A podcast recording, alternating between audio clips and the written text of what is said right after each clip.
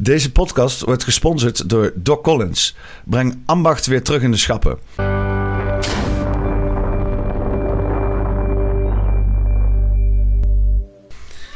Eh, nou, daar zijn we dan. Eh, aflevering eh, nummer eh, 127. En eh, ik zit hier met Paul de Bruin. Ja, hallo. Hallo, welkom wederom. Ja, dankjewel. Leuk om hier weer te zijn.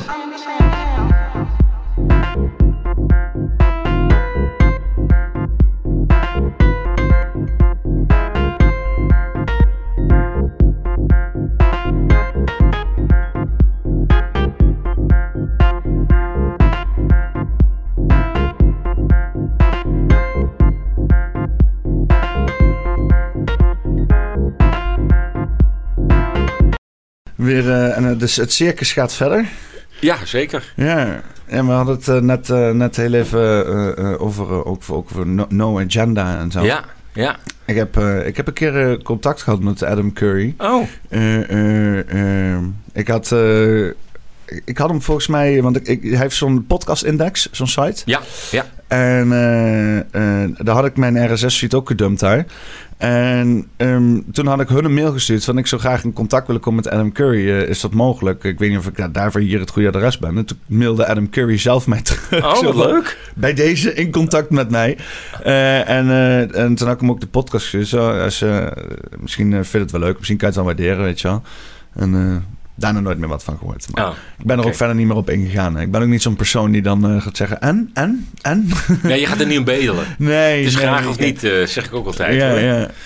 Dus, eh en nou, het zou ook wel druk zijn, daar niet van. Maar ik vond het wel leuk dat hij gewoon, dat hij gewoon terug... Ik heb wel die mail, dus ik zou, als ik hem ooit eens een keer, weet ik veel, een vraag heb of zo, kan ik hem zo mailen. Ja, En volgens mij is hij ook een heel benaderbaar persoon. Ja hoor, hij Maar heeft die- gewoon een eigen mailadres en je kunt Ja. gewoon mailen. Ja, tof. Ja, want eh, eh, eh, die No Agenda, want die, die mensen die hebben ook best wel een, een following, zeg maar. Hè? Die, die doen ook hier in Nederland, doen die allemaal meetings en zo en al dat soort Ja, zaken. dat vind ik het knappe ervan. Ja, hij noemt zichzelf ook de, de, de potvader. Ik bedoel, het is tamelijk pretentieus, maar ik vind ook wel dat hij na 15 jaar, hè, 16 jaar bestaat nu No Agenda al. Twee keer per week, 2,5, 3 uur. Hè. Dat vind ik wel heel knap als je dat zo lang volhoudt. Ja. Ehm, maar daarnaast heeft hij een heel mooi eh, eh, eh, ja, taalcode zeg maar ingesteld. Hè. Dus hij, hij bepaalde woordkeuzes eh, ehm, eh, in zijn podcast. Die echt alleen voor zijn podcast eh, zijn. Die al, ik, ik moet je zeggen, de eerste keer toen ik luisterde. Ja, het is Engels. Maar er zaten woorden tussen. Ik denk, maar heeft die vent het in godsnaam over?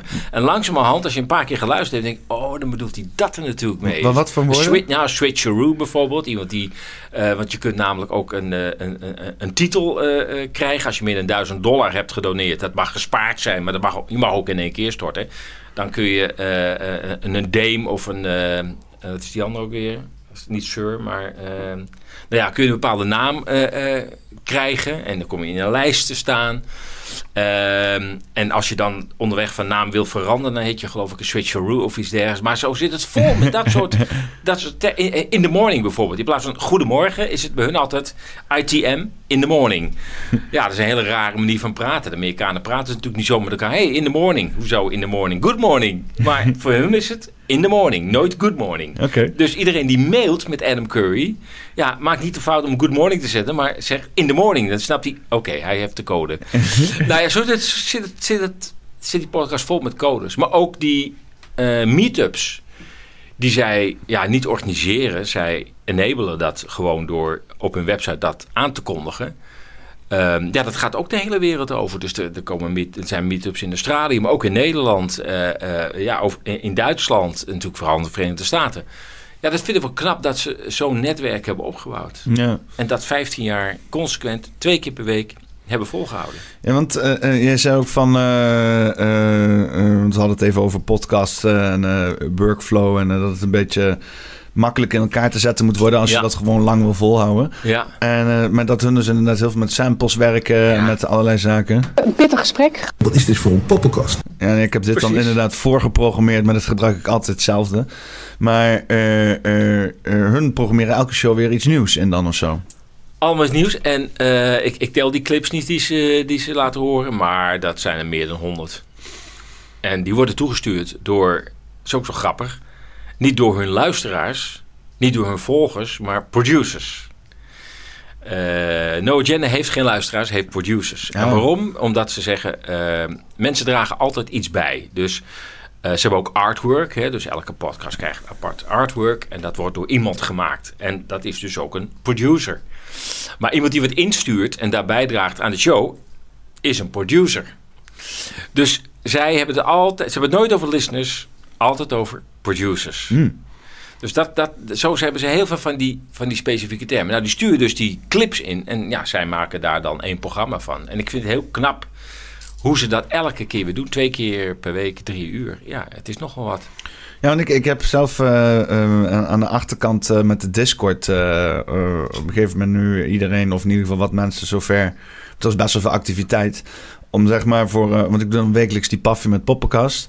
Om dan daar eigenlijk allerlei artikelen in te zetten. En, ehm, want ik wil dan eigenlijk met Paffy ook gewoon, ja, dat gewoon kunnen openen. En gewoon er doorheen scrollen. En iets, en dan voilà, dan hebben we samen een Paffy gemaakt, zeg Ja, maar. ja, ja, ja, ja, ja. En, eh, maar ja, dat, dat, ja, dat is wel... Dat is, dat co-creatie, hè? Dat is, uh, dan zijn ze prosumers, zijn dat dan toch? Ja, in feite wel. nou ja, dat is dus wat, wat zij ook doen. Want via Mastodon kun je ook met hun live... Want het is live, het wordt live gestreamd.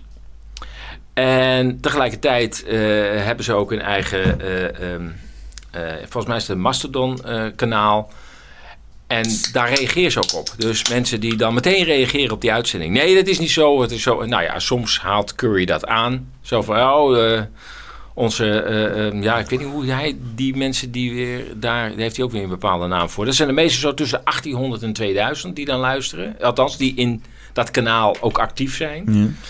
En ehm, ja, hij heeft een hele, hele, wat dat betreft kun je wel merken dat hij natuurlijk een DJ-achtergrond eh, heeft. Eh, het is een hele horizontale programmering, zeg maar. Dus, dus er zitten vaste onderdelen in, die worden ook op een vaste manier aangekondigd. Eh, eh, hebben een bepaalde plek in, in die uitzending van 2,5 à 3 uur. Dat varieert wel een beetje. En een van die items is dan dat ze even kijken hoeveel mensen zitten er nu in onze chat. En dan, eh, dan, dat doet dan eh, John C. de Vork, dat staat zijn co-host, zeg maar. Eh, die zegt dan, ja, dat zijn er 1843. Eh, oh, dat is wel minder dan, dan zondag. Ja, nee, maar goed, het is nou Happy Valentine. Dus ja, er zijn mensen die... Dat kan toch wel 1800 dan? Ja, ja. Nou, het moet volgende keer wel meer zijn, weet je. Het is wel dat, dat Amerikaanse van... vorige keer zaten we op 2300. En waarom nu op 1800, weet je wel? Dan zijn ze eh, meteen van ontdaan, weet je wel. Oh, we zijn 500 gezakt, weet je. Dat, daar zijn ze helemaal mee bezig. Nou, dat vind ik dan allemaal een beetje eh, typisch Amerikaans. Maar goed, het, ik moet zeggen, ik vind het wel heel knap. Dat ze, en ze doet het ook met heel veel humor. Eh, terwijl ze ja, doodserieuze onderwerpen aankaarten. En ze zijn ook extreem kritisch. Kablijk kun je in Amerika je toch nog veel meer permitteren dan hier. Kablijkelijk. Oh, je hebt hier ook wel kritische podcasts, toch? Eh, ja, maar het, eh, ik heb het gevoel dat het hier toch moeilijk aan het worden is dan in de Verenigde Staten. Als ik hoor hoe zij over Biden praten. Ik, ik weet niet hoe lang je dat volhoudt als je dat hier over Rutte zou doen. Wat moet ik me daarbij voorstellen? Het feit dat, ze, dat, ze, dat Biden eh, drie dubbelgangers heeft rondlopen en zo. Nee, maar ook dat hij dat. Ja, ze zeggen gewoon hij is seniel. En eh, dan laten ze weer een paar clips eh, horen waarin hij zich constant loopt te verspreken. Of ja, dan lachen ze er hard om. Weet je wel. Ja, het wordt gewoon belachelijk gemaakt. Ja. Nog los van wat je daar ethisch van vindt. Maar ja, blijkbaar wordt ze niets in de weg gelegd. Dus blijkbaar is er in Amerika toch nog wel iets meer mogelijk dan, dan hier. En tijdens COVID hebben ze zich natuurlijk ook extreem kritisch uitgelaten. En dat, daar hebben ze ook heel veel luisteraars aan overgehouden. Want dat was een van de weinige podcasts die gewoon er hard inging. Want een podcast dan via een eigen site. Ja, via een eigen En site. dan gebruiken ze Mastodon als eh, communicatie met, eh, met, eh, met de mensen live. Ja, ja, inderdaad. En wat, wat ze ook heel erg goed doen, ik weet niet, dat, daar zullen ze wel een toeltje voor hebben. Ehm, eh, je moet maar eens op een site kijken. Qua vormgeving ja, is, is het niet veel, maar qua techniek is het fantastisch. Mm. Want de hele podcast wordt ook uitgeschreven. Automatisch. In de regels. En je kunt elke regel aanklikken en dan hoor je precies de, de, de code zelf. Dus dat, dat gaat helemaal automatisch. Dus alles wat gezegd wordt, wordt uitgeschreven. Regel voor regel voor regel voor regel voor regel. Drie uur lang. En je zegt, nou die regel wil ik nog even horen. Klik. Krijg je dat fragment. Eh, ja, super. Het, is, het zit technisch fantastisch in elkaar. Ja, Ja. Het is echt wel podcast 2.0 of 3.0 zou ik haast zeggen. Ja. Dus als hij zegt, ik ben de potvader, denk ik, nou ja, je bent een beetje arrogant, maar eh, je hebt wel een punt. Misschien, misschien heeft het het rechtmatige arrogantie. Zeg maar. ja, in dit geval denk ik wel, ja. ja, Ja. ja. Nou, eh, even kijken. De, de laatste keer eh, dat je hier zat, eh, was een jaar geleden of zo? Ja, Iets? zoiets. Klein jaar geleden, denk ik. Ja. Hadden we net een Russische inval gehad. Volgens mij hebben we het daar een beetje over Maar, gehad. maar met nieuwjaar was je natuurlijk ook hier. Oh ja. Ja, klopt. Ja. ja. En eh, ja, net, net Russische inval. eh, waren er toen al aliens? Die zijn er toch altijd geweest. Alleen ze komen nooit naar mij toe. Nee, ja, ja. ze laten jou angstvallig links liggen. Ja, precies, precies. Ze willen niet bewijzen dat ze bestaan. En wat, wat, vind je van al die berichtgevingen erover dan? Want het gaat nou wel echt... eh, heb je ook die Steven Greer disclosure gezien toevallig? Nee, nee, dat heb ik niet gezien, nee. Met, eh, wat eruit komt is toch wel dat er eh, zeg maar gewoon mensenhandel en drugscriminelen en ufo's rondvliegen schijnbaar. Oké. Ja. Nou ja, kijk, als je het woord UFO, de afkorting althans, letterlijk neemt, dan, dan is het helemaal niet mythisch. Het, weet, het, het is gewoon een flying object dat we niet kunnen identificeren. Nou, daar zullen er wel heel veel van zijn. ja. Eh, maar ze bedoelen natuurlijk buitenaardse, niet geïdentificeerde vliegende objecten. Ja, dat is natuurlijk een heel ander verhaal. Nou ja, ja, wat ze bedoelen, dat is... eh, ja, want het hele, de hele term UFO of UAP tegenwoordig, Ja, hè, precies. Unidentified eh, Aerial Phenomenon, is het juist om het zo generaal mogelijk te doen en niet specifiek in te gaan op wat het is. Ja, ja. Maar ja, ehm, ja, je had, eh, ik wil wel een stukje laten zien. Ik ben wel benieuwd eh, wat je daarvan vindt. eh. Ehm, want die, even kijken, een groundbreaking. Ja, waren dus inderdaad, hij had vijf klokkenluiders. Ja? Eh, mensen die dus inderdaad op allerlei functies hebben gediend of whatever, of in het leger. En die, die, die, die spreken dus over bepaalde eh, activiteiten. En dit is dus zo'n zo'n persoon die dan, eh, die, heeft, eh, die heeft als marinier gewerkt. En die heeft rare dingen gezien. En daar vertelt hij over. Oké. When we got to this high point, I was taking video camera and I had actually turned to the north, which just kind of slopes down. And right there was something that stuck out like a sore thumb, especially with jungle terrain, things like that, jung, you know, vegetation, very green stuff, was something that stuck out so well. It's always going to be basically imprisoned in my mind for the rest of my life, and it has been for 14 years, was something that was rotating and it was transitioning between colors like a light uh, matte gray as well as a dark matte black. So in between, that's what it kept, and it was very smooth. We had uh, all looked at each other as we got online, and we decided to investigate. The further thing I want to say is that I actually took pictures and video of this before we actually trucked down. We had a dump pouch where we basically, if we expend ammunition, we want to retain our magazines, so we put those there. So I dropped my camera in there, um, and we decided to go down. We didn't have any communications, which was weird, and that was a very odd thing, and it's something that either could have been good Dat is de video die... eh, hij pakt... hij pakt de video niet. Wat krijgen we nou dan? Hoe bedoel je? Laat toch de video zien, of wat bedoel je?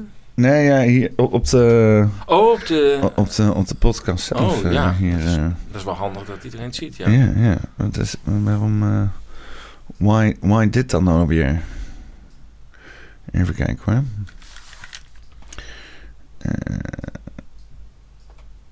Oh, dat kan ook nog daar liggen, aan die synchronisatie een beeldschermen. Oh ja. Eh, niet meer op 2. Wijziging behouden. Dan moet 1 en 3 moet samen. Ik wil 1 en 3 samen. Ja, ik wil 1 en 3 samen. Ja, kijk. Dupliceren op 1 en 3. Wijziging behouden. Ja. Maar waarom, waarom pakt hij... Waarom pakt hij hem nou niet? Vervelend hoor. Ja, ik- oh nee. Ja, hij zou dat beeldscherm moeten laten zien nu. Ja. Ja. Heel vreemd. Eh, Doe voor rustig aan, ik ga even naar het toilet. ja, ja, ja, doe maar even.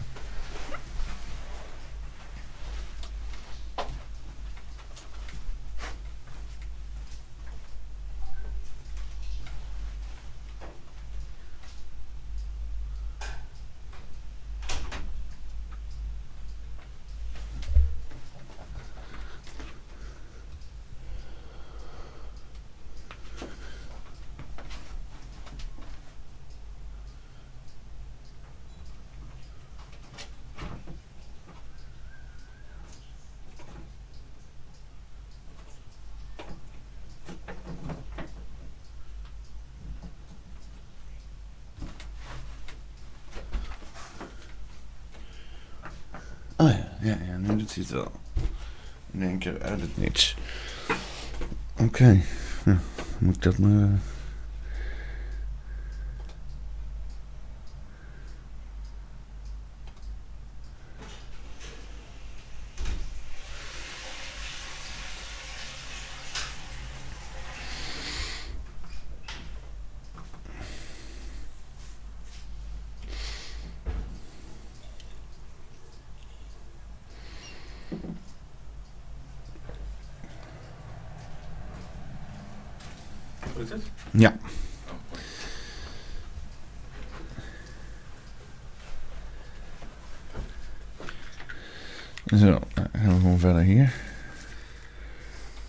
we didn't, or it could have been something that could have been very bad. Um, and it just how, however you want to look at that. Once we got down this slope, we were approximately 150 meters away from this craft. When I got to the, when we all got to the point where we could see it, just like behind here, again, Mr. Schratt, phenomenal job. You can see that the craft here actually had, uh, was roughly about 300 feet. And the reason why I know this is because you could fit three of the helicopters that we flew in on underneath this craft. It was rotating a, a clockwise motion. The panels here that you see, um, the black ones, at least three of them, was like a Vanta black, very dark. I have no idea what that was. On the very top, there was like a pyramid structure that you could see the shadowing of it, which would elicit that was a pyramid structure. And it had an audible hum to it, um, kind of like a guitar amp if you were to unplug that, or like a transformer. It's very audible. If I was to hear that sound again, I could tell you, okay, it's probably this thing or something similar to that. It's very distinct. And the way that it was floating, which was about 10 or, you know, 15, 20 feet off the ground, it was kind of a very eerie thing to see because I've never seen anything like that in my life. When we got up to that point, we were then intercepted by a team of um, soldiers or um, rogue military force, if you will. The most concerning thing about this is they all had American dialects. They had American gear. They had OTVs, black. They had black camouflage. They had very similar setups to what we have, but more high speed, something what you would see special operation operation groups these days have. They had no insignias on, they had no ranks, they had nothing that would signify who they were. They had black ball caps, they had M4A4s that were equipped with ACOGs, which was a step up from what we were currently issued, as well as PEC 16 IR illumination devices that you use for night vision and uh, night patrols, things like that. So we were engaged. We had eight of them drop, put the drop on us. You could audibly hear them flow the sa- safety selectors off. They basically started screaming at us, telling us what we were doing, we were not allowed to be there, who were we with, what were we doing there, um, threatened that they could kill us right then and there. We could get lost in the jungle. They could throw us out of a helicopter if they needed to. Um, it was very nerve wracking at that point, especially looking to my fellow Marines and seeing the reactions on their faces, too. We were all freaking scared, uh, to say none the less. So, with that being said, each Marine was then patted down along with myself. We were, had our weapons taken from us. They were basically cleared in condition four, which means they had no round chamber, no magazine in. They dumped our magazines out of our mag pouches as well onto the deck. And then again, um, because of Marine Corps order, how things are with that, we were told to keep our military ID in our left breast pocket. So they knew that. They asked for our military identification. We gave it to them, obviously, because they have guns in our face. So provided that to them. They had something that looked like modern day uh, smartphones, but this is 2009, so it's not really as high tech compared to obviously today. So they took some pictures of our military ID, and then they had something that remind me of a BAT system, which is a biometrics tracking system that we we would use. Um, this is for insurgents or anything like that. It would take fingerprints, it would take retina scans, it would take pictures of them and document them. So if there was other militaries that were coming to relieve our post, they would actually have this information too to know who they are dealing with. That's what it reminded me of, and I had trouble scanning the IDs. Um, as this is going on, we're going back between these guys as well as what's going on in the background. At that time, there was four of these trucks, which were um, F-350s. They were up armored. They were pretty beefy. They had um, weapon cases that I've seen before because of something that we've actually loaded weapons into. They had two of them that were in the back of each truck. They also had these containers that was illustrated right here, which come to find out through recent revelations from yesterday from uh, somebody who came forward to Dr. Greer. I don't know who they are, but what they had told him And what he has told me is that this gentleman knows exactly what these were used for because they had like a cylinder on the front, which is either for oxygen or what I hypothesized was for vacuum sealing, uh, which lead me to um, suspect that they were smuggling narcotics or Nou, Drugs. Drugs smokkelende eh, rogue eh, operationals in UFO's. Wat vind je daarvan? Is dit, eh, is dit, is dit clownesk genoeg voor jou? ja, behoorlijk. Ja, ja, ik weet niet wat ik ervan moet vinden. Ehm, het, het is... Ja, ik, ik wil niet zeggen dat wij de enige planeet in het hele grote heelal zijn waar eh, levend, levende wezens eh, bestaan. Dat, dat, ja, ik, ik heb geen reden om te zeggen dat wij de enige zijn. Eh, en het wil ook niet zeggen dat we ook de enige zijn die eh, ehm, van de planeet af kunnen komen. Dus ja, er zou best iets kunnen zijn. Ehm, ja, of dit het is, ik weet het niet. Ik heb nog nooit eh, een dergelijke waarneming gedaan. Wel hoor je wel eens van piloten die ehm, zeggen van nou, we hebben onderweg toch iets gezien. Dat was toch echt geen collega die voorbij vloog. Dus ook piloten hebben wel dit soort verklaringen afgegeven. Dus ja, blijkbaar is er iets. Ja, maar eh, Johan, je hebt natuurlijk de term eh, UFO, UAP, eh, wat, wat we in het begin ook zeiden van om het te generaliseren. En niet om per se te zeggen van mm, het is van deze planeet. enige wat we weten is dat de overheden die in contact zijn met het publiek.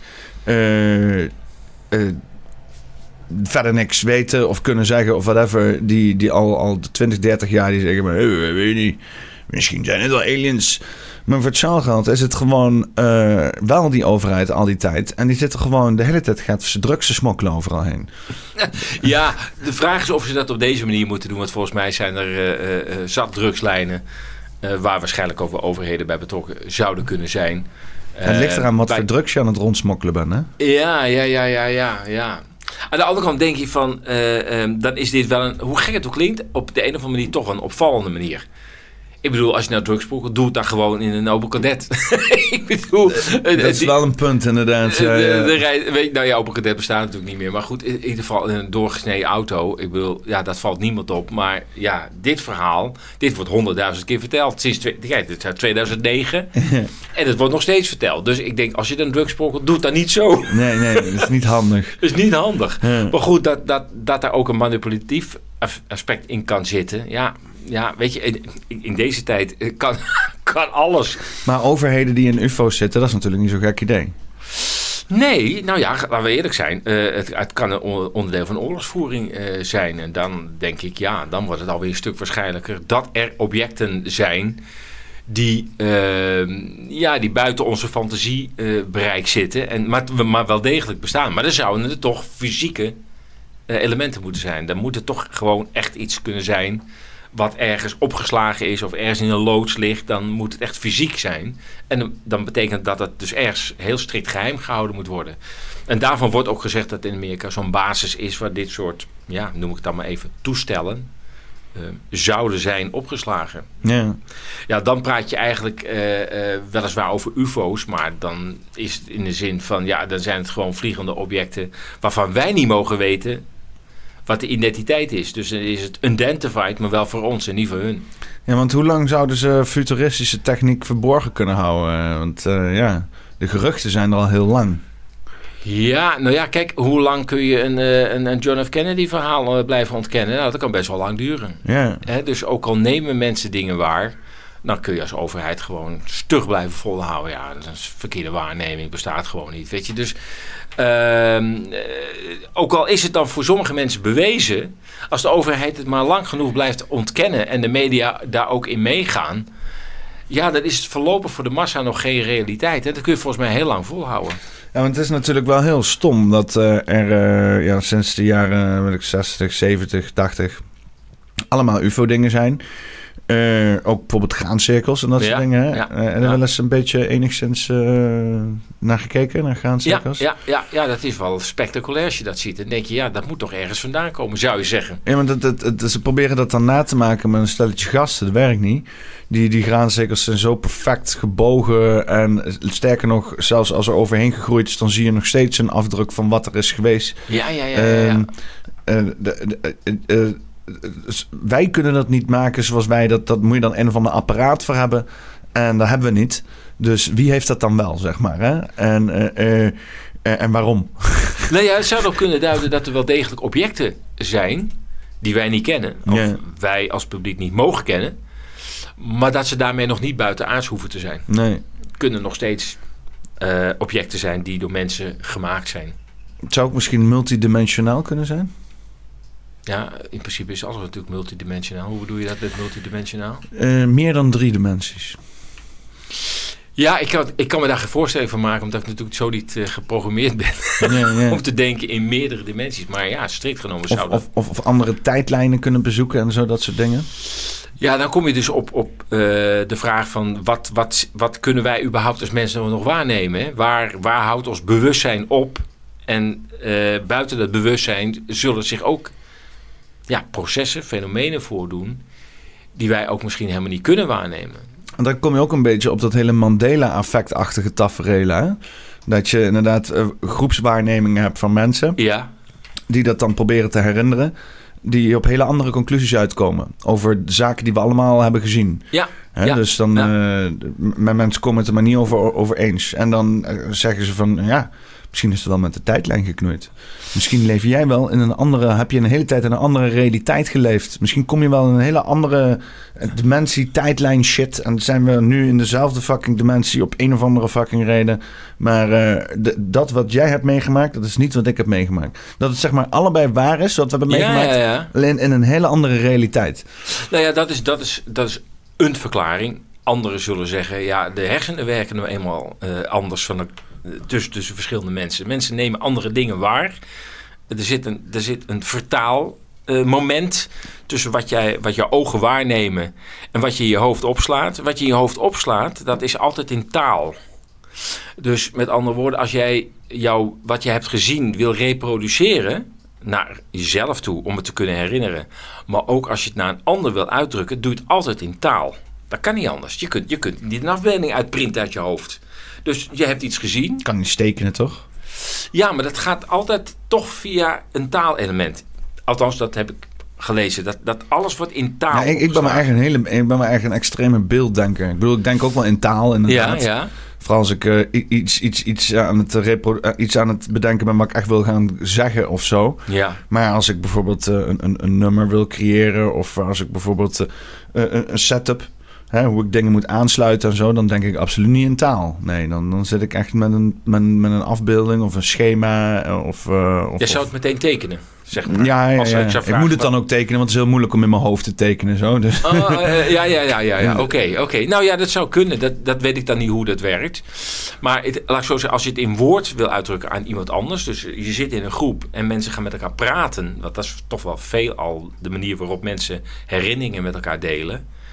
Eh, dan zit daar, daar zit dan wel taal tussen. Ja, En ja. iedereen heeft een eigen vocabulaire opgeslagen. En niet alleen in woorden, dat je zegt, ja, maar jij kent dit woord toch ook? Ja, ik ken het woord ook. Alleen de lading van veel woorden is bij al die mensen anders. Want eh, eh, heel veel woorden leer je niet uit een boekje. Maar leer je door dat je ze honderd keer hebt gehoord. Maar wel allemaal in een bepaalde context. Ja. En op een gegeven moment heeft dat woord een, een beeld bij jou opgeroepen. En dat is het dan. Dus dat, dat woord heeft die lading. Terwijl strikt genomen, als, als we die twee woorden naast elkaar leggen, jij hebt dat woord en ik heb ook dat woord, dan zeg je ja, dat, dat is toch hetzelfde woord, jawel, maar bij jou is dat in al die jaren anders naar binnen gekomen. Dus je hebt er een ander gevoel bij bij het woord dan ik. Dus daar begint het probleem al. Dus, dus je kunt zeggen van ja, je hebt op een andere tijd, tijdlijn geleefd of anders waargenomen. Eh, maar je kunt ook zeggen van ja, maar je hebt het ook anders opgeslagen. Het is wel interessant om eens een keer eh, een voxpop te organiseren en dan woordassociaties gaan doen met mensen. Nou, ja, Gewoon zeggen van, eh, oké, ik noem een woord en dan eh, moet jij zeggen waar je aan denkt, weet je wel. En dan ga je dat met allemaal verschillende mensen doen, van links tot rechts in alle spectrums. En dan ga je gewoon fascisme, racisme, vrouw, ja, ja, gender, weet je, ga je al die, weet je Poetin, oorlog, eh, ga je gewoon Kim Jong-un, ga je ze allemaal, alle dingetjes af. En dan kijken wie welke associaties maakt en zo. Dat Nou, dan zul je zien wel- dat er dus heel veel verschil in zit. Ja, En zo zit het ook met gewone woorden. Want nou, nou noem je echt onderwerpen die ook politiek geladen zijn.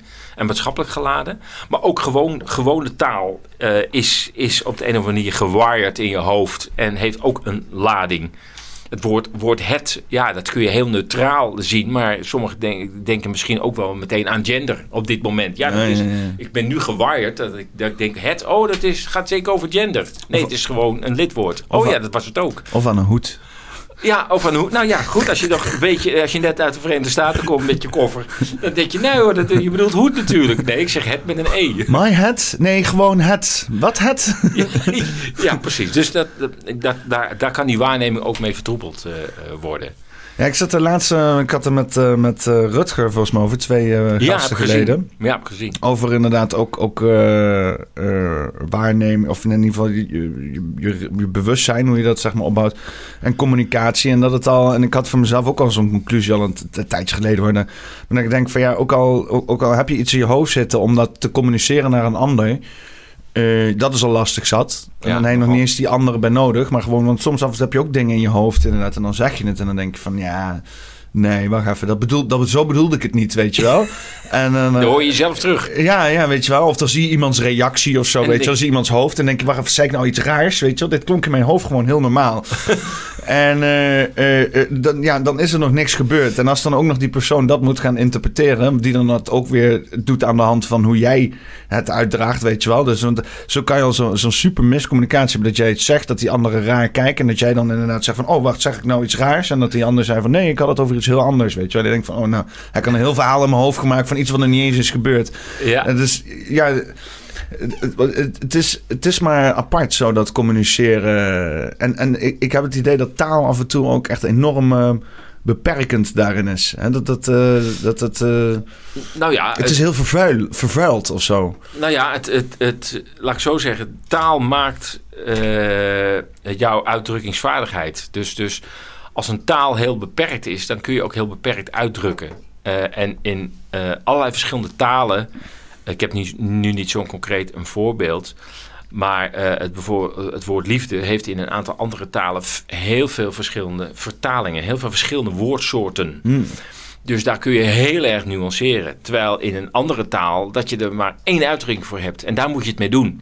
Je hebt met de Nederlandse schuld en in het Engels debt, blame en guilt. Oh, nou, je hebt wel een goed voorbeeld. Nou, da, Ja, dat je kan het paraat staan. dingen. Oké, nou, maar zo zijn er heel veel. is, is, een mooi, is een mooi eh, voorbeeld van hoe wij in Nederland omgaan met financiële schuld. Ja, Weet je ja, wel? ja, ja, ja, dat is ja. zowel jouw debt, zowel eh, moet je jouw eh, eh, you, you to blame en en en you should be guilty about it, weet je wel? Dat is nou heel. Nederland, zeg maar. Daarom, is, daarom betaalt hij iedereen netjes. Want. Belastingmoraal. Dat is, je zou maar schuldig zijn aan schuld hebben en daar de schuld van hebben. Ja, ja, ja, ja. Nou ja, zo zie je dat, dat zeg maar, taal bepaalt hoe je dingen beleeft. En eh, eh, dat, dat wij op een aantal fronten een beperkte talenschat hebben, maar op een aantal andere fronten hebben we weer veel meer differentiatie in betekenissen dan het Duits bijvoorbeeld of dan het Engels. Dus ja, taal. Over bepaalt- zwarte regen. Ja, oh, nou ja, oh, daar, begin, nou, daar hebben we heel, heel miser, eh, motregen, ja, stortregen, honden- buien. hondenweer. hondenweer. ja, nou ja, dat, dat- dat- dus dat, dat, dat bepaalt heel veel. En dan hebben we het nog niet eens over. Het belangrijkste van de communicatie is non-verbale communicatie. Want dat wordt heel vaak vergeten. Als je iets uitspreekt, spreek je ook met je lichaam op dat moment iets uit. En dat doet meer dan wat je hebt gezegd. Ja, voor 80% hè, spreek je Ja, in een 70, non-verbaal... eh, 70, 80 procent. Nou ja, Whatever, maar whatever. In ieder geval veel. En misschien ook wel de meerderheid van hoe dingen bij anderen overkomen. Dus op het moment dat je iets zegt en het geeft een rare reactie bij iemand anders, dan kan het wel eens niet te maken hebben met wat je zegt, maar eh, de non-verbaliteit die daarbij op dat moment had. Ja, als jij zeg maar, zeg maar zo een beetje, beetje gebocheld zo, een beetje zo naast iemand gaat staan, weet je wel, een heel, heel een beetje over die schouder heen, eh, heen gaat zo en je zegt, ik heb iets leuks gevonden, je wel? Dus, dus, dan dan ben je waarschijnlijk eh, als persoon denk je van, nou weet je wat, laat maar, ik Ja. hoef dat niet te weten, weet je wel? Ga maar, ga maar daar iets leuks vinden. Ja. Maar als je gewoon vol open naar iemand toe komt, eh, of op een afstandje roept van, hé, hey, ik heb iets leuks gevonden, weet je wel? Een heel Dus- ander verhaal. dus dan, dan, dan, dan, dan ben je nieuwsgierig. Dan, Ja. eh, dan, dan wil je het weten. Van oké, nou vertel maar. Vooral als je op afstand staat. Dan. Dus, En dat is dus in de normale communicatie. Hè? Dus dan is het niet eens spannende communicatie. Maar wat we de afgelopen drie jaar meegemaakt. Waarin er onderwerpen besproken moeten worden. Of eigenlijk nu dus niet besproken worden. Maar stel dat ze besproken worden. Dan, dan komt al die ruis waar we het net over hadden. Ja. komt nog eens bovenop de politieke geladenheid van die onderwerpen. Dus het, het is wel begrijpelijk dat we uh, met de onderwerpen van de afgelopen jaren gewoon met elkaar nauwelijks meer overweg kunnen. Nee. Dat dat, dat, dat helemaal vastloopt. Het gaat, het gaat helemaal langs elkaar heen. Uh, in, in, een cirkeltje ook gewoon. In een cirkeltje achter elkaar aan lijkt het wel af en toe. Ja, de normale communicatie is al ingewikkeld. Als er dus niet zoveel lading op zit. Maar er is zoveel lading nu gebracht op allerlei onderwerpen van de afgelopen jaren. Ja, dan is de mens ineens heel beperkt. Is dat, is dat, is dat een bijkomstigheid van iets? Is dat een agenda? Is dat, is, is, dat, is dat, ja, weet je, snap je wat ik bedoel? Nou ja, laten we eerlijk zijn. Ik denk dat als het gaat om de, de, de, de thema's van deze tijd, of het nou gender is of klimaat of uh, uh, Oekraïne, Rusland, ras, ras, cultuur, ja, nou, migratie. dat zijn allemaal thema's die wel een agenda vertegenwoordigen. En dus een dominante uitleg uh, hebben meegekregen. En ja, dan wordt het al een stuk moeilijk in de communicatie. Want dan, als je over dat onderwerp gaat spreken, dan kun je er bijna niet meer neutraal over Dan moet je altijd meteen een standpunt eraan koppelen. Dus als je het woord Poetin laat vallen, dan kun je er nooit meer objectief over praten. Dan moet je bijna in de eerste zin al zeggen hoe je tegenover Poetin staat. En vervolgens kun je dan misschien verder praten. Maar als dat al verkeerd valt, dan valt er ook niet meer te praten. Gewoon overal disclaimers bijgeven tegenwoordig. Ja, daar komt het in feite op neer. En, en, en je ziet ook wel dat in gesprekken nu, uh, althans zo merk ik dat in mijn omgeving. ja, uh, de, de thema's van deze tijd uh, gewoon angstvallig vermeden worden. Dus dat waar wij het over moeten hebben volgens de propaganda, hebben we het juist niet meer over. Want we weten, ja, we weten, het kan een tijdbom zijn. Als, als ik nu dit woord laat vallen, God mag weten wat er gebeurt in deze kamer. Want wat moeten we, waar moeten we het over hebben volgens de propaganda? Nou ja, over, uh, over natuurlijk onze oorlog, Oekraïne. Uh, we moeten het hebben over uh, dat we onze gezondheid moeten beschermen tegen allerlei virussen. En hoe je dat dan moet doen. we moeten het hebben over inclusiviteit. dat zijn de, de opgelegde thema's. Maar je durft er bijna niet over te beginnen. Omdat dat meteen, ja, dat kan meteen een tijdbom losmaken. Ja, want er is ook een, een soort van bijna onuitgesproken je zegt het, uh, ongeschreven regels over wat de, die thema's dan al zouden moeten zijn. Hè? Dus uh, je kan niet. Ja, je kan er gewoon niet. Die thema's die, die moeten besproken worden in de maatschappij. Hè? We, we, moeten daarmee, we moeten daarmee iets doen. Ja. Ben ik op zich ook wel mee eens. Hè? Het zijn ja. grote thema's. Dus het is een beetje een soort van samengeklonterd van allemaal losse thematiek die al honderden jaren, dan wel niet duizenden jaren spelen.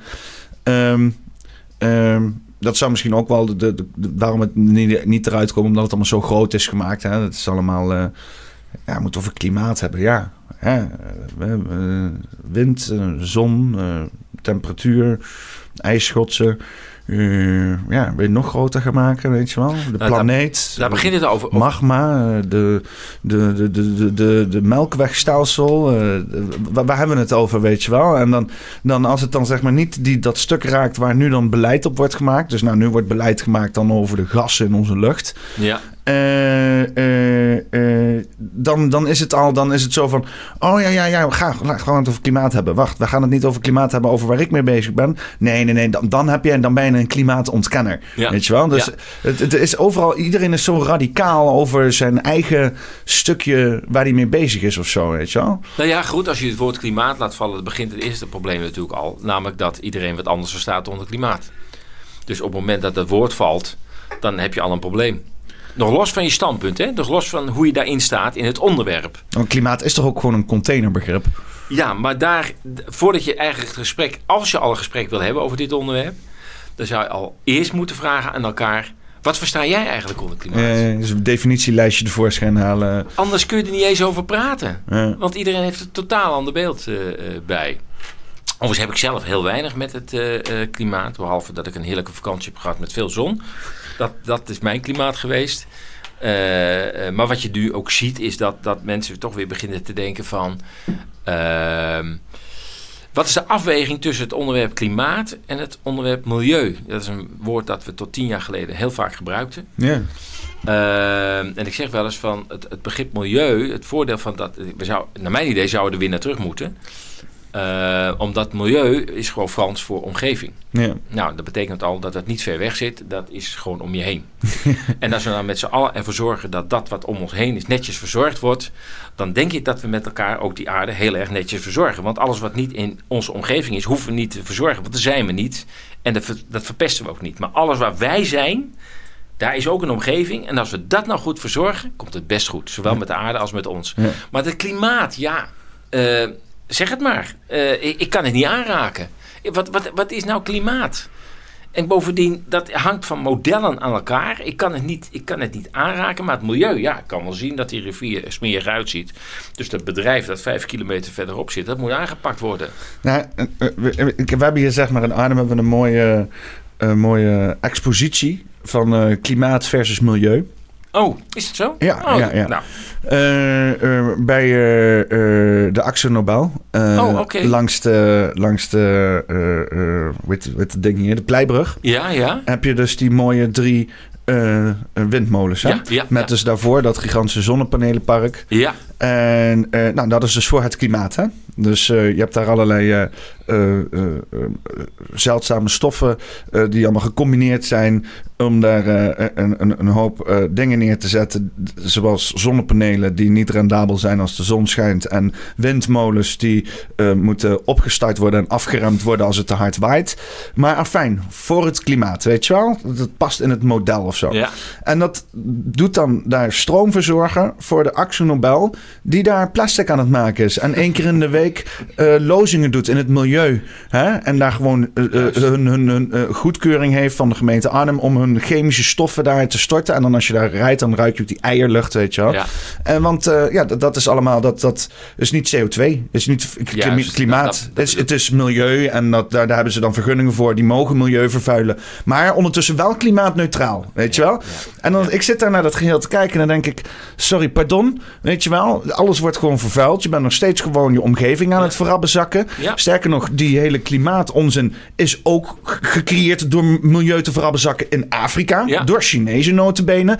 En dan wat? Zodat het er mooi uitziet, weet je wel. Want uiteindelijk is het niet rendabel. Als de zon schijnt en de wind is er niet, dan moet je alsnog eh, eh, eh, uit Duitsland energie halen van Garzweiler bruinkolencentrale. Hè, dus, dus, dus wat is de winst ervan? En dat is mooi wat bijvoorbeeld Rob Jetten zei. Hè? Ja. 0,00065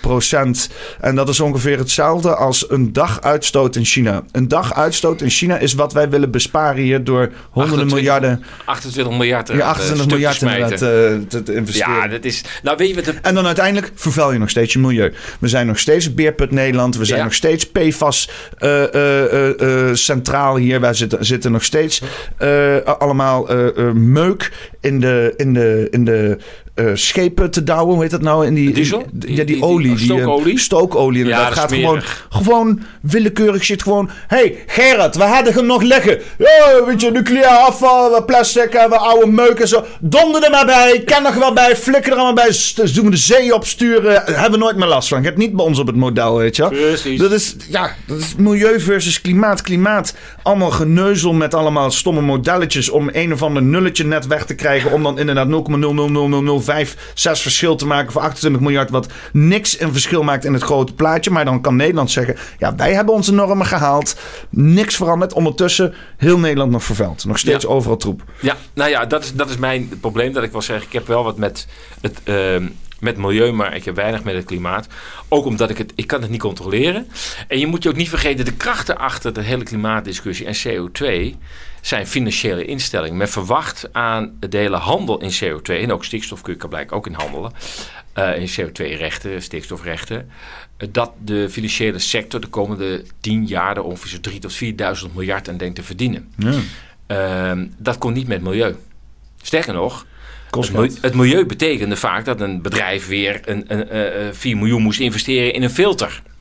Weet je, om, om, om te zorgen dat die lozingen niet eh, eh, in de rivier Of terechtkwamen. een schoonmaakacties. En schoonmaakacties, ja, dat Of kostte allemaal geld. Maar Com- dat CO2, complexe chemische situaties om de boel af te breken op een verantwoorde manier. En, eh, En dat kostte geld. Maar Ja. hier wordt ontzettend veel geld aan verdiend. Daarom dat het ook zo krachtig wordt doorgezet. Zo'n BlackRock, die dus investeert in al die financiële instellingen weer. Die gaat daar ook goud aan verdienen aan die handel. Dus laat ik zo zeggen, in milieu valt na- bijna niet te handelen. Maar in CO2, wat natuurlijk ook best wel raar is, dat het klimaat van één dingetje, van één knopje afhankelijk is. hè, Dat noemen we dan CO2. Daar is blijkt het, het hele klimaat van afhangen. Dat is natuurlijk ook flauwekul. Ja.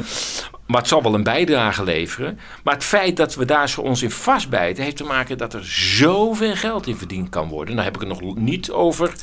Wat je ook natuurlijk wel hoort van. Het maakt het mogelijk om mensen. Eh, ja, wat beter te gaan controleren. Want ja, eh, CO2 heeft ook allerlei eh, gevolgen voor wat je eet, wat, je, wat, je, wat je beweegt, reist, dat soort zaken. Dus dat moeten we allemaal gaan controleren. Als je uitademt. Wat je, nou ja, ja, nog even. En de mens moet gewoon opgeruimd worden als je helemaal geen CO2 wil hebben. Overigens heb ik me ook laten vertellen dat ze zeggen, ja, het groen, zeg maar de bomen, de planten en zo, hebben ook wel CO2 nodig. Zou het kunnen zijn dat als we ooit CO2 zouden kunnen uitsluiten, kan niet. Maar goed, stel, theoretisch. Wat gebeurt er dan met dat groen? Want die missen dan een belangrijke bouwstof. Ja. Gaat het dan weg? Of gaat het dan dood? Of... Nou, überhaupt dat soort, dat soort Mag beelden. alleen nog maar een beetje groen. Een beetje groen. Nou ja, ik, eergisteren... Drie grasprietjes per persoon. Nou, Gisteren weer een prachtige boswandeling gemaakt in de buurt van Hoenderloo. Eh, wat dat betreft zijn we natuurlijk hier in Arnhem wel erg gezegend eh, met onze omgeving. Zeker. En eh, ehm, ja, toen liep ik daar ook met mijn vrouw. En ja, er zijn toch allebei wel van... Het is toch spectaculair groen hier allemaal, hè? Ja. De hele bodem daar, want dat was in de buurt van Hoenderloo richting Hoge Veluwe. Ik zeg, waar je ook kijkt, er zit geen meter droogte tussen. Het is allemaal groen. Al die bomen. De hele bodem is bedekt met groen. Waar is nou vier weken droogte gebleven? Ja. Er is niets geel hier in die bossen. Alles, alles bloeit. En wat is nu in godsnaam het probleem met het klimaat? Ja. Ik zie alleen maar, dat nou, zeker toen, toen in het voorjaar, weet je wel, een rij zo hier in de, de, de Veluwe en al die prachtige beboste wegen. En dan denk ik, het is één explosie van groen. Waar, waar zit nou dat klimaatprobleem? Ik wil het zien, ik wil het waarnemen. En dat kan ik niet. En daarom zeg ik ook, stop met dat hele geouwe over klimaat. Ga weer terug naar het milieu. En dan gaan we denk ik ook anders kijken naar windmolens, naar zonnepanelen, naar eh, heet- die warmte op het dak. Hoe heet die ook weer? Die warmte... ehm, niet warmtewisselaars. eh, Warmtepompinstallaties. ja, warmtepompen. Ja. Is, er, is er achter in de tuin of niet op het dak? Ja, eh, ik, bij ons in de buurt staat er eentje Oh. op het dak. Ik denk, ik wens veel die succes. zwarte platen waar dan water doorheen loopt, zeg maar. Nee, dat, eh, dat, dat zou naar, naar mij idee wel een echte oplossing kunnen zijn. Want dat zijn gewoon buizen waar de zon op schijnt. zit geen chemicaliën, is gewoon buizenwerk. Alleen het probleem is dat je die warmte, die in de zomer dus vol op jouw dak staat, dat je die zo kunt opslaan, dat je in de winter daar wat aan hebt. Nou, dat is nog een beetje een probleem. Dat zou voor mij wel een hele winstpunt zijn, in combinatie met gas. Maar dat hele zonnepanelenverhaal, waardoor wij eh, aan zeldzame stoffen moeten zien te komen, dat moet of uit China, nou dat willen we weer niet natuurlijk. Want, eh, Plus als je ze op je dak plaatst, kan je huis niet geblust worden. Nou ja, we hebben al een paar branden gezien natuurlijk de afgelopen tijd. Dat is hier in Arnhem ook, hè? Een, Eh. een heel blok afgefekt, omdat het portaal zo nodig de hele dak moest volbouwen met eh, zonnepanelen. Lekker, lekker winstgevend. Nou, daar gaat je huis. Doei. Ja, want ik heb gehoord, ik weet niet of het dus waar is, ik, ik kan het niet controleren, maar dat op al die grote eh blokkendozen, die distributiecentra, die soms 500 meter bij 500 meter zijn, dat daar toch heel vaak geen zonnepanelen op liggen. Omdat de verzekeraar dat niet wil. Omdat hij zegt, ja, maar sorry, maar eh, als de brand uitbreekt, dan gaat de hele boel, eh, sorry, ga ik niet verzekeren. En Dus- als ergens brand mag uitbreken, dan is het wel bij distributiecentra's. Weg met die godverzooi. Ja, die verschrikkelijke dingen. Ja. Nou, ik was laatst uit, kwam ik uit, uit Denemarken en reed door Noord-Duitsland. Nou, wat je daar aan windmolens ziet staan. Nou, het is overigens de Noordoostpool toch precies hetzelfde. Maar dan denk je van, dit, dit kan toch niet onze toekomst zijn? Dit is, Duitsland staat, aan, zeker aan de noordkant, vol met windmolens. Het is alsof je door een industriegebied rijdt. En met windmolens komen ook die onderstations, hè, die verdeelstations. Dus zo komen nog heel van die elektriciteitswerken en al die masten. Ja, de, de elektriciteit moet ook ergens naartoe.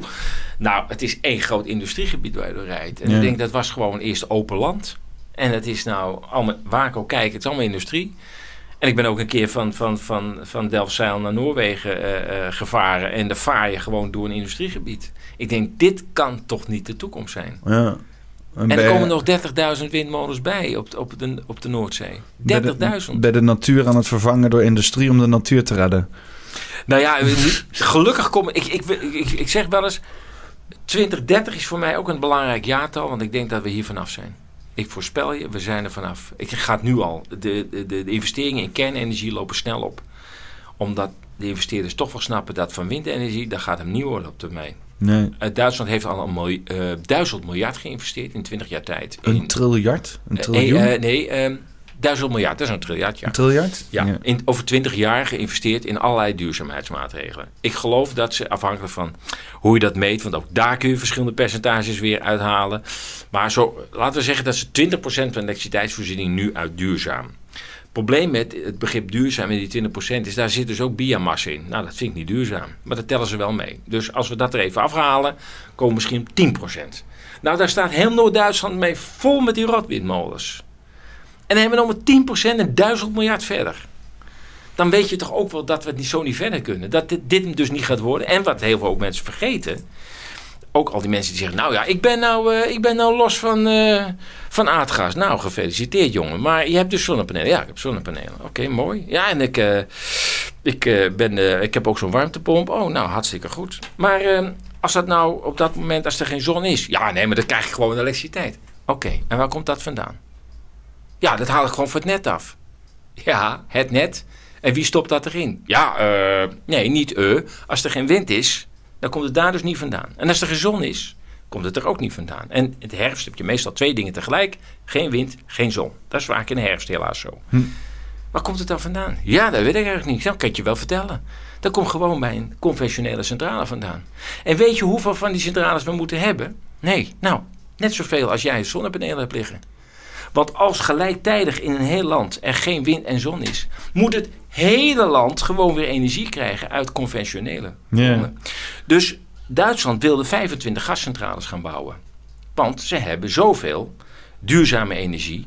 Ze moeten exact dezelfde capaciteit ook in conventionele energie gewoon stand-by hebben staan. Anders valt Duitsland stil. Nou, die 25 centrales gaan nu niet door, want ze hebben geen aardgas meer. Ja, dus iemand heeft iets op die pijp laten vallen. En daardoor hebben ze geen, geen gas meer. Dus nou kunnen ze die, die gascentrales weer niet bouwen. Dus Duitsland valt nu steeds vaker de elektriciteit uit. Hebben ja. ze al veel uh, elektriciteit? Ja, er zijn al bedrijven die zeggen: ja, als het nog zo doorgaat, ga ik hier weg. Ik kan, ik, kijk, als jij uh, achter een laptopje zit en er zit een uh, accuutje in en dat ding valt uit, dan zeg je: nou, wat lastig jongens.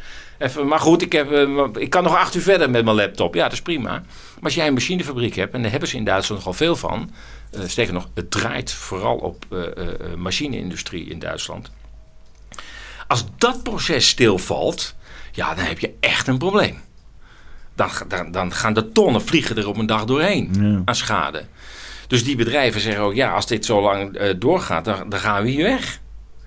Maar kunnen ze niet gewoon gas van Poetin-vrije gas uit Amerika laten komen met scheepjes? Nou, dat ook, heel dus. ook heel duurzaam trouwens. Nee, dat, nou ja, dat is, dat, althans, dat is mijn verklaring. Uh, wat er nu plaatsvindt is, is uh, ja, er gebeurt heel veel tegelijk. Maar de oorlog tegen, tegen Oekraïne uh, is ook vooral een economische oorlog tegen Europa van de Verenigde Staten. De Verenigde Staten ziet dat het economisch met hen toch niet zo heel erg goed gaat. Europa, die eenwording waar ze al, nou ja, aan de ene kant waren ze er blij mee, want ze hadden één telefoonnummer om de boel te beïnvloeden. Maar aan de andere kant zagen ze ook wel, ja, maar we worden wel een concurrent. En Duitsland is een grote motor. Uh, uh, er is geen Amerikaanse auto meer die in Nederland of in Europa verkocht wordt. Het is allemaal Duits wat er rond rijdt. Ook in Amerika, Duits, Japans. Ehm, ze hadden een handelsbalansprobleem met Duitsland. Dat, heel veel mensen vergeten dat, dat dat ook achter die oorlog zit. Amerika exporteerde naar Duitsland voor zo'n 60 miljard per jaar. Hm. Maar Duitsland exporteerde naar Amerika voor 160 miljard per jaar. Nou zeggen ze, ja, wat maakt dat uit? Nou, het maakt heel veel uit. Want waar, waar komt die 100 miljard verschil vandaan? Amerika moet die 100 miljard dus bijlappen. En hoe doe je dat? Om met een ander land te zorgen dat je daar een betalingsoverschot hebt, een handelsoverschot. En als je dat niet voor elkaar krijgt, moet je gewoon bijdrukken. Want anders kun je die Duitse Mercedes niet blijven betalen. Nou, dat is, dat, dat is voor Amerikanen al jaren een doorn in het oog. Dat zou Trump heeft al gezegd, als, dat moet veranderen. Wij kunnen niet 100 miljard per jaar bijlappen om die Mercedes en machines voor jullie te kopen. Want jullie kopen maar voor 60 miljard bij ons. Jullie moeten bij ons ook 160 miljard kopen. Ja, maar ja, de Amerikaanse producten waren niet zo interessant voor de Duitsers als de Duitse producten voor de Amerikanen. Nu, met uh, wat er nu gebeurt, is dat die handelsbalans wordt enigszins rechtgetrokken. Het goedkope aardgas van Rusland is weg. Dus dat betekent dat alle prijzen van de Duitse industrie omhoog gaan. Dat betekent dat de concurrentiepositie achteruit gaat en die van Amerika gaat vooruit. Dus daar gaat de handelsbalans gaat al. Als je dan ook nog je eigen uh, uh, vloeibare aardgas gaat verkopen uit Amerika aan Duitsland waar je schatten met geld aan verdient. Want dat vier keer zo duur is als het Russische gas.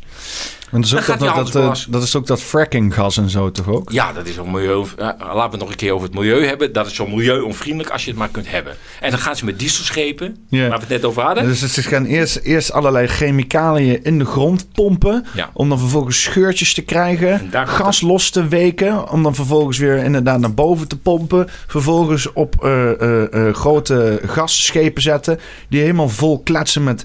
Uh, uh, zal alvast ook niet heel veel uh, schoner zijn als wat we hier in Holland erin klampen. Gewoon lekker stookolie met 20% random meuk. Weet je wel? Gewoon oude fietsen, een paar nucleaire bommen erin gooien. Je schoonmoeder, maakt niet uit. Alles gewoon die fucking stookolie in. Gewoon alles wat weg moet gewoon cadmium, barium, strontium, de hele bende. Heb je nog chemisch afval? hey, hey, die chemische fabriek voor jou. Er komt wel een hoop meuk uit, hè? Ja, we laden je daar in de rivier. Doe die stookolie dan. Lekker naar Europa sturen. Mooi man.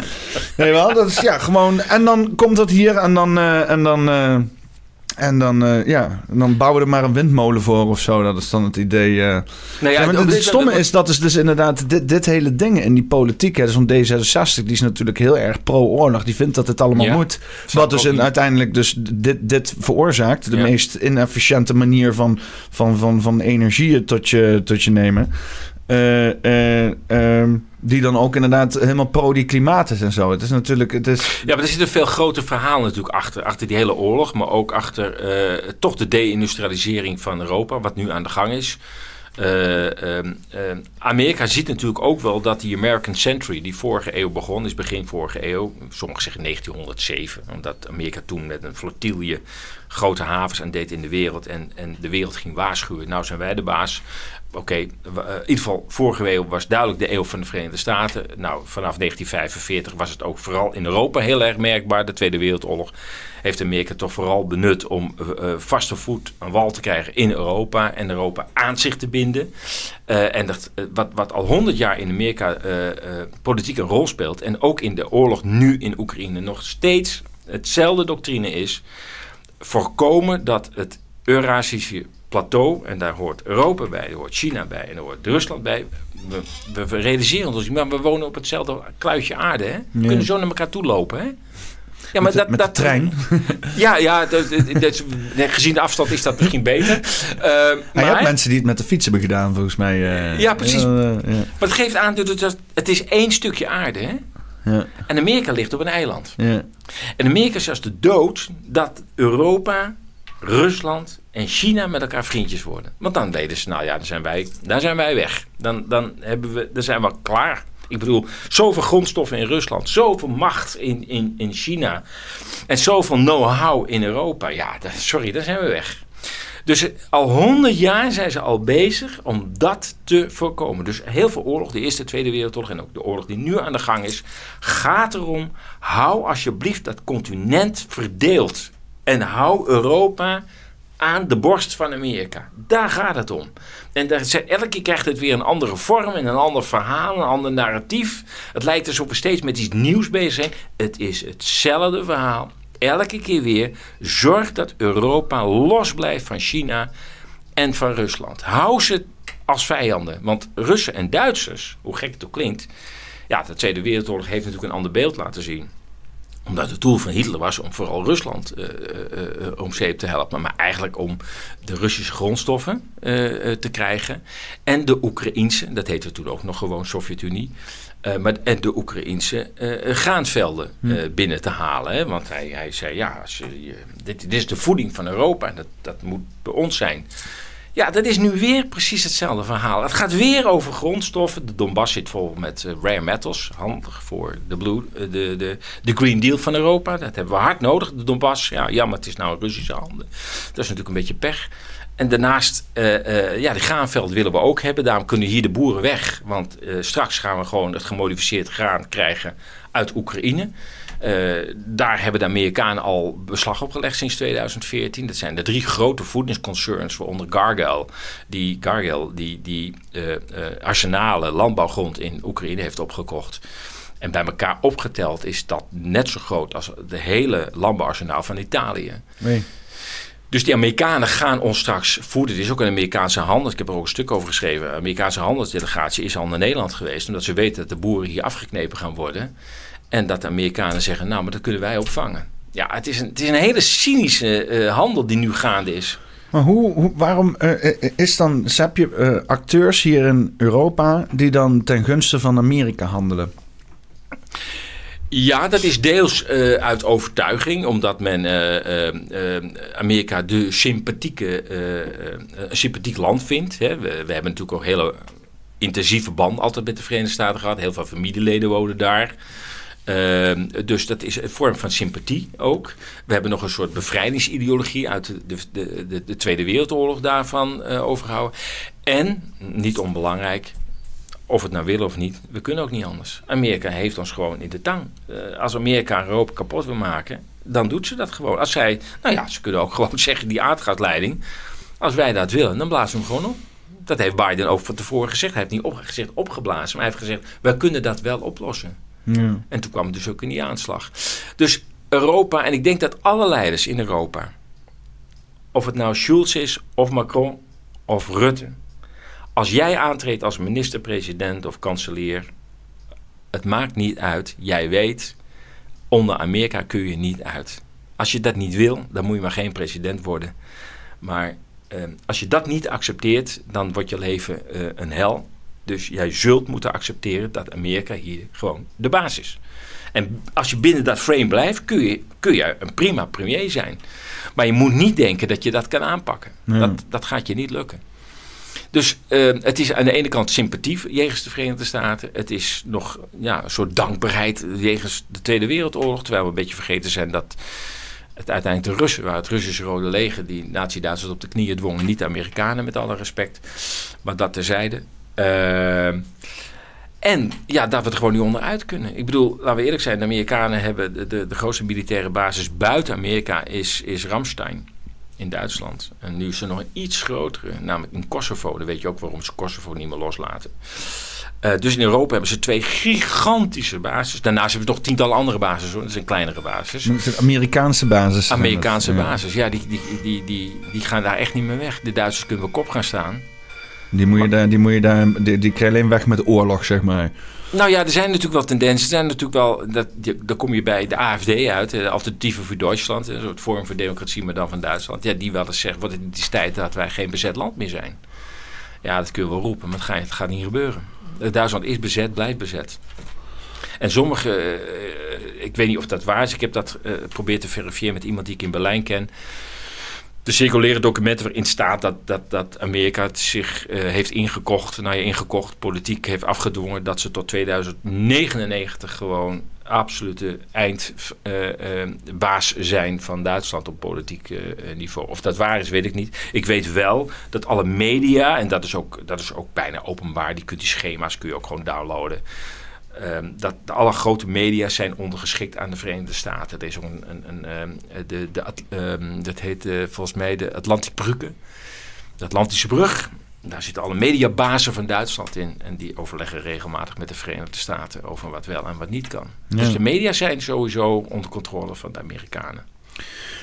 Ja, want uh, ja, kijk, hè, dus, uh, Nederland is natuurlijk ook wel een beetje een aanstichter uh, van Amerika. Hè? Dus we ja, zaten ja. een hele hoop shit daarheen te verschepen. Nieuw-Amsterdam. Ja. je hebt Albany, is de hoofdstad van New York. Die heeft letterlijk als vlag een prinsenvlag. Ja, ja, ja. ja, ja. Is, het is een beetje ons landje. het is in ieder geval da daar in de Noordkust dat zo, dat, wat, wat, toch natuurlijk ook wel een powerhouse is. Ja, dat, dat, dat heeft wel heel veel Nederlandse invloeden. En ja, ik kan me voorstellen dat daar warme banden zijn tussen Nederland en, en dat, dat gedeelte van Amerika. Het is natuurlijk sowieso wel een beetje een, een liefdeskind van Europa, hè? dat hele Amerika. Zowel Zuid als Noord. Ja. Zuid, Zuid-Europa die heeft Zuid-Amerika ja. veroverd. Noord-Europa heeft Noord-Amerika veroverd. Klopt. En een uh, soort van opgedeeld in leuke vakjes gezet. En uh, En gezegd van, eh, nou, eh, handelsbelangen, eh, let's go. Ja. Maar ik vraag me toch af van hoe dat...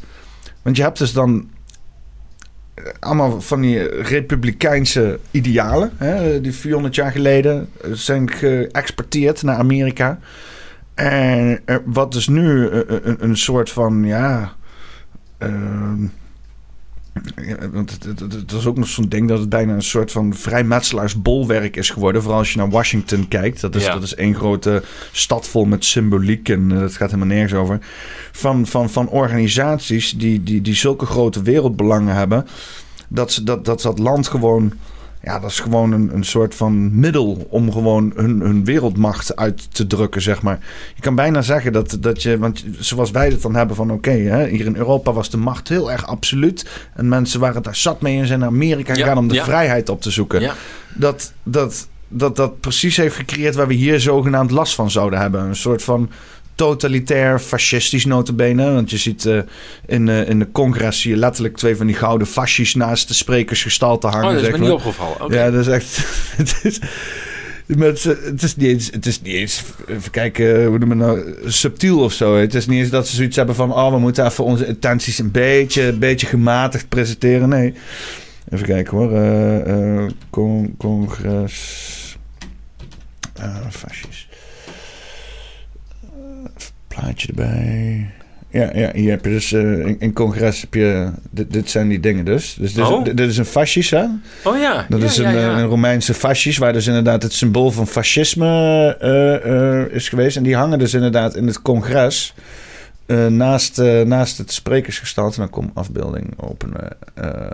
een nieuw tabblad. Dus het is, Oh, nog, oké. het is nog klein. Ja, ik zie het. Ja, ja, ja, ja. Maar ja, Hè, dus, nooit opgevallen. dus je hebt hier inderdaad twee van die fascies naast de Amerikaanse vlag. Oftewel, eh, wij komen je gewoon neerknuppelen als je niet naar ons luistert. Dat is, een beetje, dat is een beetje het idee van fascisme, toch? Zo van, je luistert naar ons, want wij zijn een groep en anders knuppelen we neer. Dat is een beetje het... Ja, nou, ja daar, is ook zo'n misverstand over. Want er is eh, een verschil tussen fascisme en nationaalsocialisme. hè. Duitsland was niet fascistisch. Nee. Duitsland was nationaalsocialistisch en Italië was fascistisch. Dat woord wordt ook dus op dit moment totaal ontwricht gebruikt. Eh, als mensen zeggen, ja, je bent een fascist, dan denk ik, dan bedoelen ze ook dat je ook racistisch bent. En dan ver- ver- verwart men Duitslands nationaalsocialisme met het fascisme. Het fascisme was niet antisemitisch. Eh, Mussolini was fascist. En fascisme was totalitair en vooral een conctie tussen eh, het bedrijfsleven en de overheid. Dat ging helemaal in elkaar over. Mm. En dat was een totalitair regime. Maar Mussolini was niet antisemitisch. Dat was ook de irritatie van Hitler, die was het duidelijk wel. Dat was nationaal-socialistisch en antisemitisch. Waarom hast du kein Joden? Was is das? Du musst die Joden meer hassen, ja. Nou, jij zegt het, maar dat is dus letterlijk gebeurd. Duitsland, Hitler is Italië binnengevallen omdat hij het zat was dat Mussolini niet achter de Joden aanging. De Joden zijn heel lang beschermd geweest in Italië, want het fascisme was niet antisemitisch. Nationaal socialisme was dat wel. Dus, dus dat woord moet je ook weer goed gaan gebruiken om te weten van waar hebben we het nou eigenlijk. Dus fascistisch was, was, was niet antisemitisch en nationaal socialistisch was dat wel. Overigens, hoe dat is ontstaan, dat vind ik nog steeds eh, eh, heel vreemd. Want ehm, eh, ehm, eh, als je ziet dat waar die oorlog uiteindelijk over ging, de Tweede Wereldoorlog, was dat vooral een, een, de bekende oorlog om het Duitse Rijk tegen Rusland op te zetten. Dat, was, dat was de Eerste Wereldoorlog ook al de bedoeling. Eh, en de Tweede Wereldoorlog was eigenlijk daar weer een vervolg van. De Oekraïne is daar weer een vervolg eh, eh, van. Probeert Duitsland en Rusland altijd tegen elkaar op te zetten. En, ehm, en hoe dat antisemitisme erin is gekomen, dat, dat, dat, ja, dat blijft voor mij nog een raadsel. Dat past niet in het economische. Dus hoe dat erin geslopen is, ik, ik heb daar nog geen beeld bij. Ja, ik weet dat het gebeurd is. Ik Maar heb, hoe ik, dat- heb wel, ik heb wel theorieën. Ja. Maar ja, dan moet ik een soort van heel dun antisemitisch lijntje lopen. Oh, En nou. dat, dat, dat, ja, maar dat is het altijd met, Ja, met, met dit ja. onderwerp. ja, je kunt het onder En- en- bijna niet bespreken. En, en dan denk ik van, ja, zullen we er eens over praten? Ja, nee, dat, dat kan allemaal niet, want dit en dat is nou eenmaal zo, weet je wel. ja. Ja, waar, waar, waar, waar, eh, eh, waar, waar, waar, ehm, eh, dat het gewoon intentioneel verdeeldheid zaaien was, halverwege, omdat ehm, vanuit de Europese gemeenschap ehm, eh, eh, eh, om ehm, ja, om gewoon om, het een reden te kunnen geven om het kapot te slaan. want het, het, het, in het begin was iedereen het mee eens. Oh ja, tuurlijk. Ja, voor het volk werken, samen bouwen, hartstikke leuk. Wie kan daar nou op tegen zijn? En dan, en dan als de deur sloot, eh, al die mensen die dan daar niet op eens waren, want die wouden gewoon zelf de macht houden. Dus je van, kut, we moeten hier iets aan doen. we moeten dat in discrediet brengen. Uh, wat, wat, wat, hebben, wat voor kaarten hebben we om mee te spelen? En, en die, ja, die, die hele antisemitische kaart die ligt er altijd. Ja, hè? ja dat, klopt. Dat is al het is in, het, in, de, in, in, in de middeleeuwen was, was Europa ook al antisemitisch. Snap je? De, de, ja. Joden zijn nou eenmaal makkelijk de schuld te geven. Sorry jongens. Dat is... Ja, klopt. Ja. en, uh, en, uh, en waarschijnlijk hing dat sentimentaal. Je hebt natuurlijk ook dat hele Core Jew verhaal van, uh, van uit de... de ja, wat je zegt, de middeleeuwen. Dus, dus, dus, het gaat heel ver terug, dat antisemitisme. Dat, dat je Frankfurt de ghetto's had en al dat soort zaken. Ja. komt het hele Rothschilds verhaal ook vandaan. En dat die Meyer Marcel Rothschilds in de Frankfurtse ghetto's woonde en zo zijn. door, als als hofjoods is dat dan de Nederlandse benaming. Ja, de officiële term kan er ook niks aan doen. Ja, ja. Ehm, uh, zijn geld heeft verdiend en zo invloed heeft uitgeoefend. En zo zijn zoons heeft gespekt om over heel Europa met geld te gaan handelen. En zo de Rothschilds banking oh, community heeft opgezet. zo, zo is de, de, de, de, de, in Venetië, Frankfurt, Londen en volgens mij Italië, ik weet het even niet meer. Of dat, dat zou Venetië, nou maakt niet uit steden in Europa. Belangrijke banken, bankiersteden, ja. handelsteden. En uh, uh, uh, ja, dat dat dus inderdaad de afgelopen 400 jaar een beetje verwaterd is hier en daar. Maar dat er dus één zo'n ding heel erg tak heel sterk is blijven staan. En dat is die in Londen. Hè. De, ja. de, de, de, London City. Ja, London City. In principe is de National Bank of, of, of England. Is, er zitten hele grote Rothschilds aandelen zitten daaraan. En zo zie je dus ook dat... Um, uh, uh, vanuit Engeland bijvoorbeeld Israël is, is opgezet. Hè? Dus, ja. uh, of in ieder geval in... Daar zit ook bij de Rothschilds. ja, ja. er zat, ja. zat, een Rothschild met een buitenlandse minister. Die hebben daar een documentje opgesteld... zodat in Palestina geen actie ondernomen zou worden... als daar de, de Zionisten zouden zeggen van... Hey, wij gaan even een eigen land beginnen. Zo, zo, zie je dat er gewoon die invloeden heel erg sterk zijn. Ja. En, en dat je dan die Tweede Wereldoorlog gebeurt. Dat je denkt van ja, ik weet niet hoor, maar volgens mij zit hier. We zeggen wel zo van: oh, oh nee, dit, is het, uh, dit, uh, dit, dit, is, dit was een plan tegen de Joden. Maar er zijn genoeg Joden, Joodse families, Joodse belangen. die ook gewoon behartigd zijn daar. Die ook ja. gewoon in die oorlog daar activiteiten hadden. die gewoon hun ding konden doen. Ja. en. Um, en, en dat er een, een offer is gebracht of dat soort dingen. Hè? Want dat zie je altijd, ook, in de, ook nu, weet je wel. ja, joh, doe maar wat torens opblazen. Ja, joh, doe maar wat genocide hier. Ja, joh, doe maar uh, hier wat wapens leveren.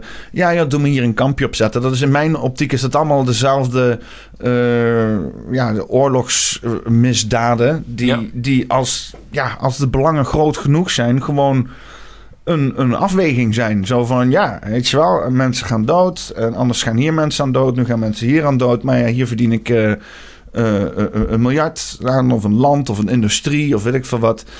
En ja, dat, dat gedeelte van de oorlog, dat is heel, heel onbespreekbaar. Het is bijna inderdaad wat ik zeg op het lijntje van antisemitisch. Want Oh nee, nee, nee. De Joden waren de absolute slachtoffer. Maar de absolute, niet, de absolute waren de enige slachtoffer. Ja. Niemand heeft geleden aan de oorlog, behalve de Joden, ja. weet je Ja. En ja, dat, dat, dat, dat, dat, ik heb zoiets van, ja, daar, daar, zit meer. Er zit veel meer achter.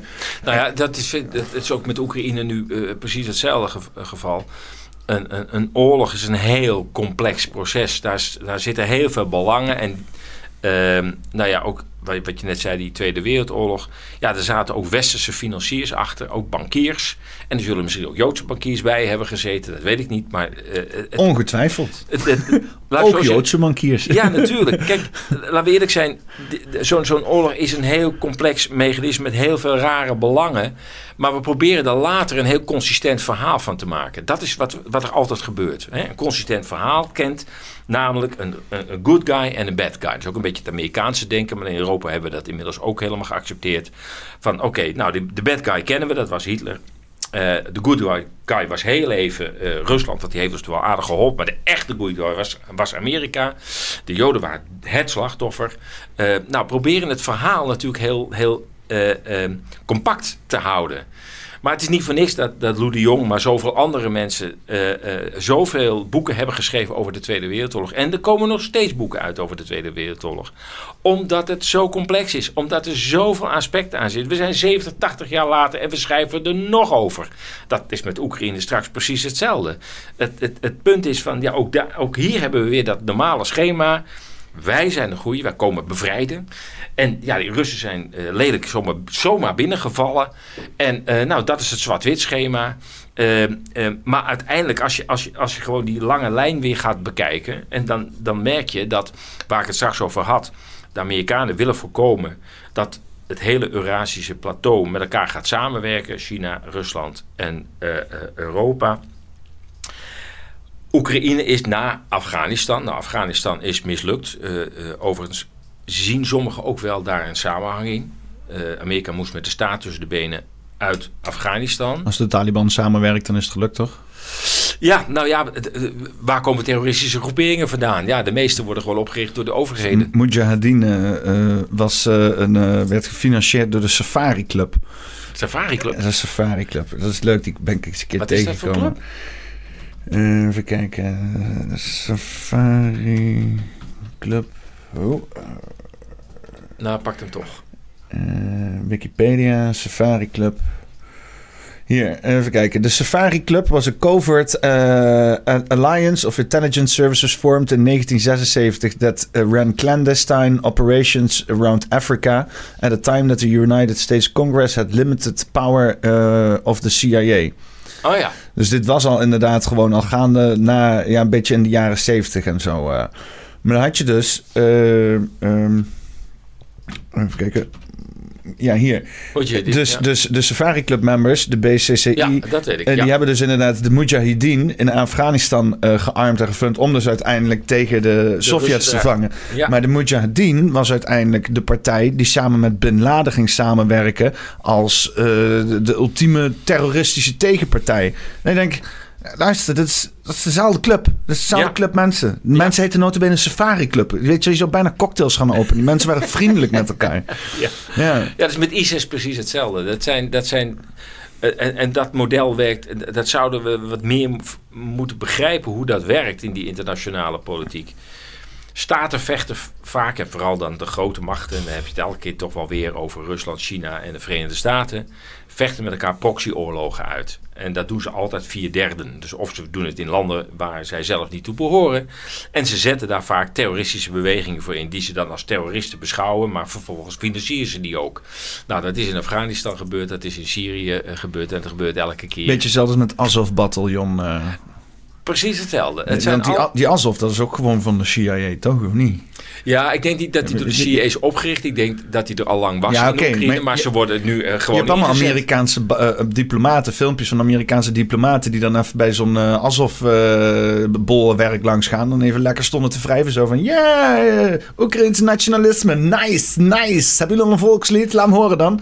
Nou ja, dat is gewoon het benutten van het enorme anti-Russische sentiment... dat natuurlijk in die ja, neonatiegroepen in de Oekraïne al heel lang bestaat. Een hele anti-Russische houding.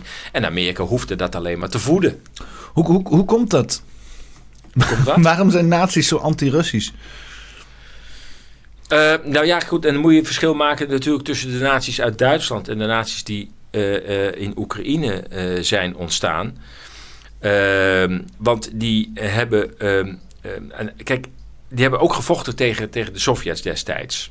En zij, zij zagen toen, toen Nazi-Duitsland Oekraïne bezette, dat was toen nog geen Oekraïne als zodanig, maar een deel van de Sovjet-Unie.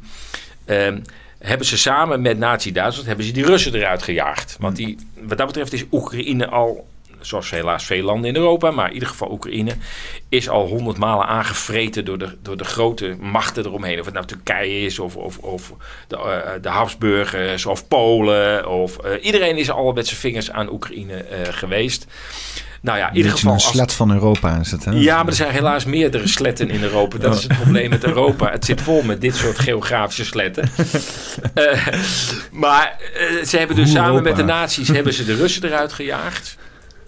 En dat is eigenlijk zo gebleven. Ze zijn altijd dus pro-nazi uh, uh, gebleven. En de Amerikanen maken daar nu gebruik van. Omdat ze weten, ja, daar zit de voeding tegen de Russen. Dus die moeten we nu gaan financieren. Dus ze hebben ze niet opgericht. Ze waren er al. Maar de Amerikanen weten ook wel bij wie ze moeten aankloppen. Om de zaak een beetje, een beetje op te hitsen. Overigens, wat, wat hey, daar staat... Helemaal hekel aan Russen? Wij ook. Let's work together.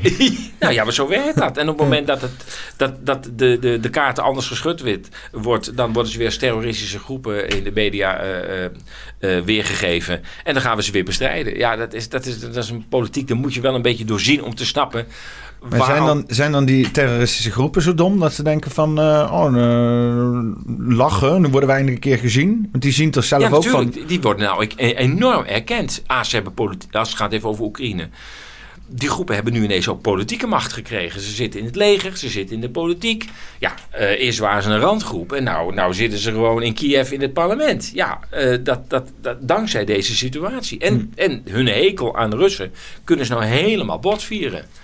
Dus ja, uh, voor zolang als het duurt natuurlijk. Want ja, uh, je hebt een machtige vriend. Maar je mag, die machtige vriend kan je morgen ook laten vallen. Als het hem zo uitkomt, dan gooien ze weer voor de bus. Ja. Maar uh, voorlopig genieten ze waarschijnlijk even van een fantastische rol in, in, in deze crisis. Iedereen profiteert lekker voor zijn eigen hakje waarschijnlijk. Nou ja, goed. En ik denk ook wat, je, wat, wat, ik, wat, de geruchten nu gaan, wat nu in, in Frankrijk gaande is. Nogmaals, ik krijg daar geen goed beeld bij. Ik zie allemaal filmpjes, maar ik weet niet wat echt is en wat niet echt is. Maar dat men zegt, ja, er zijn ook wel wapens gevonden. Die komen echt uit Oekraïne. Nee, uh, uh, dus iemand, daar zit ook een draaischijf in Oekraïne. Dus, ik, dus, ik, ik, heb een, een, een tweedehands informatie. Uh, in de Discord. Bas is naar Frankrijk gegaan, eergisteren. Oh. En die, die is daar rondgelopen en die zei, die zei zelf... Uh, van, uh, het is net alsof je in Lib Lib Libië liep, of Libanon, uh, Libanon. Rondliep, dus dat het heel ernstig aan toe gaat. ja, ja, hij zei ook van, ik zag wapens en, ja. en raketwerpers en van alles en nog wat. Ja, nou dat heb ik ook gehoord, ja.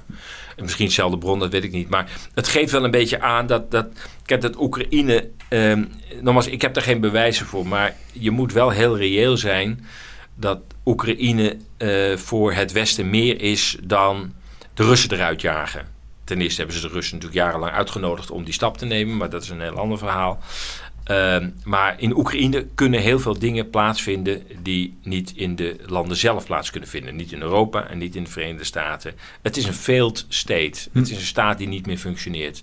En nu geregeerd wordt door generaals en de Amerikaanse geheime dienst. Dus die kunnen daar alles maken wat ze willen. Of het nou child trafficking is of wapenhandel. Kijk, en een groot deel van de wapens komt niet aan. Dat is inmiddels al bekend. Zelfs bij de Amerikaanse media. Ja, heel veel Amerikaanse wapens komen niet eens aan. Ja, komen niet aan. Is dat de bedoeling misschien? Is het zo dat Amerika heeft natuurlijk nog meer fronten in de wereld waar wapens naartoe moeten. En soms kun je ze niet rechtstreeks leveren en dan moeten ze maar via een ander land komen de Bijlmer Ramp was dus natuurlijk ook een Boeing die iets te zwaar geladen was met wapens voor Israël. Ja, dus ah. het gaat ook via een derde land vaak. En Oekraïne is een fantastisch land. Want er is niemand die fatsoenlijk toezicht kan houden daar. Dus als jij een aantal mensen in Angola of waar dan ook wil bewapenen. Ja, dan, dan, dan doe je dat gewoon via Oekraïne. Er komt niemand achter. Het is één grote chaos. Het is een puinhoop. Het is een journalist die daar verder rond kan lopen. Het is even een mooie plek waar je alles kunt doen wat God verbiedt dat is dus ook waarom, denk ik, naast die, die geopolitieke uh, kaart die, waar ik het straks over had van het Eurasische plateau. Maar de, er zijn heel veel partijen die uh, profiteren van het feit dat in Oekraïne op dit moment alles kan. Ja. Je kunt toch alles flikken. Totdat het weer een fatsoenlijke staat zou kunnen worden. Ik mag hopen dat dat een keer weer gaat gebeuren. Maar ja, dan gaat zo'n fatsoenlijke staat of fatsoenlijk opereren. En dan kan er ineens weer een hele hoop niet. En ik denk dat de, het Westen graag Oekraïne voorlopig even zo lekker in chaos wil houden. Want je kunt toch alles afwikkelen op dit moment. Alles. Van wat uh, biolabs uh, snel uh, nou, uit het zicht verwijderen en zo. Ook, ook zoiets, ook zoiets. En, en dat betekent, nou ja, dat is natuurlijk al heel lang aan de gang, die, die biolabs. Dat is wat Rusland natuurlijk ook een paar keer heeft ontmaskerd. Zo van ja, we hebben een paar biolabs gevonden. En ja, Amerika wil eigenlijk niet dat die anderen in het westen van Oekraïne ook nog eens een keer uh, in Russische handen vallen. Dat zal ook overigens niet gebeuren. Dat is ook een beetje het verhaal van ja, als, als we de Russen niet tegenhouden, dan staan ze morgen in Scheveningen. En uh, dan denk ik van ja, dan moet je toch goed kijken naar wat er nu op dit moment in, in Oekraïne uh, gebeurt. Ehm, Rusland had onvoldoende manschap om heel Oekraïne te bezetten. Ze gaan, Poetin heeft nu een decreet getekend waarin de manschappen opgevoed wordt tot anderhalf miljoen. Ehm, dat is omdat Rusland zich enorm bedreigd voelt. Hè. Ook uh, Finland is nu bij de NAVO gekomen en daar gaan de Amerikanen dus ook wapens plaatsen. En dat, daar slapen ze niet helemaal rustig op. Dus ze gaan nu naar anderhalf miljoen manschappen. Dat kost tijd natuurlijk, dat is niet morgen geregeld. Maar dat betekent dat ze nu dus niet zo heel veel manschappen hadden. En die manschappen die ze hadden, was absoluut niet voldoende om dat grote Oekraïne, vergis je niet, hè, het is 1200 kilometer van oost naar west. Hè, Jezus, ja, en 400, 500 kilometer van noord naar zuid. Hè. Ja, dat is een belachelijk groot land. Uh, belachelijk groot. En dan de roepen van ja, maar de, ze willen heel Oekraïne bezetten. denk ik, ja, daar hebben ze er gewoon de manschappen niet voor. Sterker nog, ze hebben best wel een hele klus om dat oosten vast te houden. Ja. Dus dat, dat, die angst van uh, de Russen gaan lopen als we daar stoppen. Nou, die Russen gaan helemaal niet lopen, want daar hebben ze nu de manschappen niet voor. En die anderhalf miljoen waar ze nu voor getekend hebben, dat gaat nog wel even duren voordat die geworven zijn en getraind zijn, de wapens ervoor. Nou, daar gaan, daar gaan nog wel een paar jaar overheen. Dus we hoeven voor, voor dat fenomeen hoeven we niet bang te zijn. En ja, ik ben heel erg benieuwd hoe het afloopt. De grote angst is nu dat, uh, dat, die, uh, dat die kerncentrale als volksvlek wordt ingezet. Uh, daar zijn we helemaal in de aap gelogeerd. Het, het, probleem is dat, dat alle, alle media nog gewoon het spel steeds meespelen. Uh, uh, die pijpleiding is door. maar door dan de... gaan ze die kerncentrale opblazen en dan zeggen er moeten nog meer wapens heen? Of moet ik dan. Nou, dat kan de eerste stap zijn. Maar men vreest dat, althans een aantal analisten zegt. op het moment dat die kerncentrale radioactiviteit gaat lekken. dan raakt iedereen in paniek natuurlijk. En dat is ook de bedoeling. En die radioactiviteit die komt in een NATO-land terecht. dan kan dat, althans zo zal dan het verhaal kunnen direct zijn. conflict. Uh... Nou, dan is er een, dat, dat is een aanval op een van de NAVO-landen. Dan treedt artikel 5 in werking van het NAVO-verdrag. En artikel 5 betekent een aanval op één is een aanval op alle. En dan mag NAVO er vol ingaan. Dat is de angst die nu speelt. En de komende dagen zullen we het weten of die volksvlek er inderdaad is. Wat het lijkt, hij lijkt voorbereid te worden, omdat alle media, prachtig aangestuurd denk ik dan, alle media nu zeggen dat er allerlei aanwijzingen zijn dat de Russen iets gaan doen in hun, kern, in hun kerncentrale. Het is in hun gebied. Ja. Dus het is net als die dam, die was ook in hun gebied. Mag hopen dat ze iets doen aan een kerncentrale. Want uh, als dat draait, dan het onderhoud nodig. Ik weet niet. nou ja, ze hebben het al heel snel bezet. Omdat zij bang waren dat, dat Oekraïense uh, strijdkrachten daar flauwekul uh, gingen uithalen. Ja. Dus zij hebben het al heel... En nou zou het verhaal omgedraaid moeten worden. Ja, ze hebben het wel bezet om het te beschermen. Maar nou gaat ze het zelf opblazen. Mm. Nou, dat moet dat het verhaal zijn. En sommigen zijn bang dat als daar radioactiviteit bij vrijkomt uh, en het komt in een NAVO-land terecht, nou ja, dat kun je zo meten natuurlijk. En bovendien, wie bewijst dat? Maar ze even wachten totdat de wind goed staat en dan dat ding uh, bombarderen. Ja. En weet je wat het, want, uh, want je hebt natuurlijk ook zoiets als precision nuclear weapons en zo, dat soort shit ja. en zo. Ja. ja. Die hebben ze ook volgens mij nog steeds niet gebruikt. Maar, want die, nou, die, die, die, die wapens voor, verrijkt, voor verarmd uranium, die waren al van het Westen dan die waren al in Oekraïne aangekomen. Zoals je, weet je dat nog kunt herinneren. Dat Ja. is uiteindelijk door de Russen is dat dus met een raket bestookt. Toen kwam de radioactiviteit vrij.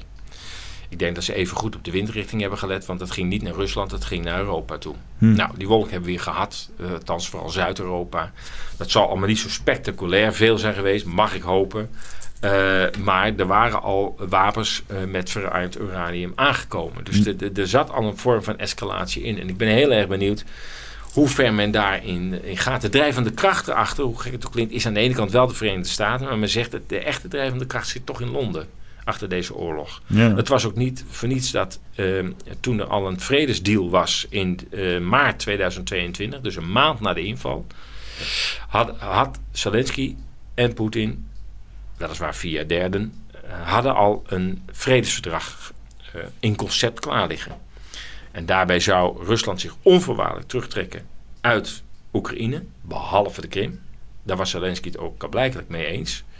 Maar ze zouden zich verder helemaal terugtrekken. Um, en toen is Boris Johnson, ik geloof 14 of 15 april of zoiets dergelijks, 2022, is hij naar Kiev gevlogen en gewoon gezegd: dat gaan we niet doen. Verscheur maar. Ja, want Engeland heeft er ook natuurlijk een hoop uh, gewend bij dat Europa niet uh, succesvoller is als hun, hè? Nou ja, daar, daar zit ook weer een Engels belang eh, natuurlijk achter. Bovendien zit er ook een financieel belang aan bij de London City. Daar zitten natuurlijk heel veel investeerders in de wapenindustrie. Enfin, er lopen heel veel belangen parallel. Daarom loopt dat maar door die oorlog. En zit, want Five Eyes, zit Amerika er ook bij? Ja, zeker. Dat, Ja, is, dat is de belangrijkste partij. Maar Nieuw-Zeeland, Canada, eh, Australië zit erin. En, en de Verenigd Koninkrijk, vijf. En wij hebben daar ook wel een, eh, een, een contact mee, maar ze hoorden niet officieel bij. Ja, maar bij ons, wat, eh, want he- hebben we Europese inlichtingendienst? Dat Interpol of zo? Ja, Interpol, maar dat is een politiedienst, dat is Ja. geen inlichtingendienst. Ik weet niet of wij een, al een Europese inlichtingendienst hebben. Dat denk ik nog niet. Dat heeft ook alles te maken met wederzijds vertrouwen. Hè? Geven wij, eh, zou Duitsland aan, aan, aan Frankrijk of Frankrijk aan Duitsland alle informatie willen geven? Ik denk dat de inlichtingendiensten nog redelijk nationaal zijn georiënteerd. EDO? Europese dienst voor extern optreden. Ja, politie. Hè? Dat is wel, politie is toch wat anders dan, dan een veiligheids- eh, een inlichtingendienst. Intsen. Ja, want oh je ja. hebt- Ja, want je hebt ook iets van een Eurogent voor. Dat is ook ja, zoiets. dat is een politie. eh, ook, weer, ook weer politie. ja, eh. politie militair. Dat zit een beetje op, de, op het grensvlak van beide. wat is... wat, wat zag ik nou net staan? Intsen? Ja, iets links. nog eens terug. Dat zag ik nou staan. Europese inlichting. Intsen. Ja, en Kosovo zag ik staan. Oh, Oh, toch ook wel. kijk aan. European Union Hmm. Intelligence and Situation Center. Een civilian intelligence functie. Wat is dat nou weer? Een civilian? Zijn het burgers die daar eh, informatie zitten te verzamelen? Even kijken. Eh, ja, de, de European Intelligence and Situation Center, EUINTSEN. We zijn niet zo lekker in eh, afkortingen als Amerika. hè? nee, Dat, die, dat zijn duidelijker. eh, en korter, gewoon drie letters. FBI, CIA. ja, ja. Je kan gewoon ze letterlijk allemaal zeggen als drie-letter-organisaties. Ja, precies. precies. Um, is a civilian intelligence function of the European Union. Structurally, it's uh, a directorate of uh, external action service. Wat is dit dan weer? Het is echt. Oh, ik weet ook helemaal niet goed van die, van die businessstructuur. Als je hier het, is verschrikkelijk. Uh, the European External Action Service is a diplomatic service and combined foreign defense ministry of the European Union. De EEAS, EEAS, vreselijk, is led by the High Representatives of Foreign Affairs and Security Police. policy. Ja. Maar ja, dit zijn dan toch gewoon een soort van halve ro- ro- rookinstituties die gewoon direct eh, verantwoording afleggen aan de hoogste vorm eh, in, in, Europa om vervolgens gewoon maar te doen wat de fuck ze willen. Ja, ik vraag me af hoe, hoe eh, krachtig eh, deze organisatie is. Het zijn vaak bureaucratieën die eh, opgetuigd zijn omdat Europa dan ook zeg maar zijn ding wil doen. Ja, maar ze kunnen letterlijk overal mee wegkomen waarschijnlijk. Ja, ik denk Maar dat, niemand controleert ze behalve hunzelf. zeker nog, we weten niet eens van het bestaan. ja, ja. Nee, ik denk dat de inlichtingendiensten in Europa vooral toch nationaal zijn. Ik denk dat de Duitse inlichtingendienst andere belangen heeft dan de Franse en de Engelse.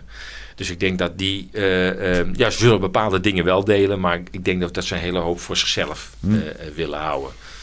Dus ik eh, geloof dat, dat wij nog geen CIA op Europees niveau hebben. Vraag me ook De- af of het gaat komen. Maar De. AIVD die werkt ook schaamteloos samen met, met Amerika natuurlijk. Hè? ja, Dat, en is dus- toch ook met die... met die want eh, inmiddels worden inlichtingendiensten ook gewoon eh, voor allerlei politieke doeleinden ingezet. Ja, dat dus is was het verspreiden van informatie. En eh, nee, je kijkt naar, naar die Trump, die Russia, Russia, Russia Ja. gebeuren. Ja, verschrikkelijk. Dat je dus de AIVD hebt die een artikel had geschreven... of een of ander rapport eruit had gedaan... of een of ander Ja. bewijs had geleverd, zogenaamd... wat dan de vermoedens van de Democratische Partij in Amerika moest gaan be- bevestigen. Ja. Maar dan heb je dus Nederlandse inlichtingendiensten... Die met Amerikaanse politieke belangen bezig zijn. Ja. Om dan vervolgens ook ons land te, te, te manipuleren... in wat er in Amerika gaande is. Whatever Ja. de...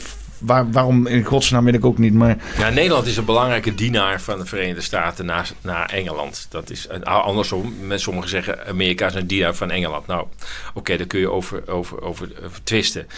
Maar eh, ja, Nederland hangt heel erg aan de, aan, de- Verenigde Staten. En ja, de reden waarom Nederland ook een belang had dat Trump niet nog een keer herkozen eh, eh, mocht worden, was denk ik de, de toch voorgenomen oorlog in Oekraïne. Ik denk dat Trump, of schoon daar ook verschillende berichten over zijn, Trump zou na eh, Obama, Obama zou de wapenleveranties aan Oekraïne eh, hebben verboden. Maar goed, dat was alweer een tijdje geleden. En Trump zou als eerste president de wapenleverantie in Oekraïne hebben goedgekeurd. Dus de, Trump heeft ook dubbele bodems wat dat betreft. Maar ik denk dat hij niet graag die oorlog was ingestoken in Oekraïne. Ik denk dat dat wel een verschil was geweest en dat daarom alles op alles is gezet om te zorgen dat Trump in 2020 niet meer aan de bak kwam. En dat daar Biden aan de bak kwam. Want dan weet je zeker dat die oorlog kan doorgaan. Natuurlijk is, is Amerika officieel de oorlog in Oekraïne niet gestart. Ik bedoel, het waren de Russen die binnen. We hebben er alles aan gedaan om, uh, om het uh, jaar te starten. in, jaar uit is Rusland gesaard met, met allerlei militaire oefeningen van de NAVO. Vooral tijdens de COVID-periode, toen wij hier met mondkapjes aan het, aan het lullen waren en, en heel druk waren met andere dingen, zijn er heel veel NAVO-oefeningen geweest. Uh, langs de Russische grenzen, diverse grenzen. en is dus ja, eigenlijk Rusland constant gepakt van uh, uh, uh, ja, weet dat we aan de grens staan. We hebben er wel iets van meegekregen toen Rusland zijn troepen richting de Baltische Staten begon te verplaatsen. Hmm. En wij dat natuurlijk gingen vertalen als zie je nou wel. NOS was daar een van de eerste bij. Die zei van ja, maar je ziet dat Poetin nou de Baltische Staten wil binnenvallen. Nee, nee, nee, nee, nee. Er waren oefeningen van de NAVO in de Baltische Staten. En Rusland werd daar een beetje nerveus van. En die zegt ja, maar dan moeten we langzamerhand toch ook wel de troepen richting de Baltische Staten. Want ja, zijn ze te vertrouwen, die NAVO? Nou, de NAVO is niet te vertrouwen, want die schendt alle afspraken die met Rusland. Dus ze dachten ook nee, nou laten we dan die troepen maar een beetje richting uh, de Baltische Staten duwen. Net zo goed als er nu 100.000 troepen in richting van Finland wordt gedirigeerd. Hm. En het is een totaal nieuwe divisie. Dat is een divisie die niet bestond. Dus Rusland stelt nu een totaal nieuwe divisie samen van 100.000 man. En die gaan richting Finland op dit moment. En dat is, dat, die, die was er dus niet. Dus, dus maar wat, houdt, wat houdt het dan in? Dat er dan iets permanents gaat gebeuren? Ja, nou ja, Rusland is nu, die zegt ja, we hebben er nu een NAVO-lid weer bij. Dat is nou Finland. Finland was altijd redelijk uh, op Rusland georiënteerd. Ik wil niet zeggen dat ze vriendjes van elkaar waren. Maar uh, uh, Rusland had niets van Finland te vrezen. Want die, hadden toch, die hebben toch ook een oorlog gezeten met elkaar? Iets met Noorse en skis, of fin Finlandse gasten op skis en zo. En, uh... Klopt, maar Finland heeft altijd onder Russische invloedssfeer gestaan. Waardoor eigenlijk Finland door Rusland niet als een vijand werd beschouwd. En Rusland dus ook nauwelijks troepen had in die hoek. Nou, dat is nu aan het veranderen. En je zult zien dat misschien straks het narratief in de westerse media weer komt van... ja, je ziet dat Poetin ook Finland wil innemen, want die trekt al die troepen daar samen. Ja, logisch. Het is nu een NAVO-lid aan het worden. Er komen Amerikaanse wapensystemen te staan, gericht op... Uh, nou ja, Sint-Petersburg is dan dichtbij. Uh, dus ik knap wel dat, dat. Nou ja, en zo escaleert het hele verhaal maar steeds verder. En ik hoop heel erg dat er een keer een moment komt dat iemand zijn vinger opsteekt en zegt: joh, misschien is het goed dat we nu een keer. Uh, uh, een eind aan breien. Want... Ja, want het lijkt wel een beetje alsof de hele Europese grens met Rusland een soort van demilitarized zone is. Uh, en dan niet omdat hij gedemilitariseerd is, maar verwijst naar de DMZ Noord-Korea, het meest gemilitariseerde stuk in de wereld. Wat demilitarized is. Een stukje tussen Noord- en Zuid-Korea, toch? Nou ja, misschien is dat wel de uitkomst in Oekraïne straks. Uh, kijk, uiteindelijk, uh, elke oorlog eindigt uiteindelijk toch iets met, met elkaar praten of een onvoorwaardelijke overgave. Dat zijn de twee opties die je hebt. Ja. ja, zo'n zone zou er ook in, in Oekraïne kunnen komen, denk ik. Uh, ik hoop niet dat we een nieuwe ijzeren gordijn gaan optrekken, maar ook dat sluit ik niet uit. Maar het zou onlogisch zijn als je in Oekraïne een hele super beveiligde zone hebt en dat dan niet te doen in Finland bijvoorbeeld, zeg maar. Uh. Ja, ja, dat komt natuurlijk omdat de Oekraïne is natuurlijk een, eh, een, een nu een oorlogsgebied. Uh, en uh, ik denk dat Rusland um, Oost-Oekraïne niet meer zal loslaten. Uh, uh, en eist dat, dat er, uh, als zij iets van troepen willen terugtrekken, dat ze wel veiligheidsgaranties willen hebben voor het oosten. En dat kan met de gedemilitariseerde zone waarschijnlijk. Strikt genomen zou Rusland willen natuurlijk dat hele Oekraïne weggaat van de NAVO. al de Amerikanen er weer uit gaan. Ja, dat is een beetje laat nou. ja, ik denk dat dat ook niet meer reëel is. Maar uh, aan de andere kant zit Polen ook te azen op het westen van, uh, van Oekraïne. Ja, want het is ook deels Pools geweest. Uh, Noordwest-Oekraïne. Heb je mensen in Oekraïne die weer die bij Polen zouden willen? Nou, er zit in ieder geval, men zegt zo tussen de 2 en 3 miljoen Oekraïnse vluchtelingen in Polen. Dus blijkbaar gaat dat heel makkelijk. En ze krijgen ook makkelijk werkvergunning. Polen doet er alles aan om Oekraïne aan zich te binden. Ja. Ehm, Maar het zijn ook allebei een beetje Slavische volkeren en zo, toch? ja, Polen die schrijven alleen eh, in westerse taal en Oekraïne in Russische taal, maar ze Ja. zeggen hetzelfde. Het Cyrillisch schrift, allemaal ja. ja. Sklepski, Blebski, eh, Kurma en dat soort dingen en zo. Ja, het Westen dan, hè? Het Westen. Nou, dat is dus ook die culturele grens die loopt in Europa natuurlijk. Eh, dat, dat zeg maar het oosten van, van Oekraïne, dat toch Russisch sprekend, Russisch denkend of zelfs etnisch Russisch eh, eh, is. Dat is meer het orthodoxe deel van Oekraïne. En het Westen is altijd toch wel meer op, op het meer christelijke deel van Europa gericht. Dus dat maakt dat dat land eigenlijk nooit... Ja, het had bij elkaar kunnen blijven onder destijds de Sovjet-Unie, net zoals Joegoslavië, was ook heel verschillend allemaal. Eh, moslims, christenen, orthodox. Het ging allemaal goed, zolang er maar een dictator boven stond. Maar als je die weghaalt, ja, dan gaat het mis in de keuken. Nou, dat is natuurlijk in Oekraïne precies hetzelfde. Of je moet daar een duidelijk regime boven hebben die die groepen bij elkaar houdt. Nou, dat leek eigenlijk vanaf de onafhankelijkheidsverklaring van 91 tot 2014, toen de Amerikanen daar die Maidan-opstand eh, bevorderden en misschien wel georganiseerd hebben, ging dit eigenlijk tamelijk goed. Maar iedereen heeft eigenlijk al gezegd, die twee delen horen gewoon niet bij elkaar. Nog los van of je vindt dat het bij Rusland hoort. Eh Poetin heeft trouwens in het begin, na 2014, een aantal keer gezegd, ja, eh, hij zag natuurlijk ook wel dat Oost-Oekraïne bestookt werd door eh, de Oekraïnse westelijke leger. Ehm, maar ondanks de hulpvraag uit het oosten van Oekraïne wilde die het oosten er niet bij hebben. Tot grote teleurstelling van de mensen uit Oost-Oekraïne. Die hadden al vrij snel gezegd van ja, help ons alsjeblieft. Want we worden constant bestookt door eh, een nieuw regime dat in, sinds 2014 in Kiev zit. Met ook een aantal neonazies daarin. En we worden nu constant bestookt en geterroriseerd. En help ons alsjeblieft. En Poetin heeft een aantal keer gezegd: ja, maar het spijt me, maar eh, Oost-Oekraïne is niet eh, van Rusland, dat is Oekraïne. Ik wil jullie wel helpen. Er kwamen die, hum- hum- die humane hulpgoederen kwamen toen binnen. Dus zullen ook, eh, denk ik, gewapend het iets zijn gebeurd. Iets met Little Green Man of zo? Ja, dat is dus niet daar gebeurd. Het is wel Ja. in, is in, in dinges gebeurd, weet het, in de, in de, op de Krim. Oh, de Krim. eh. Ehm, maar Poetin heeft, heeft een aantal keer eh, gezegd... de grootste teleurstelling van Oost-Oekraïne... ja, nee, me spijt me, eh, d- dat komt niet bij Rusland. We willen het er niet bij hebben. Ja, totdat uiteindelijk het steeds erger en erger en erger werd... en op een gegeven moment een tweede referendum... want er is een referendum in 2014 geweest... toen zeiden de Oost-Oekraïners nog niet zozeer aansluiting bij Oekraïne... dat hebben ze bij eh, Rusland, dat hebben ze niet in die referendum gezegd. Ze hebben gezegd, we willen meer autonomie... we willen, ons, we willen nog gewoon Russisch kunnen praten... en Russisch onderwijs kunnen krijgen... Zijn die referendums door Rusland, eh eh, ken je wat mee? Dat was iets van een open referendum, toch? Dus niet De anoniem? eerste was door de Oekraïners, Oost-Oekraïne zelf georganiseerd. Die Ja. tweede was min of meer onder toezicht van Rusland. Maar daar ging het niet meer om de vraag van... wil jullie autonoom zijn binnen Oekraïne? Je hoort iemand binnenkomen. Ja? Jij ook? Nee, ik hoorde wel iets, maar niet binnenkomen. Oh, ja, ik weet niet wat ik hoorde. ik hoor iemand tegen de deur aan. eh, of een pakketje of zo. Even kijken.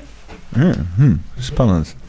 Ja, we hebben het over de Russen, je weet het. Ja, ja, ja. Er staat hier in één keer eh, Nee, er staat niks voor de deur. Geen, eh, Nee, geen KGB of zo. eh nee, nee, nee. nee. Inderdaad, IVD misschien ook niet. Nee. CIA. Nee, maar goed, in ieder geval. eh, en toen kwam het referendum en dat ging over: willen we aansluiting bij Rusland? Ja. Ja, daar was de uitslag wel overtuigend van. Ja, toen kon Poetin ook eigenlijk niet meer terug. Die zei, nou ja, goed, dan moet dat dan ook maar gebeuren. Dan Ja. moet het ook maar aangesloten worden bij Rusland. Maar hij heeft acht jaar lang heeft hij volgehouden. Ik wil het er niet bij hebben. Hij zag natuurlijk ook de ellende wel. Hij dacht ook, ja, maar als, als we daar ja tegen zeggen, dan is helemaal de boot aan. Nou, dat heeft hij nu inmiddels. Daar gaat het niet om. Maar het is niet zo dat Poetin constant gestreefd heeft om dat oosten van Oekraïne erbij te hebben. Dat was helemaal zijn plan niet. Denk je dat eh, de NATO, eh, dat het allemaal een beetje loopt zoals ze willen? Ja, om, om een beeld te krijgen van hoe dat op een slagveld gaat, dat, dat, dat, vind ik, dat blijf ik heel erg moeilijk eh, vinden. Ik kan me voorstellen dat de NAVO in een eh, numeriek in het voordeel eh, is. Het zijn gewoon heel veel landen bij elkaar. Hè. Het zijn 25 landen, geloof ik. Ehm, alleen, ja, het is, het is allemaal verdeeld, het is versnipperd. en ja, dat is natuurlijk bij Rusland niet. Rusland heeft korte aanvoerlijnen, want ja, het ligt gewoon tegen Rusland aan. Het heeft uh, een centrale commando. Het heeft uh, een oorlogsindustrie die ze heel snel hebben kunnen optuigen. En dus geen verdeeldheid. En Europa is toch verdeeld. Hè. Ik bedoel, elke keer moet Duitsland weer gedwongen worden. Ja, nog meer tanks. Ja, nee, we geen tanks hoor. Nog niet. Ja, drie maanden later dan toch weer wel. Ja, nou, nee, dan toch maar twintig tanks. Ja, dat, twintig tanks. Hoe weet het? Rusland kan de duizend naar binnen rijden. Dus um, um, ik denk dat het voor de NAVO wel heel moeilijk is om op deze manier uh, uh, Rusland uit te werken. Ik weet ook eerlijk gezegd niet of dat wel de bedoeling is. Af en toe denk ik wel eens, wat willen ze nou eigenlijk bereiken? Uh, sommigen zeggen het is een economische uitputtingsoorlog. Dus we, we proberen Rusland zo lang aan de praat te houden dat ze het economisch niet meer trekken. En dat, ze, dat Rusland dus instort. Dat is Sommigen zeggen dat is eigenlijk het doel van de oorlog. Niet om, om, om, om Rusland in, binnen te vallen, want dat, dat, dat kan de NAVO helemaal niet voor elkaar krijgen. Het oosten van Oekraïne al terugveroveren. Nou, uh, succes ermee. Ik denk ook niet dat dat gaat lukken. Uh, maar vooral een uitputtingsoorlog. En dan, ja, ook, ook Rutte heeft ook al gezegd, ja, het gaat een lange oorlog worden. Ja, dat duidt erop dat hun strategie is om Rusland economisch uit te putten. Ik denk niet dat lukt, maar... Zou het ook een, uh, een uh, samenwerking kunnen zijn tussen BRICS-landen en NATO-landen... Uh, om draagvlak te creëren voor de consolidering van hun macht? Samenwerking van BRICS en, en het Westen? BRICS is juist een soort afscheiding, hè? Ja, ja, ja. Dus je hebt dan zeg maar uh, alle, alle uh, BRICS-landen... Die, uh, die dus schijnbaar misschien zelfs vanuit de bevolking zeggen... wij willen niks te maken hebben met deze helft van de wereld. Ja. Het Westen. Ja. Uh, maar ze willen dat allemaal wel consolideren. Ze willen de wereld uh, efficiënter maken globaal. Dat moet allemaal geoptimaliseerd worden. Dan maar niet uh, meer macht of makkelijker in geldsysteem. Alles moet gewoon samen. En dat ze dus nu naar die, naar die hoe noemen ze dat, bipolaire wereld gaan. Ja, of ja, ja sommigen zeggen multipolair. Multipolair. Ja, het is eigenlijk bipolair. Hè? Ja, nou, nou, ja, goed, het is maar net hoe, je, hoe je dit tegenaan kijkt. Rusland ziet graag een multipolaire wereld, Ja. niet, niet bipolair. Maar ja, het, uiteindelijk is het dus inderdaad gewoon Rusland, China, eh, eh, eh, Zuid-Azië, Zuid-Amerika. Eh, tegen inderdaad het, het, noorden. En dan heb je stukjes van Afrika die dan eh, eh, een beetje wel of naar China gaan of naar het westen, zeg maar. Nou, dat is, vind ik het moeizame van, van, van BRICS.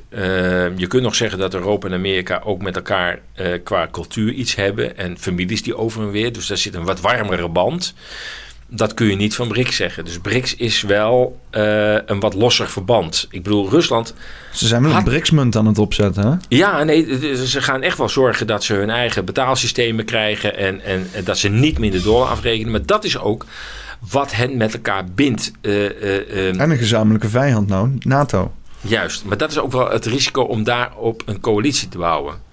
Want als die gezamenlijke vijand wegvalt, dan valt ook die coalitie. NATO is zo ook ontstaan. Ja, dat klopt. Nou, men zegt wel eens, de, de, de NAVO is net na de Tweede Wereldoorlog opgericht. En daarna uh, begon, kwam Mo, uh, Moskou met zijn uh, Warschau-pact.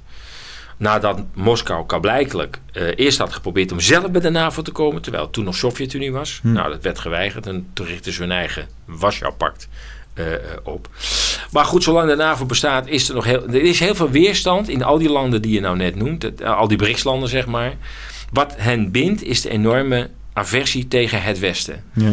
Uh, alle oorlogen die wij hebben uh, uh, begonnen in het Midden-Oosten, we hebben over chaos getrapt. Engeland die India heeft gekoloniseerd. Nou, Nederland, Nederland heeft Zuid-Amerika, Zuid-Afrika gekoloniseerd. Italië, ja. noem het allemaal maar op. We hebben overal met ons vingers aangezeten. En uh, dat zit toch wel in het collectieve geheugen van al die landen. En nu is er een moment waarop ze denken... nou, laten we dan maar gaan samenwerken tegen dat Westen. Uh, maar ik vind wel, het is wel een coalitie met heel verschillende culturen. Er zit Saoedi-Arabië in, er zit China in, er zit Rusland in. Ik ben heel, daar gaat ook weer een pikorde in ontstaan. Ja, maar als je het alleen rondom handel en economie doet... Ja, nou dat is Want wel... dat was ook een beetje hoe Europa is opgericht, toch? Met die hele kolenmijnen gebeuren. Zo is het, zo is het begonnen. Ja. Het is helaas eh, t- doorgeschoten. Daarom gaat het ook denk ik niet zo goed. Daarom gaat BRICS waarschijnlijk ook gewoon doorschieten. Die spreken Nou- straks gewoon allemaal Russisch, Chinees, Zuid-Amerikaans. Dat, nou, dat, het verschil is dat, dat, dat Paapje Chino. Nou, ik denk dat China de, de, de primus inter pares gaat worden. Dus de baas gaat worden. Het is gewoon de machtigste van de hele BRICS-landen. Rusland is maar een fractie van China Dat natuurlijk. wat Amerika van, de- van de NAVO is, dat wordt China van BRICS. eh. Ja, ik denk dat China natuurlijk zijn invloed gaat uitoefenen op, op, op die BRICS-landen. Aan de andere kant is China ook wel zoiets van... eh, althans, dat is wat ze zeggen... Ehm, en wat ze ook met de Belt and Road initiatief steeds laten zien van... ehm, wij geven jullie leningen om mooie wegen en, en, en, en dingen aan te, le- eh, te leggen. Maar dat zijn wel schulden aan ons. Dus eh, zo binden we eh, jullie aan ons. Maar politiek bemoeien we er niet mee. Dat is wel een beetje het China-beleid. Dat is ook waarom heel veel Afrikaanse landen in de Chinese hulp stappen. Zo van, oké, we zijn er wel aan China gebonden. Dat moet je ook maar leuk vinden, denk ik dan. Maar goed, zij bemoeien zich politiek er niet mee. Je zoekt het maar uit, politiek. Dat interesseert ons niks. Maar economisch ben je nu wel aan ons gebonden. Dus de spoorlijnen die we aanleggen zijn wel onze spoorlijnen. En die rijden wel jullie grondstoffen naar ons land. Dus, Ja. nou, eh, eh, dat, is, dat is de manier waarop China werkt. Dat is toch wel anders dan hoe de West-Europeanen steeds er gewerkt hebben. En de Amerikanen. Dat ik- was altijd, jullie moeten wel onze politiek gaan volgen. Ik, ik vraag me wel af als straks Europa eh, een, naast die Chinese spoorwegen Europese spoorwegen legt, hoe snel China dan in één keer in de politiek gaat zitten bemoeien. Eh, nou, ik denk dat de Afrikaanse landen, als ze kunnen kiezen, eh, dan toch maar liever die, die, die apolitieke leningen van eh, China aannemen dan de politieke leningen. Want ze weten met Europa, daar hebben ze natuurlijk al 200 jaar ervaring mee. Als. Europa komt, dan komt altijd de politiek mee. En China komt niet met die politiek. China komt alleen maar met de economie. Ben je ook onderdanig? Daar gaat het niet om. Ik bedoel, je bent nog steeds afhankelijk. Maar politiek bemoeien ze zich niet met je. Als je maar niet anti-China wordt. Maar Europa gaat veel verder. Die gaat zich ook met dat land bemoeien. En, en nou, de Afrikanen weten dat inmiddels. Dus Europa krijgt niet zo'n grote voet meer aan, aan de grond. Dat was een antwoord van Europa, toch? Die zeiden van ja, we gaan ook eh, nu in eh, China investeren en eh, dit en dat zoveel miljard moet daarheen om te helpen Je moet in Afrika investeren. in Afrika. Wat zei ik? China. Jij zei Ja, ja, ja, nee, Ja. de- de Europa die gaat ook in Afrika inderdaad investeren om, Ah ja, zeg China- maar China te counteren. Om, maar Amerika was eerst. De CIA is al heel erg actief in, in, in Afrika. Safari ze- Club. Ja, waarschijnlijk. Ik weet niet of ze nog steeds zo heten. Maar in ieder geval om, om te zorgen dat de Chinezen natuurlijk niet te grote invloed krijgen. Dus gaat Europa erachteraan. Ik bedoel, dat is weer hetzelfde spelletje eh, eh, eh, uiteraard. Maar wat je dus ook ziet is dat, dat, dat er nu een, een, een nieuw spel op de wagen wordt gezet. Want we hebben eerst helemaal mee moeten gaan in de sancties tegen Rusland. Hmm. Maar we hebben steeds meer in de gaten dat die sancties vooral onszelf treffen. Eh, Rusland krijgt, heeft ook heel veel schade geleden, maar komt er op de een of andere manier toch wel aardig uit. Ja, die hebben wel grondstoffen. hè. En die, ja, je- grondstoffen en heb je altijd wat te handelen. Ja. Hè? En, en, en nou leunen ze tegen China eh, eh, aan, dus dat, dat, dat, dat komt wel in orde. Ik heb ook gehoord dat ze olie inkopen via Zuid-Afrika die uit Rusland komt. Ja, Shell die blijkt schijnbaar ook nog steeds met de Russen gewoon te handelen. Heel veel Amerikaanse bedrijven zijn ook nog steeds actief in Rusland. Dus ja, En, en, en, en nou ja, dat dat was, één pak nat. Nou ja, dat was ook tijdens de Russische revolutie. Ik bedoel, de Russische revolutie waren ook nog steeds Amerikaanse bedrijven actief. Dus dat, er is een, dat, dat, dat bedoel ik altijd met... als mensen heel erg eh, eh, eenlijnig, eenduidig praten over een oorlog... dan, dan, dan slaan ze al die verschillende lagen over. Er is een politieke laag, er zit een financieel-bankaire laag... er zit een industriële laag. En die, soms gaan ze met elkaar samen... en soms hebben ze ook niks met elkaar te maken... en krijg je hele tegenstrijdige dingen. Maar heel veel mensen kunnen niet met die tegenstrijdigheden omgaan. Dus die, die hebben, nou nee, Rusland is kwaad, daar doen we geen zaken mee. Jawel, daar doen we wel zaken mee. Ja, maar dat kan toch niet? Ja, in jouw simplistische wereldbeeld kan dat niet. Maar in deze complexe wereld kan dat wel degelijk. Als het etiket er maar op zit dat we geen zaken met ze doen. Maar feitelijk doen we nog steeds zaken met ze. Ja. En eh, zelfs eh, eh, Rutte heeft een maand of vier geleden zich toch laten ontvallen van ja, eens hebben we weer goede relaties met Rusland. Dat zei hij. En dat snapt hij ook wel, want Shell zal natuurlijk ook wel tegen Rutte zeggen: ja, we moeten nou niet te bom maken, jongen. We hebben verdomme miljarden geïnvesteerd daar in die, in, in, in, in die swamp in het noorden van, van Rusland om al die olie eruit te trekken die zij zelf niet konden uh, winnen. Je gaat nou dat spelletje toch niet al te veel doorvoeren, want uh, er moet wel terugverdiend worden. Dat spel wordt gespeeld. Ga jij dat betalen of waar? Ja, precies. Dus dat, dat, dat, dat, is een, dat is een ander level die in die oorlog ook een rol speelt. Dus dat, dat, dat de Shells, en er zijn nog veel meer, ook Amerikaanse bedrijven, die zeggen: ja, we hebben geïnvesteerd in Rusland. Maak het nou niet te bond, jongens. We gaan niet alles afschrijven. Snap je? En daar zitten diezelfde investeerders als de BlackRocks weer achter. Dus die hebben ook een dubbele pet. Hè? Aan de ene kant gaan ze nu Oekraïne helpen. Nou, dan weten we wel wat dat betekent. En die gaan er een schuldenbank op zetten, toch? En gewoon uh, nou ja, een of andere munten daar introduceren. En uh, iedereen uh, een reparations betalen of zoiets. Dat is toch hetzelfde met Duitsland? Ja. Duitsland kreeg de Westmark. Waardoor het zich ging afscheiden van het oostelijke deel door Rusland bezet. Oh, dat werd later de DDR, de eh, Oost-Duitse, eh, Oost-Duitsland. Ja, datzelfde spel gaan ze nu ook in Oekraïne spelen. Maar Oekraïne is daardoor straks het nieuwe Duitsland. Namelijk, jullie zijn voor de komende generaties gewoon helemaal aan ons gebonden. Want jullie zitten zo in de schulden nu. Wat de Blinken, de, de Amerikaanse minister van Defensie, heeft tegen... E. Blinken. E. Blinken, ja. ja. Anthony, e- Anthony, Blinken heet hij toch? Ja, ja precies, Anthony e, Blinken. E. Blinken. Die heeft, die heeft een maand of paar, twee geleden geloof ik, heeft hij gezegd van... Ja, hou er rekening mee. Onze wapens zijn geen giften. Daar moet voor betaald worden. Dus op het moment dat Zelensky weer roept meer wapens, meer wapens. Hij, dan weet hij dat hij zijn land dus steeds verder in de schulden duwt. Want de Amerikanen gaat alles laten betalen. Nou, daar gaat BlackRock mee helpen. Door ze leningen te verstrekken. Doen ze via de Wereldbank waarschijnlijk. Want dat doet BlackRock niet rechtstreeks. Dus die gaat via de Wereldbank weer leningen verstrekken. Maar dat betekent dat, dat voor de komende vier, vijf, zes generaties Oekraïne helemaal in de schulden aan Amerika zit. Ja, dat is het spel, denk ik. Moet wel de economie het een beetje overleven. Onze economie, de Europese economie. Ja, de dollar en zo. Want ik weet niet hoe dat zit daar. Maar het schuldenplafond is weer voor uh, 32 triljoen verhoogd. Nou, het grote probleem is dat de dollar dus steeds minder een wereldreservemunt wordt.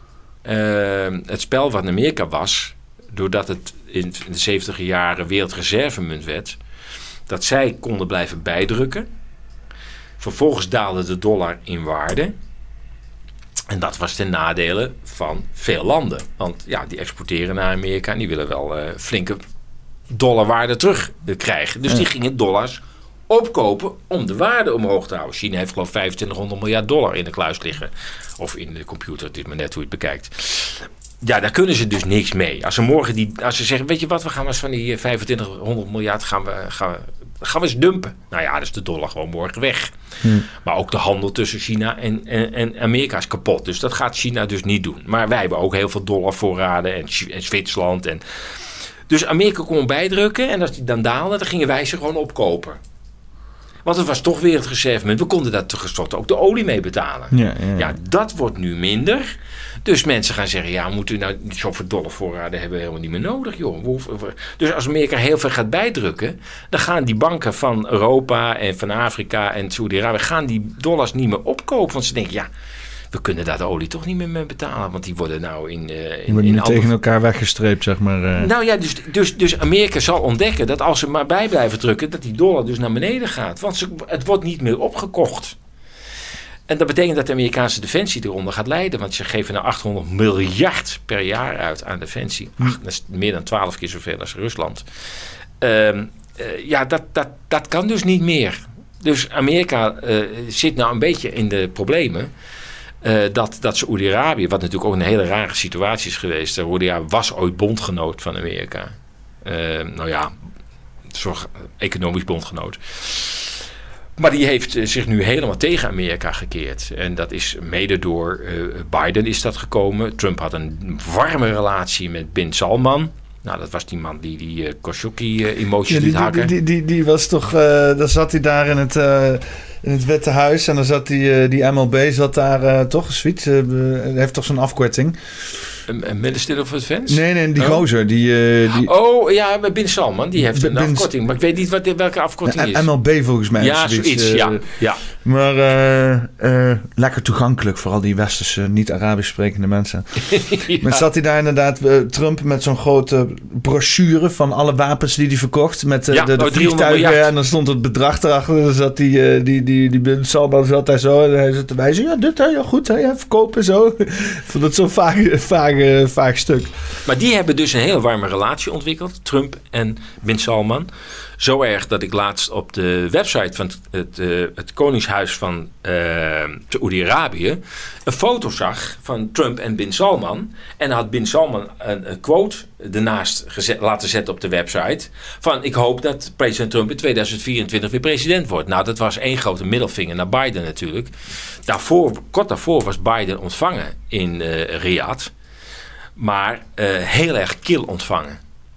Dus waar Trump met alle egaars en de rode loper werd ontvangen in zijn presidentschap, werd Biden werd daar gewoon bijna afgezeken. Die mocht ook de koning niet zien. En die werd ook niet met alle militaire eer werd hij ontvangen. Die kwam smeken of Saoedi-Arabië iets meer olie wilde produceren. Om de prijzen te drukken in Amerika. Want de Amerikanen begonnen te klagen aan de pomp. En toen heeft Bin Salman gezegd: Nou, A, we gaan het niet doen. En B, we gaan wat anders doen. We gaan minder produceren.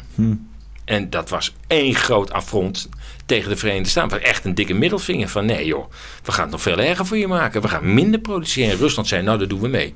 Dus toen gingen de prijzen nog verder omhoog. Eh, en nu is het zelfs zo dat eh Saudi-Arabië heeft gezegd: ja, we gaan nu gewoon eh, niet meer in dollars betalen. Nou, dat, dat, is, dat, ik weet niet wat Amerika precies gaat doen, maar ik denk dat in Amerika wel enige paniek is uitgebroken zonder dat we dat merken. Want we blijven natuurlijk een beetje goed weerspelen. Maar geloof me dat in Amerika nu diepe zorgen zijn van ja, welke munt gaan ze nu pakken? Nou, de euro zal het niet worden als wereldreservemunt. Want er gaan de Amerikanen voor liggen. Dat heeft destijds. eh, ehm, eh, Assad eh, eh, eh, geprobeerd. Eh, nee, eh, Saddam Hussein heeft dat geprobeerd. En daarvoor eh, Gaddafi, die was de eerste. Die zei van, nou, weet je, ik ga mijn crude oil ga ik gewoon in euro's doen. Ik eh, wil sowieso een Afrikaanse munt. Nou, dat was sowieso tegen het cerebeen. Gebaseerd op goud, niet op de dollar. Nou, fout nummer twee. En ik wil de olie in euro's gaan afrekenen. Fout nummer drie. Nou, dan komt Amerika gewoon... Kom een Safari Club even binnen, ge- gejenst daar. eh. dan komen we je even een handje helpen. En Sorry, zei iemand volksrevolutie? Ik hoorde toch echt volksrevolutie. Jawel? Toch volksrevolutie? Hey, hier heb je geld voor een volksrevolutie. Ja, ja, en wat bombardementen eroverheen. Nou, dat ging in eh, eh, eh, Irak precies hetzelfde. Want Saddam Hussein probeerde dat ook met euro's te doen. ja. Nou, dat werd ook afgestraft. Dus de euro gaat Amerika niet toestaan. Ja, wat het dan wel wordt, weet ik niet. Eh, eh, China en Saudi-Arabië hebben in ieder geval eh, afgesproken met elkaar. Als wij een handelsoverschot hebben aan de ene kant. Dus de ene koopt meer van de ander dan andersom. Hè, zoals met Amerika en Duitsland. De rest doen we dan in goud. Dan is dat het verschil. Dan doen we niet in dollars in de kluis. Nee, dat gaan we nu in goud doen. Dus die nemen helemaal afscheid van de dollar. Ja, en als de hele BRICS-landen dat gaan doen, dan heeft Amerika wel een heel groot probleem. Als je de dollar en de euro zou mergen, dan ben je toch klaar? Ja, ehm, sommigen voorspellen het omgekeerde. Dat, dat wat er nu gebeurt. Dat, kijk, ik geloof me dat onder Duitse industriëlen.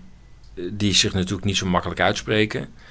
echt wat besef is van. ehm, onze Amerikaanse vrienden zijn onze industrie aan, eh, om zeep aan het helpen. En, ehm, en we moeten daar iets mee. Maar wat? En dat ligt politiek heel gevoelig, want de regering die zegt nee, we helpen Amerika in Oekraïne en. Dat, dat, dat is zo'n tweede spoor. Maar eh, ik denk dat er een soort sentiment op gang aan het komen is dat het ook wel eens eh, toe kan leiden dat Amerika en Europa zich van elkaar gaan verwijderen. Dat, dat zou nog wel eens kunnen zijn. Als je nou kijkt bijvoorbeeld de opkomst van de AFD in Duitsland. De AFD is nu een van de meest populaire partijen in Duitsland. De Blinde Zeitung had daar een mooi artikel eh, over. Overigens wel een heel realistisch artikel. Ik wou dat Nederlanders, eh, Nederlandse journalistiek zo kon schrijven. Die moest natuurlijk wel in de inleiding schrijven dat ze tot hun spijt moesten constateren dat de AFD natuurlijk een hele populaire partij aan het worden. Maar dat er wel reële gronden waren. Kijk, zo reëel was de Berliner Zeitung ook alweer. Oké. En die schreef dus op, ja, maar het is ook heel begrijpelijk eigenlijk dat de AFD... Want ja, Oekraïne, dit en dat en COVID en dit, ja, dat is allemaal verkeerd gegaan. Dus ja, natuurlijk dat de AFD groot wordt. Dus die was heel reëel. in termen dat mensen inderdaad hun schroom beginnen te verliezen in Duitsland. Om te zeggen, ja, nee, nee, ik ga, ja, ik ga toch wel AFD stemmen. Ja. En daar maken ze zich natuurlijk heel erg grote zorgen om. Dus men is heel erg benieuwd van wat gaat de Duitse overheid doen. Uh, gaat die de partij verbieden? Dat wordt daar nu besproken. Net zoals in Nederland nu besproken wordt om Forum te gaan verbieden ja, dan is het ook wel einde democratie. Ik denk dat er dan een nieuwe fase in onze samenleving gaat ontstaan. Ik weet niet hoe dat eruit ziet. En ik had het debat wel even gekeken dat ze dus uh, gingen praten over het verbieden van de, van, uh, van de FVD. Of van het, het verbieden van politieke uh, partijen in zijn algemeenheid. En daar zat dan ook Erik Akerboom van, oh, ja. van de AIVD en dan nog wat hoogleraren op het gebied van politiek en juridisch. Maar eigenlijk alleen het AVD die zei daarvan... ja, eh, luister, eh, gevaarlijke woorden, eh, moeilijke taal... Eh, eh, gevaarlijk voor de democratie, dat soort dingetjes. in principe gewoon dat rapport wat ze hebben geschreven. Ja, ja. En, en al, eigenlijk al die hoogleraren... ook al waren ze geen fan van AVD... niemand heeft gezegd van... Ja, goed idee om verbod te doen. Iedereen oh. die zegt van... Ja, als je het gaat verbieden, dan, dan, dan, ben, je, dan ben je de democratie helemaal kwijt. Dan is het... Uh, is het hek van de dag. Ja, je moet, je moet juist met elkaar... Als, als je een democratie wil, dan moet je juist meer toelaten. Hè? Ja. En, dat, dat is, en niet als je op het moment dat je dan uh, voorwaarden gaat stellen van je mag aan democratie meedoen, behalve als je dit en dat en zus en zo doet, dan heb je geen democratie meer. Dat was wel vrij consensus onder, oh, onder, onder alle, alle hoogleraren die daar in de Kamer waren. Op de, op de IVD natuurlijk na. En dan had je ook nog eens een keer zoiets. Ik, was dat, volgens mij was dat dit debat. En Mirjam Becker volgens mij. En uh, die vroeg van, uh, ja, er zijn dus allerlei bepaalde zaken. En die vroeg dat volgens mij aan de AIVD. En die vroeg letterlijk aan de AIVD van, hoe kan je het onvermijdelijke voorkomen? En wat was het onvermijdelijke dan? Nou ja, dat er dus inderdaad bepaalde uh, onrust in de maatschappij ontstaat... naarmate je bepaalde transities gaat bewerkstelligen.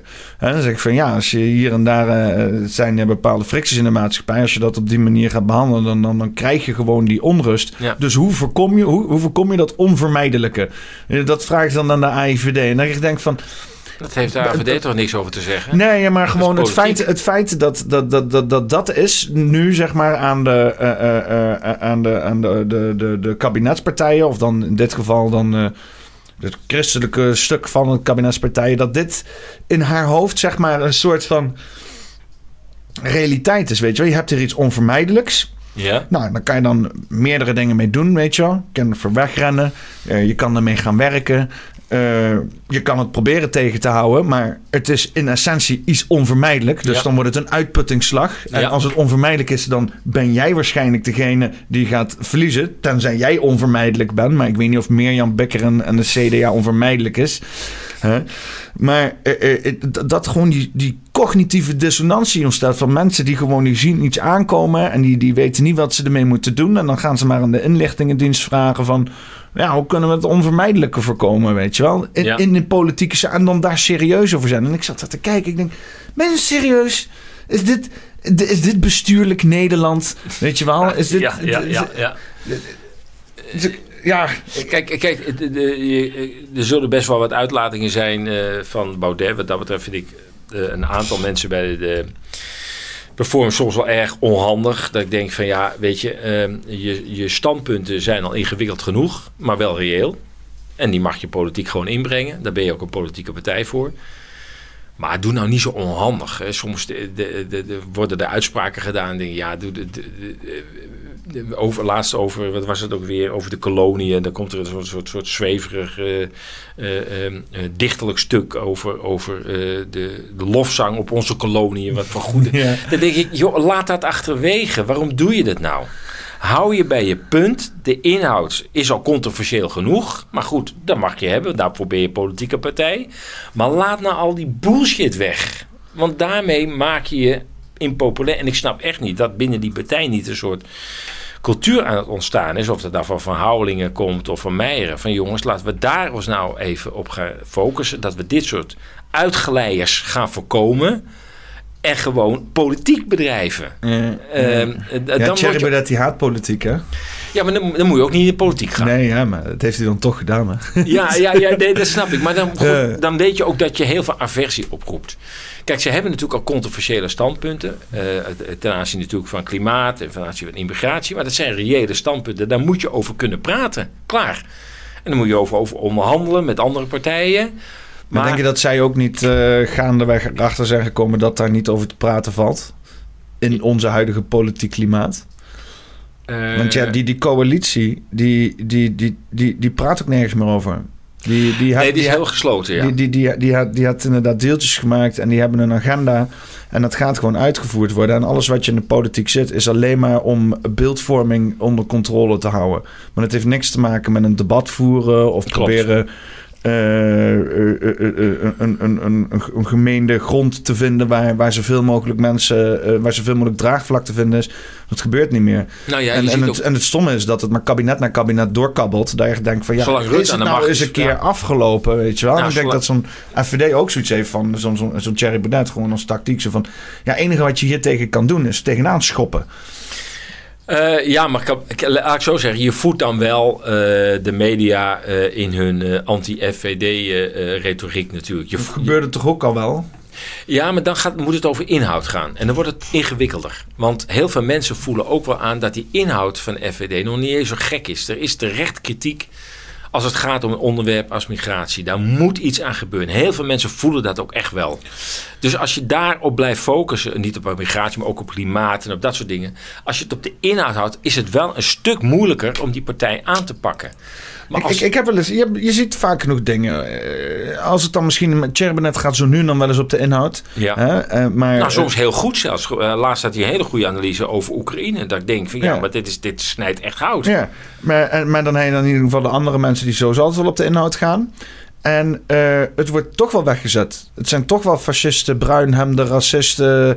eh, Ja. Toch wel die, die, die Ja. coalitie die... Want dat gebeurt dus ook vanuit de politiek. Van die mensen die zich dan gaan distancieren. Hè? Die gaan zeggen... Die komen dan helemaal van achter in de zaal helemaal naar voren gelopen... om te zeggen van... Sorry, maar ik distancieer me hiervan. En dan lopen ze weer weg. Oftewel, ja, nul, nul bijdrage geleverd. Geen debat aangegaan. Alleen maar heel even profileren om te zeggen van... Oh, dit mag niet namens de Kamer naar buiten gegaan worden. En als dat gebeurt, dan niet namens mij. Ehm, eh, eh, eh, ik kan me voorstellen dat als je als FVD... want die zijn inmiddels ook alweer acht jaar bezig of Ja, zo. denk dus, ook wel, ja. Ja. Op een gegeven moment zoiets hebt van... ja, maar wat zijn we hier aan het doen? Weet je wel, ik probeer hier de hele tijd fatsoenlijk en, en mee te draaien... met wat de politieke norm is. En nog steeds word je, word je weggezet als een of andere bruinhemd fascisten... Eh neonazi gebeuren die moet verboden worden. Ja, kijk, ehm, ik, ik heb dat ook altijd. Hè. Zo, zo doe ik dat in mijn relaties ook, weet je wel. Ehm, als ik dan toch al een klootzak ben... Ja. Als ik dan toch al word aangezien als alsof ik, alsof, ik, Ja. alsof ik een of andere eh, inloyale vreemdganger ben. Ja, dan kan ik er net zo goed maar worden. Weet je wel? Als je me Ja. dan beschuldigt van allerlei dingen, dan kan ik het net zo goed gaan doen. Dan heb ik in ieder geval meer vrijheid, zeg maar. Hè? En eh, of dat dan inderdaad eh, eh, het, het grote plaatje eh, eh, eh, bijdraagt, dat weet je ook op dat moment niet. Hè? Want het is, voor hetzelfde is het dat al het einde. Misschien heeft Thierry Baudet al drie, keer opnieuw zijn partij begraven om te denken van, nou, dit was het. Maar hij blijft maar bestaan, weet je wel. Ja, En dan, ja. dan maar denken van, nou, dan gaan we er ook... eh, dan, volgens mij probeert er ook een stukje ziel en hart in te leggen. En mensen een soort van filosofisch eh, eh, mee te nemen in, in, in een bepaalde aspect en zo. Ja, het is wel... Het, ik- het is geen politiek bedrijf, nee. Hij, hij is meer een soort van... ja, instituut daar of zo. Die dan eh, additief wat eh, side notes geeft op eh, de politieke... wat er gaande is, hè. Ja, ja. Ja, maar dat is ook het meeste wat je kan doen. Want als je kijkt naar bijvoorbeeld zo'n... ehm, ehm, ehm, nou ja, kijk, GroenLinks die werkt, die krijgt behoorlijk veel voor elkaar. Een PV, P van de A. In ieder geval, als je ziet waar hun voor staan en wa- waar het heen gaat... dan krijgt zo'n GroenLinks heel veel groen. in elk geval. Ja, ja, ja, ja, ja. Maar bijvoorbeeld een, een SP... Partij voor de Dieren, notabene... Ehm ja, daar, daar komt niet zoveel... eh, ja, ja, dat, heel erg gericht op hun thema, weet je wel. Maar SP al helemaal niet. Ik weet niet eens wat SP aan het doen is daar. Die, die Nee, is ook alleen maar... wel meer mensen zich af. Ja. Ja. Ja, die is echt alleen maar ook oppositie aan het voeren en aan het meedoen. Maar ja, maar ja ik denk dat dan zo'n FVD daar naar kijkt en denkt van... ja, dat willen we ook niet zijn, weet je wel. Nee. Nee, dat snap ik ook wel. En, en je kunt wel zeggen dat de politiek helemaal is vastgelopen. En ik, ik vind daar eh, eh, Rutte de grote aanjager van, van die vastgelopen politiek. Ik denk dat het begonnen is uh, toen, toen Rutte aantrad. Er is een soort uh, uh, politieke mores op gang gekomen. Ehm, ik denk ook dat hij, hij duidelijk zich erg op internationale contacten richt. je kunt ook zeggen opdrachten. Maar goed, dat zijn ook al gewoon overeenkomsten. En dat hij toch, ondanks dat hij op zijn fietsje zit en veel glimlacht, toch een tamelijk autocratisch leider is. En hij heeft de kracht om, om op het moment dat de storm opsteekt, dat hij een stap naar achter doet, dus een minister naar voren schuift. Nou, die laat hij dan afbranden en dan komt er weer een nieuwe minister. Daar, dat, is, dat is een beetje de bekende strategie van Rutte. Hij verzamelt ook geen hele sterke mensen om zich heen. Uh, zodat hij natuurlijk de primus inter pares blijft. En nou ja, dit kabinet hangt helemaal, vind ik, van ondeskundigheid aan elkaar. En als ze deskundig zijn, dan zitten ze op het verkeerde ministerie. Dus dan hebben ze daar ook niks te melden. Dus Rutte is gewoon degene die alles kan aansturen. En zo'n Rob Jette, die heeft dan de opdracht om te verdedigen dat er 28 miljard wordt uitgegeven. Ja, die staat er een beetje schaapachtig te lachen. Ja, die, die, wat, wat kan Rob Jetten nou klaarmaken? Ik bedoel, wat heeft hij nou voor ervaring? Met alle respect. Als, je, als jij uh, toch in die leeftijd ineens de verantwoordelijkheid krijgt om 28 miljard belastinggeld uit te geven.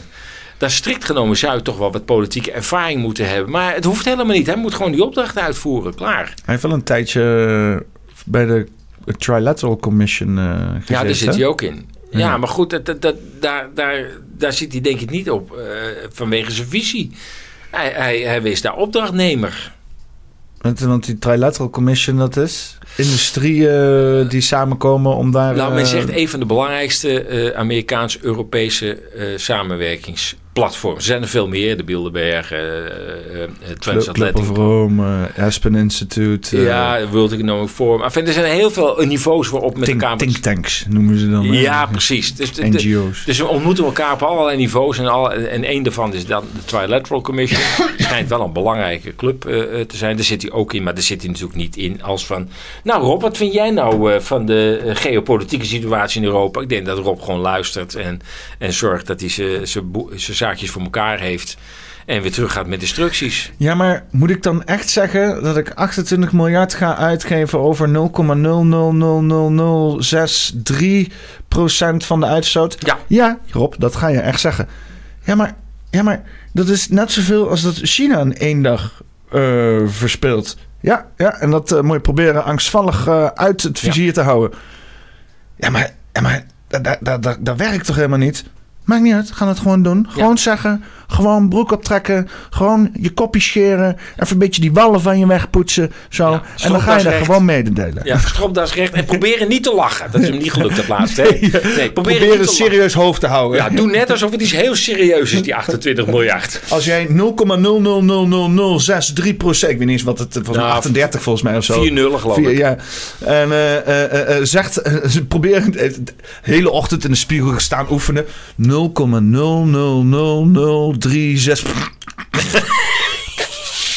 Oké, okay, wacht even. Overnieuw. 0,000. ja, nou je zag ook dat hij een glimlach op zijn gezicht had. Ja, dat, ja. dat, hij ook wel snapt dat, dat, dat hij iets heel belachelijks moest gaan uh, uh, vertellen.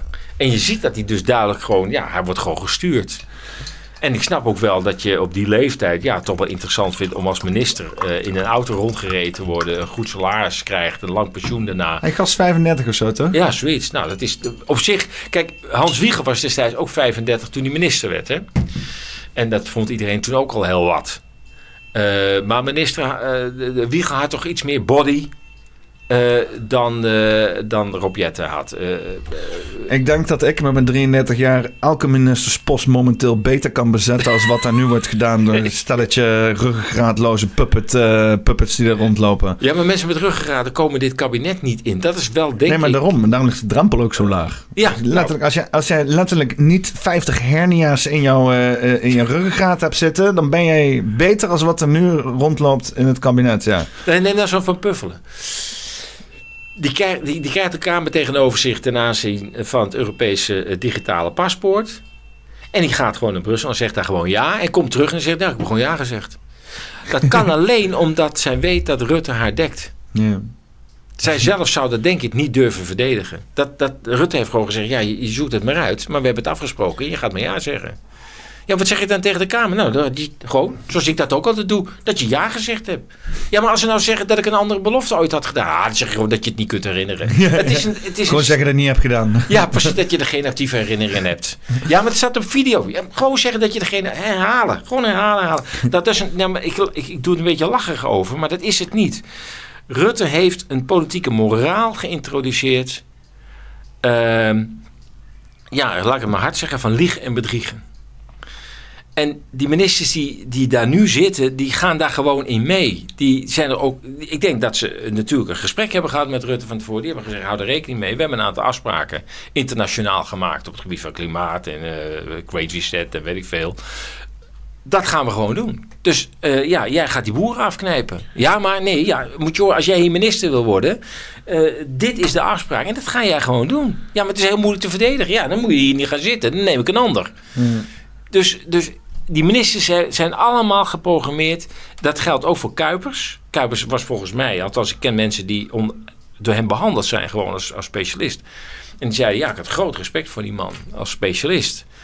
Uh, en ik denk dat die man inhoudelijk ook echt wel weet dat die hele flauwe pandemiewet helemaal niet noodzakelijk is. Maar ik denk tegen hem ook eens van ja, hou er rekening mee. Uh, als jij minister wil worden, jij zult die pandemiewet gewoon moeten invoeren. Klaar. Het gaat niet om jouw mening. Die moeten gewoon komen, want we hebben met de WHO ook allerlei afspraken dat die twee wetten in elkaar moeten worden gezet. Dus zorg nou gewoon dat het er komt. Klaar.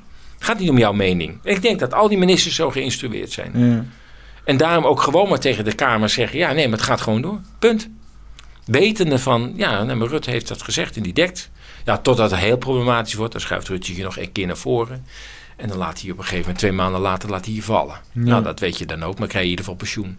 Ik denk dat, dat die politieke moraal die nu heerst in de Tweede Kamer, ook die kadaverdiscipline bij de coalitiepartijen, ja, dat is Rutteriaans. En ik vind het heel ernstig. Hij heeft, denk ik, heel veel in de politieke cultuur en ook in de media um, kapot gemaakt. Want doordat de politiek zeg maar zo blijft zoals die is, is het voor de media ook moeilijk om daar nog een spel tussen te krijgen. Dus die media is er helemaal in meegegaan. En hij heeft daarmee een soort, ja, toch knap als één ding, maar hij heeft daar een, een, een, in de afgelopen twaalf jaar een tamelijk verziekt politiek klimaat uh, in Nederland geïntroduceerd. En nou zet hij de veiligheidsdiensten weer in om dat nog te handhaven. Ja, het is verschrikkelijk. Maar, maar uh, was zoiets als dit in Nederland en bijvoorbeeld de jaren 80 ook mogelijk, 90? In theorie? We hadden toen nog de zuilenmaatschappij. Uh, daar werd toen heel veel kritiek op uitgeoefend. Ik behoor tot de generatie die dan de nieuwe Nederlandse wereldorde uh, uh, steunde. Zo van, ja, dan moeten we toch vanaf van al die zuilen, al, de praatclubjes hier en daar. En NCRV en de KRO en de VARA. En de VARA was dan weer voor de vakbond FNV. En die andere was dan weer voor de andere vakbond. En die had zijn, zijn krantje zus en krantje zo. En die had de omroep dit en de omroep dat. En de politieke partij hoorde weer bij die omroep. Enfin, het was een zuilenmaatschappij. Achteraf moet ik zeggen... Uh, het was misschien toch niet zo slecht. Want die zuilenmaatschappij betekende dat kerk, politieke partij, krant, vakbond, dat was een hecht geheel in al die verschillende kolommen. Dus de christelijke kolom en de liberale kolom en de katholieke kolom en, en nou, de vrijzinnige VPRO-kolom had ook zijn eigen krant en zijn, nou, dat betekende dat niemand echt de macht kon grijpen. Want iedereen had zoiets. Je blijft met je boter van mijn omroep af. Ja. Want ik heb ook nog een krant. En ik heb ook nog een vakbond. en dat was geconsolideerd. Men had respect voor elkaars mening. In de zin van, ja, als ik aan jou kom, kom jij aan mij. Dus uh, laten we van elkaar afblijven. Dat was dus verstarrend. Dat, dat, was, dat was ook de kritiek. Maar het betekende ook dat niemand echt de macht kon grijpen. Want er, er, stonden meteen zes concurrenten op. Die zeiden, oh, oh, oh, dat gaan wij niet doen. Daar gaan wij eens even programma's over maken. En uh, nou ja, ik, ik, ik, ken ook uh, sinds kort uh, Janneke Monshouwer. Die heeft heel lang bij de NOS gewerkt, maar ook bij de publieke omroep in het algemeen. Veel reportages gemaakt. Ze heeft ook voor het NOS-journaal gewerkt. Dat heette toen nog een NOS, maar NTS. Maar dat maakt niet uit. En ze zei ook, ja, ik heb heel lang documentaires gemaakt in Afrika.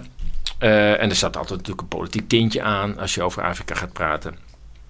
Ja, en dan hadden we het gemaakt voor Omroep A. En uh, ja, Omroep A die zei nee, nee, we hebben er nog eens naar gekeken. Maar uh, nee, dat past niet in ons katholieke wereldbeeld wat je daar uh, schetst. Die missionarissen zijn hartstikke goed bezig. En jullie hebben kritiek op die missionarissen.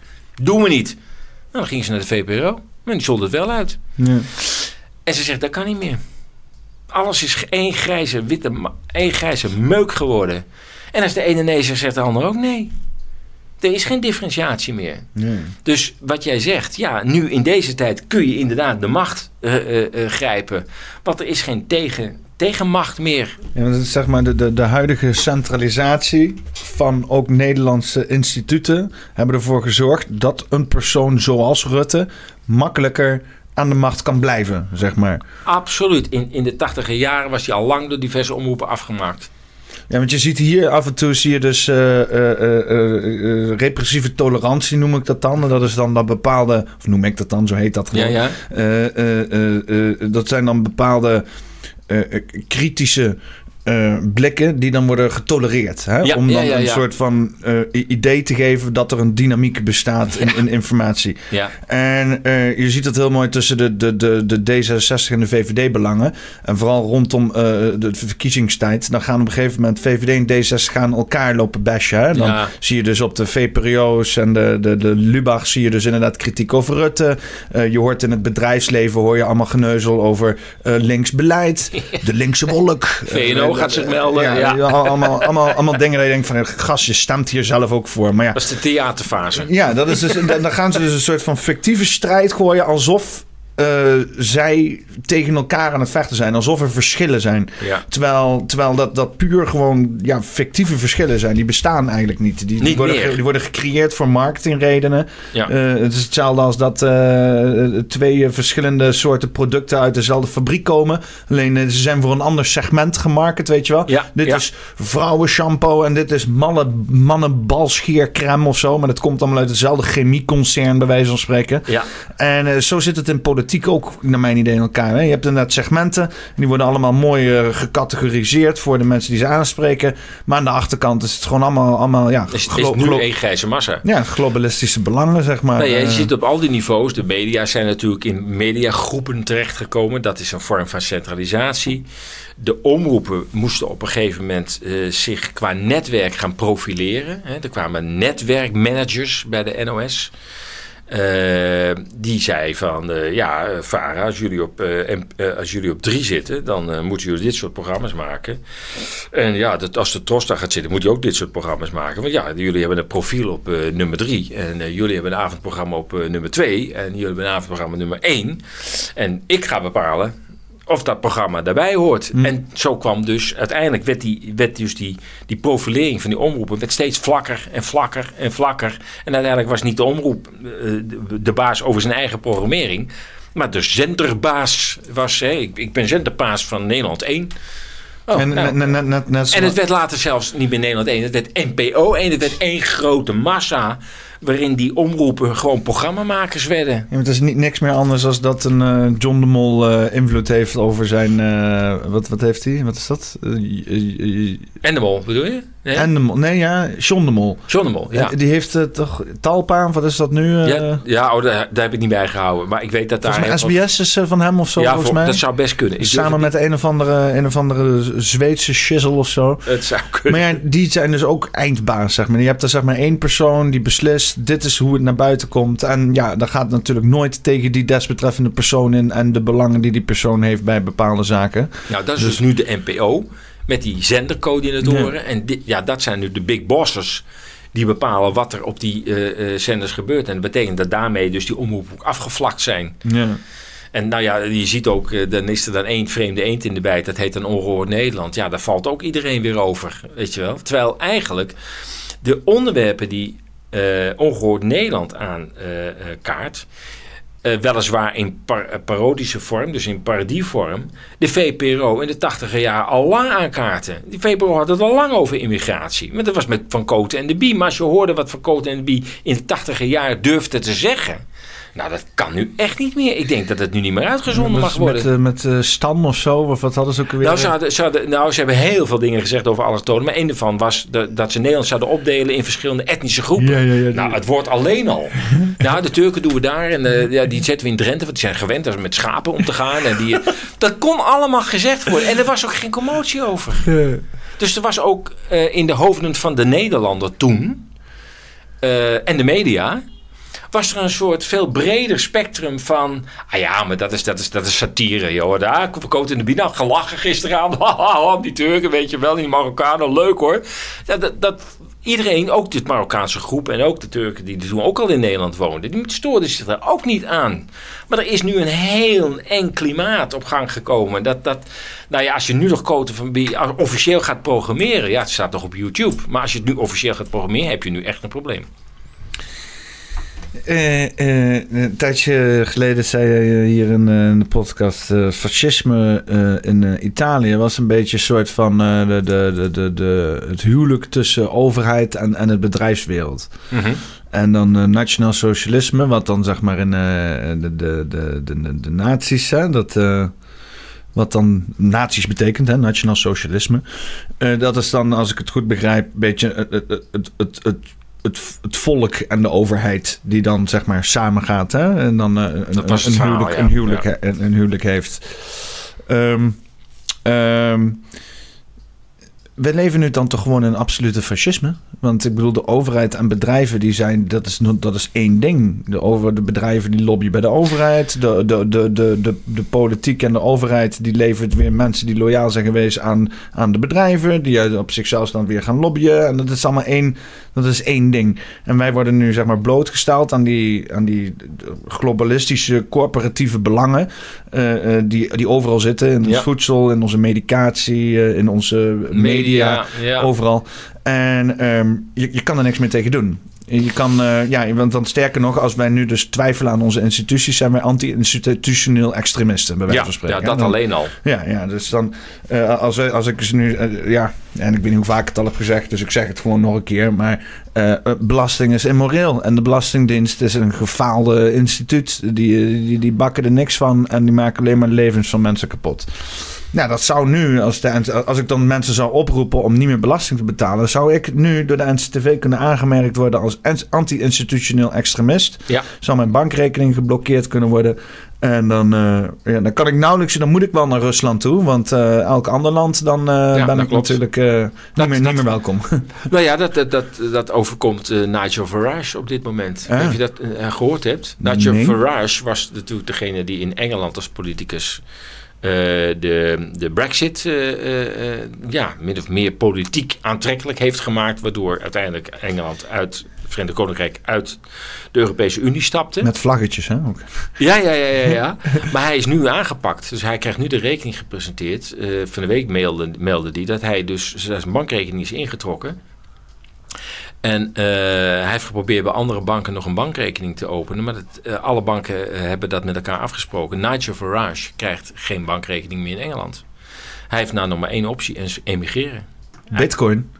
ja, nou ja, maar dan kun je die belasting niet meer betalen. Je zegt de munt waarin de belasting betaald moet worden, die moet je ook verdienen. Kunnen ze mensen om belasting vragen als je geen bankrekening mag hebben? Dat, ga, dat, denk, dat denk ik wel, ja. Je ja. zegt, hey, je moet je belasting betalen. Ja, geef een bankrekening nou ja, dan. Dat is dus het ja, dat mag niet. Ja, dan kan ik ook geen belasting betalen. Nou ja, dat zei hij ook. Ik kan dus gewoon mijn belasting niet en mijn hypotheek niet meer betalen. Ja. En hij heeft nog maar één keus. En dat hij uit Engeland vertrekt. En de vraag is of gezien de Europese Unie... zie wat uh, uh, dingen is overkomen. Wat hij nou uit Engeland? Ik uh, ben even zijn naam kwijt. Wat erg. Wat van? Uh, die die uit, in 26 landen niet meer mag komen. Oh, uh, David Icke. David Icke. Nou, het kan hem ook overkomen dat als hij zegt... nou ja, dan ga ik naar Nederland emigreren. Dat in Nederland gezegd... nee, nee, nee, nee staat hij ook op het zwarte lijst. Je krijgt nergens meer een bankrekening in Europa. Nigel Farage bedoel je? Of ja, Nigel Farage. Ja, ja. Dan kan ja. hij naar Rusland verhuizen. Maar zo, dus jij zei van, uh, is dat dan ook niet het teken van fascisme? Nou, er zijn wel mensen die zeggen, ja, langzamerhand beginnen we wel een beetje te voldoen aan die definitie. Ja, wat, En wat vroeger de definitie was voor fascisme in de tijd van Mussolini, dat gebeurt nu eh, tussen de corporaties en de overheid op allerlei aspecten. Ja, het, het groeit helemaal in elkaar, overheid en, en, en bedrijfsleven. En dat betekent dat de democratie eh, niet meer functioneert. Want dat, dat, dat zou juist uit elkaar moeten zijn. Maar dat, het, het vloeit helemaal in elkaar over.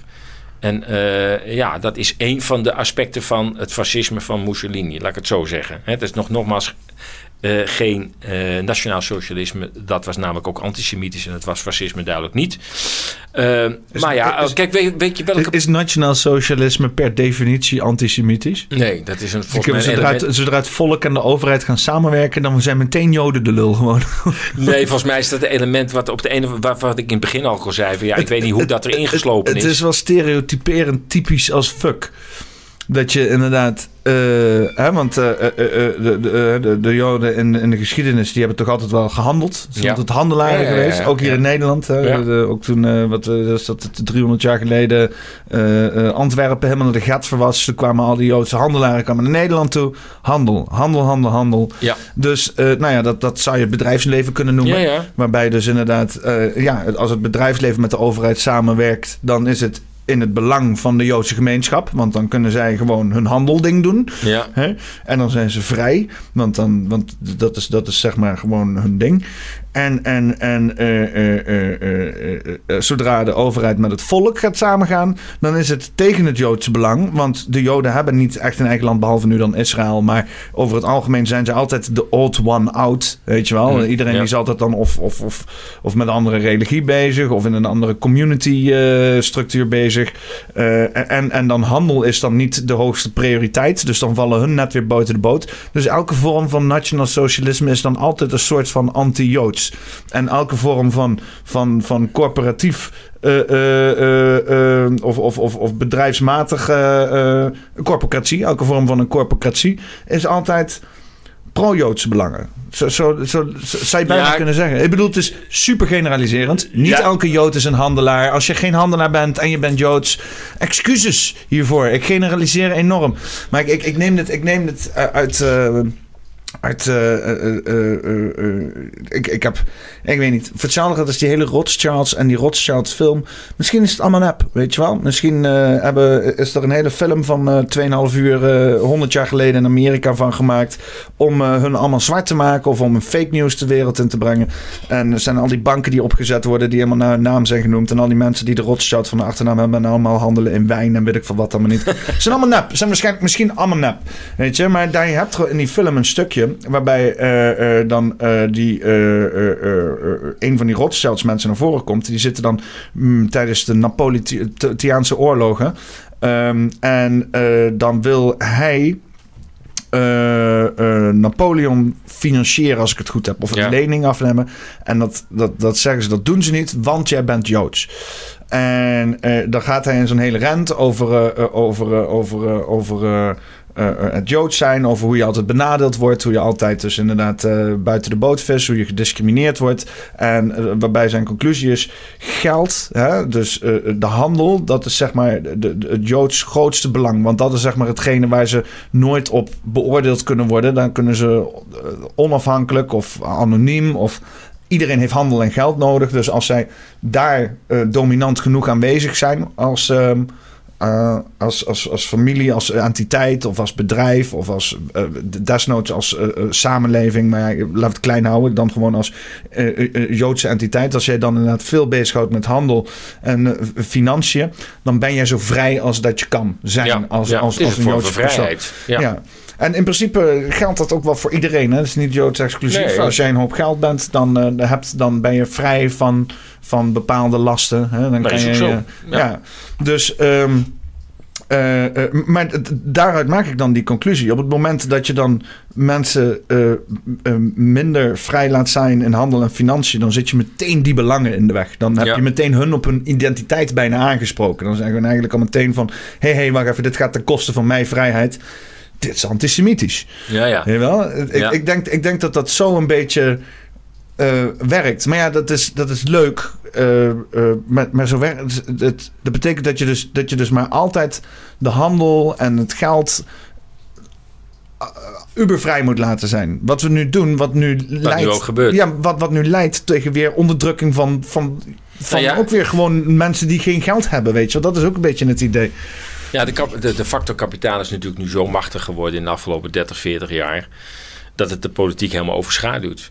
Dus eh, ja, corporatisme vind ik eigenlijk nog een beter woord dan fascisme. Want dat, heeft, dat heeft, komt dan extra lading mee. Eh, en, het, en het dient de discussie eh, niet. Maar je kunt wel zeggen, eh, de regeringen zijn nu onderdeel van de corporates geworden. En daarmee kun je ook zeggen dat de democratie de facto niet goed meer werkt op dit moment.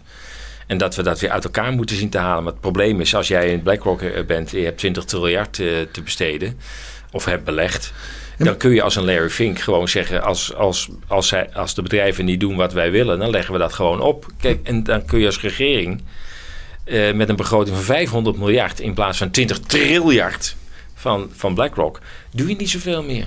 Het is sinds de Tweede Wereldoorlog natuurlijk ook gewoon by design. Dat het gewoon, dat gewoon daar na de Tweede Wereldoorlog zijn we een weg ingeslagen en hebben we gezegd: oké, wij gaan nu.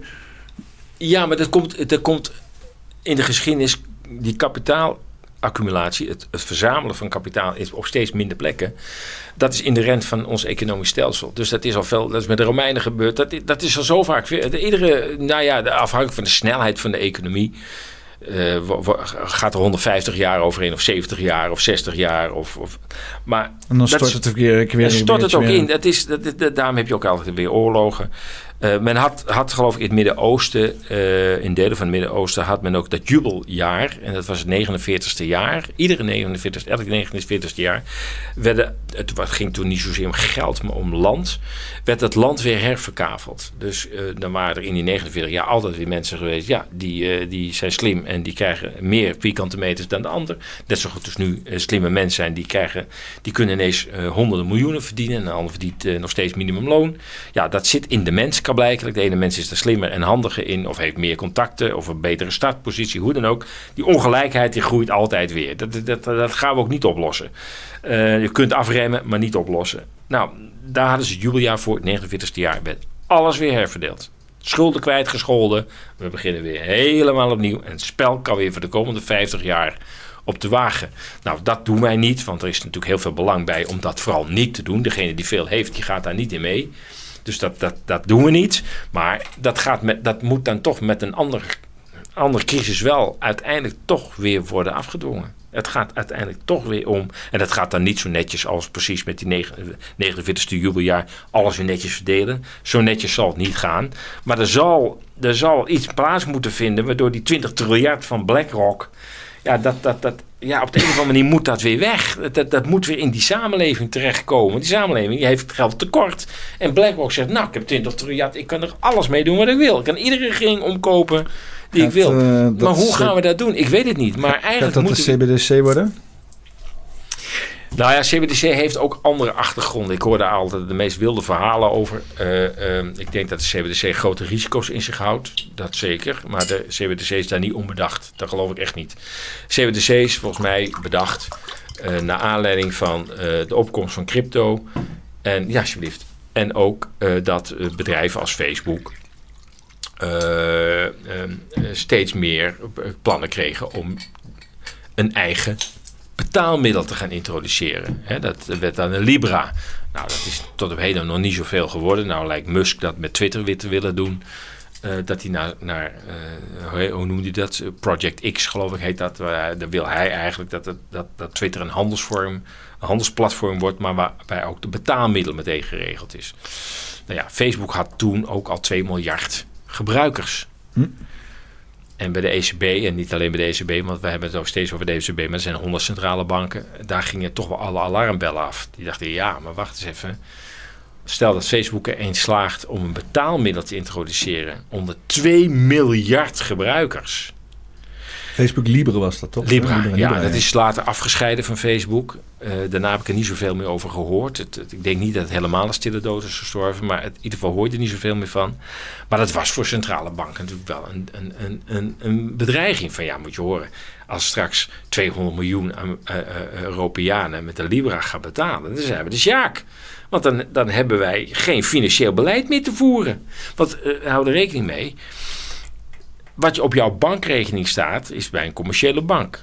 Dat is dus geen geld, dat is een aanspraak. Zo is het ook juridisch. Dus er staat in je contract, heb je nooit getekend, maar dat is het wel zo. Het is geen geld. Op het moment dat je met je pinpasje, ook zo'n digitaal stukje plastic, eh, eh, eh, naar zo'n apparaat loopt en je zegt: Ik had een aanspraak voor 200 euro, dat zijn dan eigenlijk tokens, geen euro's, maar goed, we noemen het euro. Dan komen de flappen uit. Die flappen zijn geld. En die zijn niet van de commerciële bank, die zijn van de ECB. De ECB heeft dus alleen maar controle over het gatale geld. Oh nee, over, over, over het contante geld. Dat is alleen van de ECB. Hm. De ECB heeft geen digitaal geld. Die hebben de commerciële banken. Ja. Maar die hebben ook geen geld. Dat zijn tokens. Ja. En de ECB zegt, ja, maar als het contante geld afneemt... mede onder druk van de commerciële banken... niet onder druk van de ECB... Maar de commerciële banken bepalen of ze de betaalautomaten openhouden. Want er zit geen betaalautomaat van de ECB bij. Het is allemaal commerciële banken. Als die zeggen, ja, we knijpen dat een beetje af. Want dat vinden we goedkoper. Uh, gezeik met het geld elke keer. Weet je wat? En uh, overvallen. En uh, nee, we gaan het langzaam een beetje afknijpen. Steeds meer digitaal. Dan denkt de ECB, ja, maar wacht even. Als dus niemand meer naar die flappentap loopt. Wat heeft dan de ECB nog aan geld? Ja, niks. Dan hebben we alleen maar tokens. Ja. Dus de ECB had echt nog los van wat er allemaal daarnaast gebeurt, maar de oorsprong van de ECB, of de, de, de, de digitale munt van de ECB was, ja, maar als we zo doorgaan, dan hebben we straks niks meer. En we gaan een, wij willen een ECB, of een, een, een, digitale munt introduceren, die krijgt weer de juridische status van geld, niet token. Dus die krijgt ook de juridische status mee van geld. Nou ja, dat is natuurlijk een kwestie van wat je op papier zet. Want ik bedoel, het blijft natuurlijk een digitaal dingetje. Maar dat gaat de juridische status weer van geld krijgen. En dat nogmaals is het niet bij de commerciële banken. Dat is geen geld. Dat is een aanspraak. Maar is, is, is, is die flappen, is dat, is dat wel geld? Ja, dat, is, dat, dat, dat, wordt in uh, het juridisch verkeer als echt geld beschouwd. En op het moment dat jij het hebt, tenzij ze het afschaffen. Maar even daarna gaat dat ze het niet afschaffen. Heb jij echt iets in je bezit dat niet meer afgenomen kan worden. Het is bij jou. En jij kunt, jij kunt iemand anders, en die krijgt ook fysiek iets. Weliswaar kun je ervan zeggen, ja, dat is het niet echt waard. Nee, maar dat is wel de afspraak. dat het echt geld is, dat het echt waard is. En zolang jij het houdt, blijft het ook geld. En dat, dat, dat is gewoon een afspraak. En nou zegt het, altijd, het, vermindert wel in waarde natuurlijk. Hè? Ja, dat heeft met die. Tuurlijk, dat is absoluut waar. Want, want, want zo'n ECB. Uh, Oké, want je hebt dus dan inderdaad banken die dan gewoon geld creëren door leningen te verstrekken. Maar uh, als. Ja, maar ik zit te denken dan. Want ik zit te denken van als dan zeg maar de ECB geld gaan printen. Ja. Dan, dan, dan, als ik het goed begrijp, dan doen ze government bonds doen ze eruit die dan gekocht worden door partijen. Ja. En dan hebben ik ze. even een plaspauze in. Uh, ja. Kan dat even? De, dames en heren, even, even, even een pauze. Een filmpje. Heb je nog een leuk filmpje? Eens even kijken of ik iets over de CBDC kan vinden. Oh ja, doe dat even. Ja. Uh, al weten we natuurlijk wel uh, heel veel over de CBDC. Uh. Even kijken.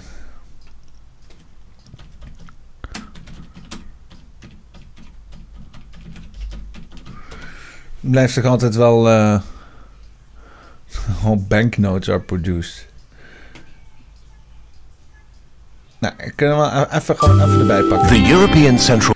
Even gewoon een terre verfrisser van mezelf en, en voor jullie. Gewoon, uh, gewoon even gewoon, uh, hè, geld. Omdat het niet altijd even makkelijk is. Bank and the Eurosystem explained. This is Sarah. Sarah's currently traveling around Europe. She finds it very convenient to buy things with euros in many different places without having to change money. And it's easy for her to compare prices across different countries.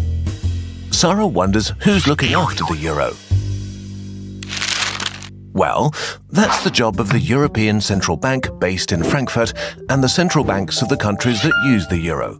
Altogether, they form the euro system. The main task of the ECB is to define and implement monetary policy for the euro area.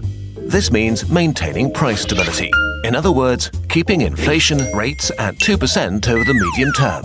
The ECB views inflation symmetrically, meaning that high inflation and low inflation are equally as negative. But what does all this have to do with Sarah? Persistently low inflation harms the economy, but so does high inflation.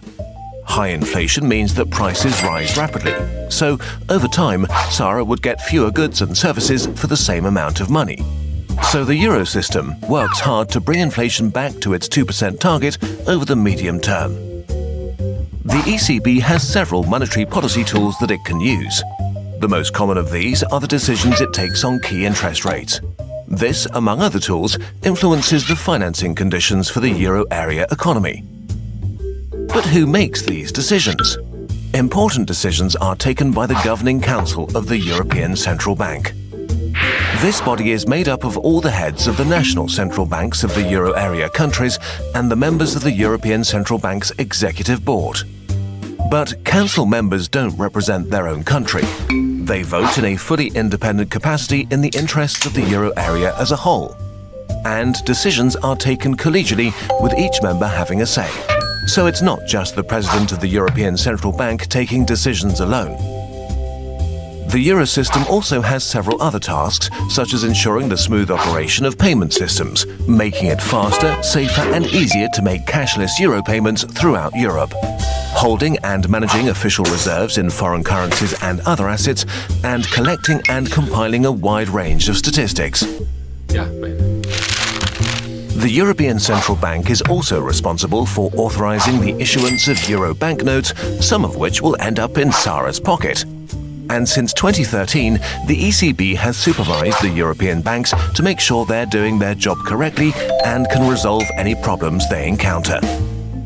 So, as Sarah continues her trip around Europe, she now has a clear idea of what and who is behind the euro. And she understands how the European Central Bank and the national central banks affect people in the euro area wherever they live, study, travel, or work. Nou, fantastisch. ja, dat is een argument natuurlijk dat heel veel wordt gebruikt. Ik ben pas in Denemarken geweest. Nou, daar hebben, lekker handig. daar hebben ze geen euro. In Denemarken niet. Nee, eh. daar hebben ze gewoon nog de Deense kroon. Oh, meen je. Eh, ja, daarvoor zijn we in Noorwegen geweest. hebben we de Noorse kroon. Ja, dat betalingsgemak, dat, is dat vind ik een beetje een fake argument. Ik bedoel, eh, ik, ik kan daar gewoon met de, de, de pas betalen. En eh, automatisch wordt het van Deense kronen eh, omgerekend in euro's. En ik kan daar gewoon mijn koffie betalen. Dus dat is echt flauwekul. Ik vind het zelfs wel leuk als je in een ander land bent dat je ander geld hebt. Ja, we hebben ook een beetje contant eh, gedaan. Of schoon, ik, ik had Rare bedragen en zo, weet je wel. Van 10.000 en zo. Dan denk ik, oeh, mm. Nou, dan kom je er eens achter dat als je een cappuccino afrekent voor 38 Deense kronen, dat je denkt, even omrekenen. Ha, dat is 6,5 euro. ja, dat schrik je dan wel even van. 6,5 euro, dat was de goedkoopste. Deen is duur. ja, nou, Denemarken is een heel duur land, nog duurder dan Noorwegen. Maar goed, dat is een ander verhaal. Maar Denemarken heeft al wat weg van Nederland op een of andere manier, hè? ja, qua cultuur zit het er heel dicht tegenaan. Ja, nee, dat klopt. Maar ze hebben toch wel een meer autonome houding dan Nederland heeft. Ja, echt? Ja, daarom het, het zit, zit ook niet in de euro. Ja. En ze hebben daarnaast hun immigratie ook wel een Maar ander beleid in De- Nederland. is Denemarken inmiddels niet helemaal cashloos? Nee, nee, nee, nee. Het is wel veel verder dan, eh, dan bijvoorbeeld een land als Duitsland. Zweden dan of zo? Iemand die ging cashloos in 2023. Ja, men zegt dat Zweden dat is. Ik weet niet of dat zo echt is, maar dat wordt wel gezegd, ja. ja. En we waren nog een paar dagen in, eh, of een dag in, eh, Nee, was inderdaad Zweden. in ja. Bremen. En wat me daar opviel, maar goed, dat wist ik al uit Berlijn. Want in Berlijn kom je ook gewoon cafés binnen en staat er gewoon cash only. Klaar, we nemen geen niks aan digitaal. Maar eh, eh, ik was in Bremen en dan kwamen we in een, een van- de hippe, koff, hippe koffietent. En daar, eh, die balie, die uitgiftebalie, hadden drie van die pinautomaten op stokken eh, staan. Dus ja, je kon overal maar pinnen. Je hoefde je arm uit te strekken en eh, niemand betaalde met een pinpas. Ja. Ook de jongeren niet. Allemaal contant. Ook de jongeren ging, hup, portemonnee. Dat, daarom, daarom denk ik ook, en dat geldt voor België overigens ook. Eh, dat even over die, die, die digitale euro. Ik denk dat het nog een hele kluif wordt om dat op te leggen. Want Duitsland, Duitsers zullen dat niet op prijs stellen. Ik, de Belgen ook niet. Spanjaarden heb ik ook gehoord van niet. Ik denk, nou ja, wij ik, nemen... heb, ik heb iemand in, in Spanje in een Discord zitten, Vliegende Hollander, shout-out naar Shay. Die doet ook de poppenkastclips. Mm. En die vertelt dat daar echt eh, oudere mensen, maar ook gewoon mensen gewoon met hun spaarcenten gewoon naar de, naar de instanties gaan om hun belastingen te Ja. betalen en zo. ja, nagaan. Ja, ja. Nee, ik denk dat wij, we nemen Nederland altijd als uitgangspunt. Hè? Oh, nee, maar die, die, die- we betalen straks helemaal niet meer contant. Ja, kijk nou eens in België. De Belgische economie draait voor 20% op zwart geld. En dat wordt in, de, in, in, in België wordt dat ook door economische zaken. Wordt ook gezegd, ja, want dit is wel een beetje de smeerolie van de economie. Dus die vinden het ook helemaal niet erg. Dat zwart geld is inherent aan de cultuur in België. Duitsland gaat het om privacy. Ja, want Duitsland hebben sommige mensen niet eens een mailadresje. Nee. Ik, toen ik daar werkte, ging moment, kwam er nog iemand binnen het kantoor die zegt: Joh, waar staat het faxapparaat? Wat, wat zeg je nou? Ik ben online marketing. Dat moet je niet aan mij vragen. Maar... ja, nee, Duitsers lopen wat dat betreft qua digitalisering uh, uh, wat achter. Aan de andere kant, als het gaat om het contant geld, is het niet achterlopen, want je kunt overal pinnen. Behalve de tenten die er principieel van hebben afgezien. Uh, maar het is een principiële kwestie. Men vindt gewoon, als je, als je vraagt maar zijn Duitsers waarom ze contant betalen, is bijna altijd het woord privacy. Ja. En uh, daarom denk ik ook niet dat dat zo'n hele vaart gaat lopen uh, met de oplegging van die digitale euro. Maar nogmaals even terug naar de reden. De reden vind ik is een hele legitieme. Als de Europese Centrale Bank straks geen contant geld meer uit te geven heeft, wat niet gaat gebeuren nogmaals, maar het slinkt wel. Uh, dan heeft ze ook geen, geen macht meer over dat geld. En zij wil dat houden. En daarom hebben ze gezegd. Nou, maar zij kunnen letterlijk bepalen. Hè, in, in, in unison, als ik dat filmpje zo begrijp, over hoeveel geld er uitgeleend mag worden door banken. Dus dan heb je ja. dus macht over de geldcreatie, ook digitaal. Ja. Uh, dat je dan waarschijnlijk dan geen juridisch uh, ja, hoe dat geld niet van jou is. Ik bedoel, dat ja, het geld hoort ook niet van jou te zijn. Dat moet toch juist naar anderen toe. En dan krijg je dat weer terug ja. op een gegeven moment. Of in circulatie of weet ik veel wat. Maar ja, waar, waar, waar ik heen wil, zeg maar. Hè? Want wat je ook heel, veel hoort tegenwoordig... is dat dus zo'n bitcoin geïntroduceerd is... Vanuit een protocol waar toen al overheden mee bezig waren... Uh, om de wereld te gaan laten wennen aan deze nieuwe digitale vorm van, van credits. Um, omdat ze toen in 2008 ook al wisten dat, dat die economie zoals ze dat nu doen niet meer te redden is. Ja. Ze, willen, ze willen af van dat, van dat, van dat. Ze willen in de min kunnen gaan met de leningen. Weet ja. Ze willen, ja, met de rente. Met de rente inderdaad. Ze Ja. willen in minrentes gaan doen. Ja, ja, ja. Eh, en dat eh, kan digitaal. Ja, ja, dan kan je dat gewoon, dan heb je dat volledig in hand. Plus je kan nog zoveel meer. Hè. Je kan het programmeren, je kan, het, Ja. eh, je kan er een tijd op zetten. Dat je zegt van je kan het deze maand uitgeven en daarna is het weg. Ja, maar dan heb je dus inderdaad die, die, die, een, een, een, een heel veelzijdige munt. Die inderdaad niet meer zo vrij is eh, voor de gebruiker. Maar wel heel vrij is voor de uitgever. En die uitgever die kan dan dat eh, ehm, eh, verkopen als iedereen er een beetje aan gewend is. Wat, daarom is zo'n bitcoin zo leuk. Zo van, oh, de ultieme vrije munt en zo, weet je wel. En wat, wat op zich, want niks tegen bitcoin. Als, het zo, als, als wij met z'n allen zouden gaan betalen met bitcoin, zou het top zijn. Maar ja, bitcoin gaat straks natuurlijk illegaal worden. En dan krijgen we de CBDC. Eh, eh, ehm, eh, waar- wa- en dan hebben ze het economisch probleem opgelost. Weet je, dat is iets waar ze al, al sinds de jaren 90 volgens mij tegenaan lopen. Volgens mij zelfs in de jaren 70, toen ze de goudstanden eraf gooien, hadden ze al zoiets van. We doen dit wel uit nood, maar weet je wel. Dus ik Nou weet dat dit, eh, dit heeft een einde, zeg maar, eh, volgens mij. Een echte econoom die zou in de jaren 70 moeten weten: dit, dit, dit, gaat, dit is natuurlijk voor tijdelijk. Dit is voor, voor een paar decennia's. Maar dit gaat natuurlijk niet goed. Dan moet je met iets anders komen. En zo is er mijn ding gebeurd. Van 2008 hebben ze dat systeem laten klappen. Hebben ze een bitcoin geïntroduceerd. Zo van, kijk wereld, een nieuwe manier van betalen. En dat, dat rommelt nu al twintig jaar lang door. En als je ziet waar ze dat heen aan het trekken zijn. Waarbij ze dus constant nu die bitcoin aan het demoniseren zijn. En constant die digitale euro aan het ophemelen zijn. En daar heel veel onderzoek naar aan het doen zijn. Terwijl, ik bedoel, ze weten het al lang. De infrastructuur ligt er al lang. Het kan gewoon, het kan gewoon morgen kan het ingevoerd worden. Alleen het is nog allemaal... Nou, dat zeg je. Dat is niet, de, als je de noten van de, van de ECB leest over uit 2020, daar staat het helemaal in beschreven. Er staan ook allerlei beleidsopties in. Dus eh, de ECB eh, is redelijk open geweest in haar keuzes. Dus er staat ook eh, eh, een hele pagina over privacy in. En hoe ze dat technisch zouden kunnen oplossen. Ze hebben toen ook mensen gevraagd, als mensen ICT-kennis hadden, of ze mee wilden denken aan die systemen. Want het Europees Centrale eh, eh, eh, Bankensysteem is er niet digitaal. Ja, de banken hebben een systeem, maar dat is een commercieel netwerk. Dat is commerciële banken. Dat is niet van de ECB. De ECB zelf heeft dat niet. Die heeft ook geen betaalautomaten. Dus die hele infrastructuur is er niet. Nou, dat maar dus- dat, is dat één, dus- dat is één update verwijderd van betaalautomaten om ook gewoon een cryptocurrency aan Ja, te... maar dat is allemaal nog wel van de. Met andere woorden, en daar, daar vergissen heel veel mensen zich in. Die commerciële banken. Die gaan niet zomaar mee met de ECB van. Oh, u wil alleen de, de, de, de Europese eh, digitale munt. Oh, dan stoppen wij wel met eh, onze. Nee, laat maar die handel zitten. Daar, we hoeven niks meer te verdienen. Tuurlijk niet. Die banken gaan zeggen: ja, hallo. eh, wij verdienen schatten met geld aan, aan de manier waarop we het nu doen. Maar hebben die banken nog wel iets te zeggen? Ja, natuurlijk. Ja, dat zijn ook macht. Een, een klein bankje niet, maar grote banken hebben wel degelijk wat te ING, zeggen. heeft een ING iets te zeggen? Dat denk ik wel, ja. Wat dacht je? Nou ja, ik krijg het idee dat inderdaad alle grote banken, net zoals alle grote mediabedrijven, net zoals alle grote voedselleveranciers, gewoon een, eh, een, een, een, facet is van die grote Europese, dan wel niet globalistische Nee, macht. dat denk ik niet. Nee, daar, Nee? Zitten, daar zitten toch andere krachten achter dan de ECB. ECB is natuurlijk een vanuit... Bisbank meetings en zo. Samenkomen op het meest soevereine stukje te Ja, aarde met een eigen Nee, nee, nee, nee, politiemacht. nee, komen, nee, nee, eh, daar komen niet de commerciële banken. De BISbank is de bank van de centrale banken.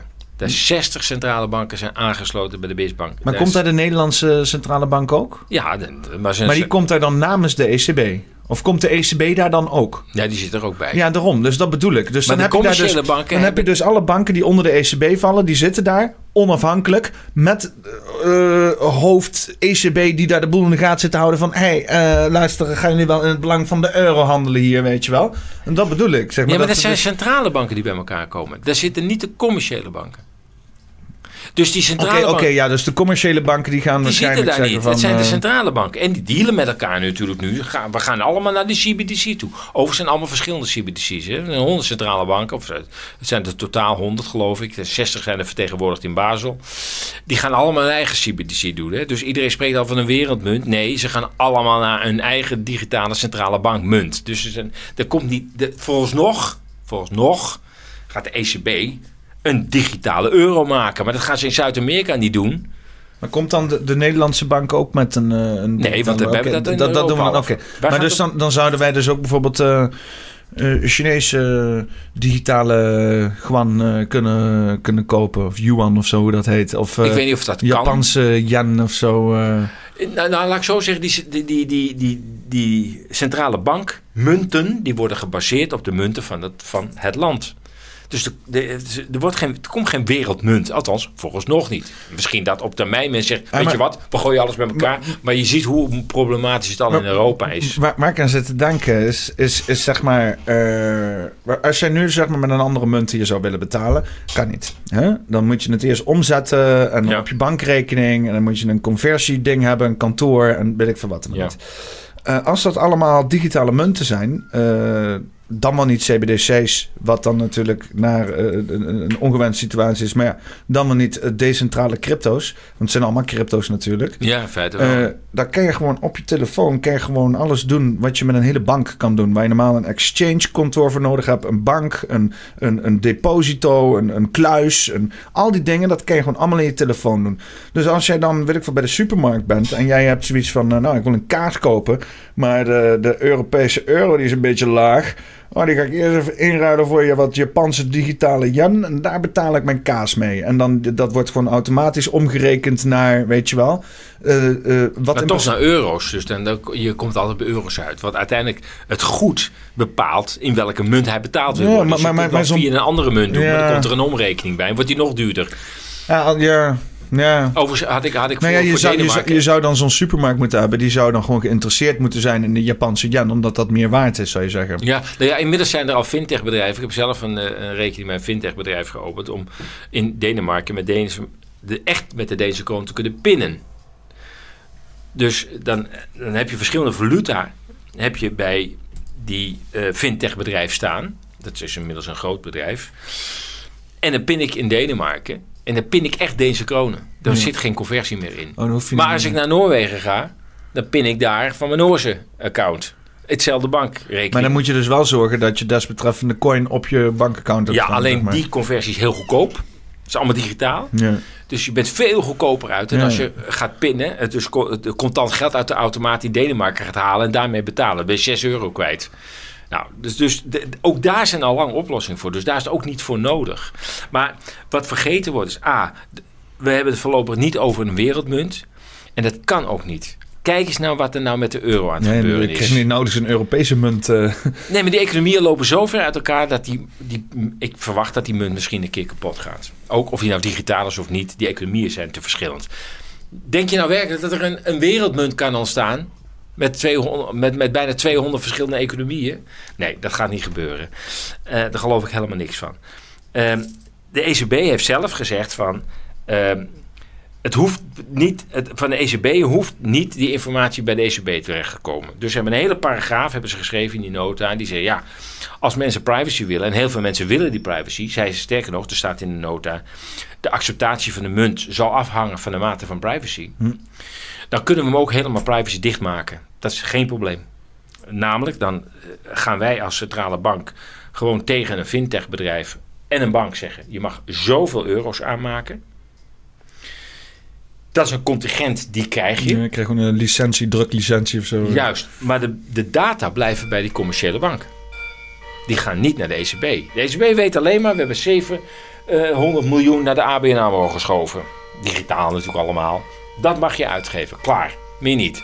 En ja, wat jij aan klant hebt, ja, weet ik veel. eh, eh, als je maar zorgt dat je binnen die 700 miljoen blijft. Maar dan weet die bank weet wel. Ja, maar dat weet hij nu ook al. Maar de ECB komt dan niet Als aan het die gaat over digitaal geld ook. Ja, ah, die, die, de bank weet nu ook al alles van je. Ja, ja, ja. En de Belastingdienst inmiddels ook, want die had alles bij die bank vandaan. Maar de ECB zegt, we hoeven het niet per se te weten om het systeem te laten functioneren. Nee. Het gaat om dat we controle krijgen over de geldhoeveelheid. En dat we weer financieel beleid kunnen maken. Niet alleen met het echte geld, dat papiertje, maar dat we ook digitaal weer een instrument hebben. Maar zij kunnen niet zomaar, want dat zegt iedereen, ja, dan wordt die CDBC verplicht ingevoerd. Ik moet dat nog zien, want dat, daarmee schakel je in één klap de commerciële banken uit. Want dan zeg jij, oh nou, ja, ABN AMRO, ik heb nog een rekening bij jullie, maar die moet ik opheffen, want ik, het moet overgezet Want worden. iedereen gaat zijn euro's inwisselen voor CBDC's dan. En dan trekt, Nou, dat trek je de hele economie leeg, zeg maar. Ja, en dan zeggen die banken, ja, en wij dan? Ja. Moet dan de hypotheek ook naar de, de, de ECB? Nou, dat wordt een ingewikkelde. Ja, want die ECB die, die staat bij ons. En er staat een bankrekening van die meneer of mevrouw tegenover. Die, die stort zijn salaris erop. Daar mag hij bij ons die hypotheek hebben. Maar als die nou zegt, nou, we trekken de hele boel leeg we gaan CBDC's. Hoe zit het dan met die hypotheek? Wat is onze dekking dan? Gaat de ECB die hypotheken verstrekken? Nee, dat gaan ze niet doen. Dus ik zie dat niet gebeuren. Ik snap de waarschuwing wel, bijvoorbeeld Arno Wellers is daar terecht. Kan heel- hypotheeks, ook in cryptocurrencies eh, doen? eh. ja, en, nou ja, als er met dekking is. Bij een hypotheek gaat het altijd om schuld en er moet dekking tegenover staan. Dus of ik- dat dat, nou- dat zou je in kunnen programmeren. Zou je dat eh, als jij dus inderdaad een huis koopt op jouw wallet, dat altijd zoveel procent van al jouw inkomsten, uitgaven of kapitaal dat je op die rekening hebt staan, altijd naar de desbetreffende bank gaat? Ja, nou ja, maar dat, maar dat is dus de huidige situatie. Of het nou crypto is of welk, dat maakt niet uit. Maar die bank wil een garantie hebben. Nou zou, zou iedereen verplicht ineens naar de CBDC moeten. Haalt hij zijn bankrekening leeg. En dan zegt die bank, hallo, we hadden nog een hypotheek. Wat is de dekking? Ja, die weg, want ik ga nu eh, met de ECB eh, zaken doen. Dat, dat, dat past niet bij elkaar. Dan zal de ECB ook die hypotheeknotas moeten Nee, het, overnemen. het gaat eerst, het gaat eerst parallel naast elkaar staan. ja, ik denk ook dat dat zo heel lang zal blijven. Ze komen, ik, ik denk nog steeds dat ze dit jaar met iets gaan komen. ja, dat denk ik ook. En dan komen ze met iets en dat, nou, dat, dat, dat, dat, dat werkt eerst niet en dat is kut en dat gaan ze dan verbeteren. En dan op een gegeven moment zijn er wat, eh, hoe noem je dat ook alweer, van die mensen die als, als eerste met de dingen aan de slag Ja, gaan. de, eh, de early adapters. Early adapters inderdaad, die dan inderdaad helemaal hip lopen te doen en zo. En eh, die, die drijven dat dan. Nou, op een gegeven moment gaat dat in de mix met allerlei andere crypto's. Dan gaat waarschijnlijk geprobeerd worden om die andere crypto's zoveel mogelijk te, te, te reduceren. Dus dan wordt dan de gebruikersgemak van de CBDC wordt verhoogd. eh, door dat eh, eh, eh, eh, eh, eh, bruikbaar te kunnen laten zijn. Apparaatjes, makkelijk te krijgen, et cetera. Gratis, gratis. Ja, Sowieso ja. gaan ze Geen ze gaan ze gaan UBI gaan ze uitkeren in, Ja. eh, in, in, in CBDC. Daar kan je donder op tegen zeggen. Want wat je zegt, hè, die 20 triljard van, eh, van, de, eh, BlackRock. van de BlackRock, die moet terug de maatschappij in. Ja, maar wel onder hun voorwaarden, Ja, kan. Dus dat kennen wij. Want als iedereen daar rijk mee gaat worden en dan uiteindelijk gaat investeren in BlackRock, dan, dan dat schiet niet op. Nee, het, moet alleen uitgegeven worden aan een beetje vreten.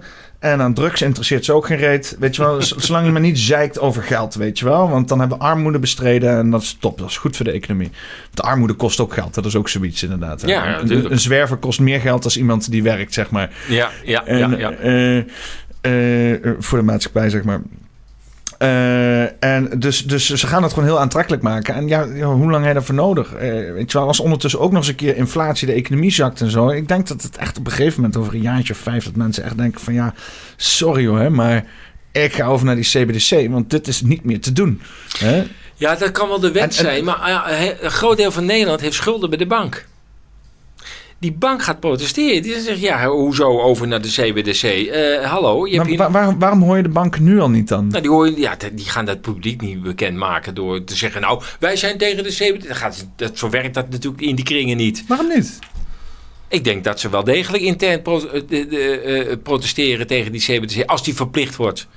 Eh, Geloof me, dat, ik, ik durf te zeggen dat er op de achtergrond echt wel een strijd is... tussen de commerciële banken Nee, maar en de niet ECB. alleen verplicht, maar dat het gewoon een veel aantrekkelijker product wordt als geld. Ja, wat is nou veel aantrekkelijker? dat, het, het is dat, je er, digitaal. dat, dat je er meer mee kan kopen. Dat je het meer koopkracht heeft. dan, zou je, dan zou je dus moeten gaan rommelen met de koers. Dat, ik, ik ben heel benieuwd wat dat economisch betekent. Dus dat ze eigenlijk zeggen... bij Albert Heijn kost eh, eh, een, een kilo kaas... kost zoveel euro's, maar met, de, met, de, met 20 eh, eh, euro's... en bij de ECB betaal je maar 18. Of kortingen, Nou. of gewoon blatant kortingen Ja, geven. maar dat kan volgens dat kun je vanuit de munt niet regelen. Belastingen kan je korting opgeven. Schel- schulden kan je kwijtschelden. Nee, Eh, nee, nee, nee, die schulden staan bij de bank. Nee, maar die, die kan je dan... eh, Hoe, hoe krijgt die bank daar zijn Nou, ja, geld? oké, oké. Dus dan zeggen ze van, eh, koop deze schuld, eh, deze euroschuld af met je crypto's bij die bank. Maar dan ma- kan die bank zeggen van, ik accepteer geen crypto's. Nee, precies. Die Ja. zal zeggen, ja, sorry, maar daar werk ik niet in. maar ja, zo'n bank, zo'n bank die accepteert nu volgens mij ook al crypto's. Nou, Of dan moet je het door een reeks aan exchange gooien. ja, en dat zal wat... Want dan zou je zo kunnen zeggen van dan gebruik ik mijn CBDC om bijvoorbeeld bitcoin te kopen. En dan koop ik met bit- bitcoin koop ik dan euro's en dan betaal ik mijn schuld af. Maar dan ben je inmiddels ook natuurlijk weer wat kosten verder. Dat denk ik ook. En, en ik heb zelf een keer crypto een beetje geëxperimenteerd. Maar om dat weer terug te krijgen naar een gewone ING-rekening is dus wel een hele eis. Dus wel echt het eerste wat ik ga doen als ik eh, als de CBDC uitvoer, is gewoon een. eh, eh, als de CBDC komt en ze gaan een UBI uitgeven, dan ga ik me daarvoor aanmelden. En dan ga ik die UBI eh, meteen proberen eh, te gaan zetten tegenover mijn studieschuld afbetalen. Dat ik gewoon elke maand 1000 euro laat omzetten, inderdaad, in iets anders. Dat afkoop in euro's en dan overmaak naar de overheid. Dat is gewoon hun eigen geld weer terugkrijgen. Ja, nou de vraag is... nou, dat, maar toch zijn het allemaal vragen die, die, die nog niet beantwoord zijn in het publieke domein. Hoe gaat dat nou, nou gebeuren? Kan ik nou met Schulden moeten toch eens een keer afgekocht worden. Dat is precies wat je zegt met de jubeljaar. Ja, ja, ja, Weet je wel? Misschien moet dat gewoon ge, ge, ge- geïntegreerd worden in het systeem. Dat je niet een jubeljaar hebt, maar gewoon jubelmomenten voor iedereen eh, ergens. Hè? Dat je ergens gewoon... ehm ehm, mits bepaalde voorwaarden eh, gewoon je schulden kan afkopen of whatever. Weet je wel? Dat, dat je één keer in de tien jaar of zo x aantal bedrag, x aantal percentage ten opzichte van Ja, de economie kan moeten- afkopen of zo. Er zal, er zal op dat punt iets moeten gebeuren. Maar of daar de CBDC voor nodig is, dat weet ik niet. Het is, kijk, het is wel een fallback systeem. Dus, dus op het moment dat het helemaal mis zou gaan met, de, met de, eh, het, het- de euro in de huidige situatie... eh, dan kun je zeggen, dan hebben we altijd nog een digitale variant. Aan de andere kant denk je, ik... je kan met die CBDC kan je het enigszins zo maken dat er niet al te veel mee gefraudeerd wordt. Want als je, als je dit soort dingen gaat doen met jubeljaren, schulden afkopen, dan kan je donder op zeggen dat het één groot fraudespel wordt. Weet Ja, je wel? Dat ja, mensen ja. allemaal gaan lopen fucken en maximaal eruit. Maar met zo'n CBDC kan je dat zo programmeren dat je alleen maar bepaalde acties kan uitvoeren. Ja, nee, da- het, da- ja, dat is ook het gevaar natuurlijk, dat je daar te veel politiek mee kunt sturen. En dat is natuurlijk wat men vanuit Brussel wel wil. Dat is wat anders dan Frankfurt. Nou, Brussel heeft men natuurlijk, denkt men nu een kans te hebben van weet je wat, met die, met die digitale eh, euro kunnen we nou eindelijk eens een keer aan de knoppen draaien. Dat kunnen we met die commerciële banken maar tot op zekere hoogte. Of schoon vergis je niet, als het gaat om die hele CO2-business, de, commerciële banken zitten ook allemaal in, uh, in, die, in, in, in, die, in die trein. Dus als zij jouw goederen gaan bijhouden, wat je uitgeeft bij Albert Heijn en daar een CO2-budget aan koppelen, kunnen zij dat ook. Daar heb je de hele ECB niet voor nodig. En je ziet al aan de apps die veranderen bij de banken, dat ze zich er al helemaal op voorbereiden aan zijn. Daar heb je de hele ECB niet voor nodig. Dat, kunnen, kan de ING kan dat ook prima. Dus wat de mensen dan zeggen, ja, maar dan gaan we ze met die CO2 werken. Ja, dat, dat doet die ING op dit moment ook al. En de Rabobank is al zover. En kijk maar naar die apps, die zijn al helemaal klaar daarvoor. Dus ook daar hoeft die ECB, of daar die digitale munt, hoeft daar ook niet voor te komen. Ik denk dat echt de, de, de, de echte digitale aan, de echte aanleiding is. Wij willen als ECB, als een soort politieke staatsbank. Daar kun je ook over discussiëren. Maar in ieder geval willen wij weer greep krijgen op de geldhoeveelheid. Mm. Maar op het moment dat je zegt we gaan het verplicht stellen dan heb je een probleem met de huidige financiële stelsel dat helemaal rondom die banken is georganiseerd. Al je aandelen staan in bij de banken, je schulden staan bij de banken, je auto's geleend bij de banken, je huis. Het is het, dat hele juridische stelsel, wat nou allemaal op die commerciële banken, dat kun je niet van de ene dag op de andere dag afschaffen. Dat gaat niet. Ik kan mijn huis toch niet ineens bij de ECB inbrengen? Dat, dat, dus ik, ik hoor allerlei mensen daarover praten. Ik denk, ja, maar denk nou eens na. Dat, dat, je kunt toch niet zomaar zeggen, nou ja, we stoppen met die bankrekening bij de ABN AMRO. Die zal zeggen, ja, dat kun je wel vinden. Maar dat salaris moet wel bij ons binnenkomen. ik had zo'n plaatje in mijn hoofd dat je dan inderdaad je allemaal uitkoopt vanuit de bank naar de ECB. En dat elke bank inderdaad zou zeggen, top, doei. Maar dat is inderdaad, dat is inderdaad. Dat, maar verdienen ze nou geld mee? Dan, dan, dan doet zo'n bank doet gewoon uh, zelfmoord, zeg maar. Uh, dat is, Waar moeten ze nou nog geld mee verdienen? En we zeggen van de banken regeren de wereld, dus dan zou nou, dat toch. Is ook, dat is ook zo. Ja, denk dus dan zou je zeggen dat ze toch wel wat invloed hebben. Nou ja, als je nou praat steeds over, over, over die grote uh, rijke families, de Rothschilds en de Ja. Uh, um, ik, ik, weet niet of die zitten te wachten op zo'n op zo'n centrale bankinitiatief. Dat weet ik niet. Hmm. Ik weet niet of ze daar nog dezelfde grip op hebben als nu op de commerciële banken. Ja, maar het is bijna communistisch, is het bijna. Zo'n centrale bank met één munt ECB ja, en de rest... Uh... Nou ja, dat hadden we toch tot... Uh, dat, had, dat hebben we altijd gehad. Dus op zich was dat... dat en dat vonden we toen niet communistisch. Uh, in de zin van, de staat geeft het geld uit. Ja. En ja. daarmee kan de staat bepalen hoeveel geld er in omloop is. En dat vonden we tot nou ja, de 70 jaren vonden we dat eigenlijk heel normaal. Uh, zo van ja, dat is toch een staatsding, dan moet je toch niet aan de commerciële banken geven. Die gaan ermee aan de loop. Dat hebben ze ook gedaan. Die gingen dan jou een papiertje geven. Jij kocht daar een huis voor, maar op ja, papiertje was geen geld. Er stond alleen een belofte in. Namelijk, jij gaat de komende 30 jaar ervoor zorgen dat jij jouw huis bij ons gaat afbetalen. Hm. Dat staat er. Je krijgt geen geld. Maar omdat er een bank achter staat, werd dat papiertje ineens geld waard. Maar eigenlijk was het gewoon een arbeidsovereenkomst. Maar daarmee werd er wel heel veel geld toegevoegd aan de economie. Ja, dat is helemaal uit de hand gelopen. Nou, we duizend miljard een hypotheekschuld uh, uh, staan. Ja, dat had men nou juist willen voorkomen met het aansturen van geldhoeveelheden door de staat. En dat was ooit heel normaal. En nou ja, we hebben nou 30 jaar gewend aan dat de commerciële banken dat allemaal doen.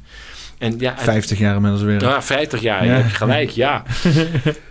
en nou wil men weer een beetje, een beetje terug. Maar ik, ik zie de grote omschakeling. Ik, nogmaals, ik zie ook al die commentaren. En ik zie ook Arno Wellens, die er ook terecht bezorgd over is. Want er zitten heel veel uh, verkeerde opties in dat systeem. Hè, dus het kan echt misbruikt gaan worden.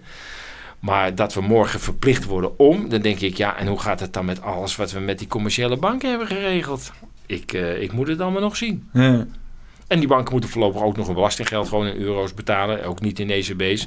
Dus de, de, de, de hele economie moet omgebouwd worden daarvoor. Ja, oké. Okay, ja. Technisch en zo is het allemaal heel haalbaar. Ja, technisch kan op het moment uh, dat het... Uh, maar, systeem, maar, maar systemisch juridisch ja. is alles gekoppeld aan die commerciële banken. Hoe ga je dat afbreken? Ik weet het niet.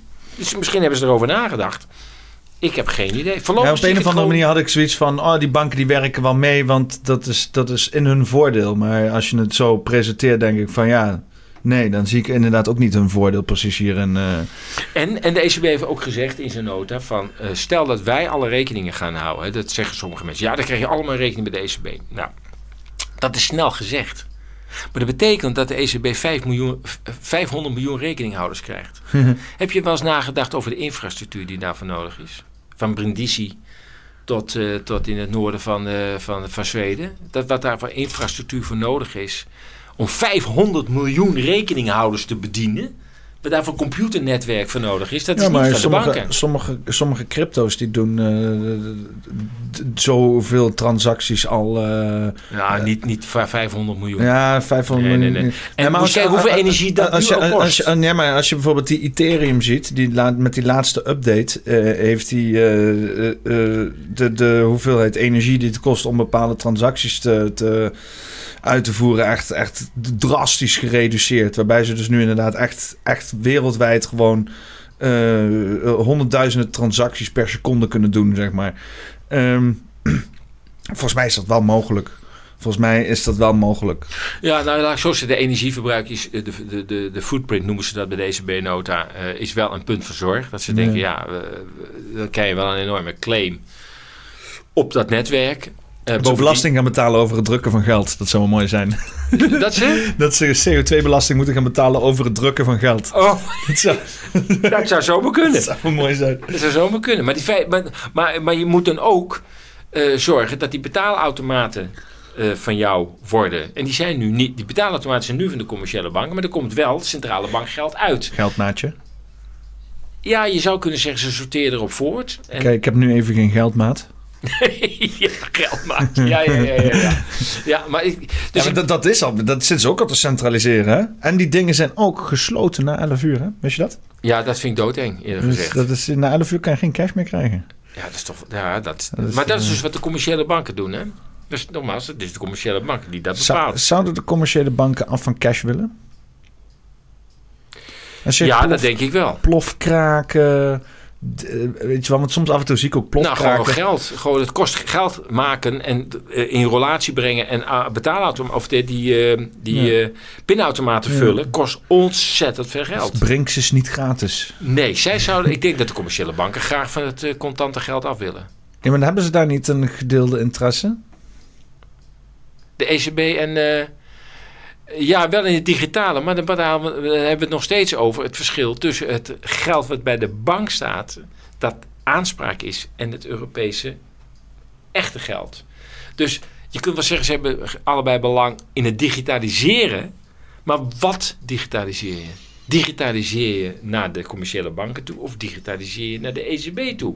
Dus het woord digitaliseren klinkt als, oh, ze hebben hetzelfde belang. Ja, nee, maar de vraag is welke kant gaan we op digitaliseren? Ga je onze kant op digitaliseren, de centrale bank? Of gaan we richting jullie digitaliseren? Daar gaat het om. Het digitaliseren, dat gaat toch wel door. Ja. Maar wat komt er nou uit die automaat? En wat, wat heeft die bank, de, de ABN AMRO, de, de Rabo, de ING... wat hebben die nog te zeggen uit, over wat er uit die automaat komt? Ja. Als die aanspraak bij de Rabobank weggaat en het wordt een aanspraak bij de ECB. Wat doen wij dan nog?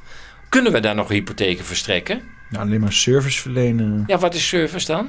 Zeg eens, sparen kan dus niet meer, want dat doen we toch allemaal bij de ECB. Ja, in principe kan zo'n hele bank, kan, wat ik net ook al zei, kan uitbesteed worden aan je mobieltje. Ja, maar hoe kom ik nou in een hypotheek? Ja, gewoon een mobieltje. Gewoon uh, een hypotheek, dan je huis scannen ja, maar, zo. Ja, maar dat is, dan... dat is de techniek. Maar bij wie sluit ik nou Nee, nee, nee, inderdaad. Ja, dat gaat dus dan Met zonder Frankfurt? bank inderdaad. Dus het dat... met Frankfurt? Oh, ja, ja, ja, ja bij de, EC met de ECB dan uh, of zo, ja. En, en wat doen de banken dan nog? Nou, nee, niks inderdaad. Dus die banken Die zetten weg. zichzelf dan weg te cijferen, ja. En ik kan me bijna niet voorstellen dat banken niet slim genoeg zijn om dat niet te zien, inderdaad. Hè? Nou, dus da- die... daarom durf ik ook te zeggen dat Ja. zonder dat we dat kunnen zien, dat op die achtergrond een machtsstrijd gaande is. En ik denk dat er een machtsstrijd gaande is tussen en de commerciële banken, en de ECB en de BISbank.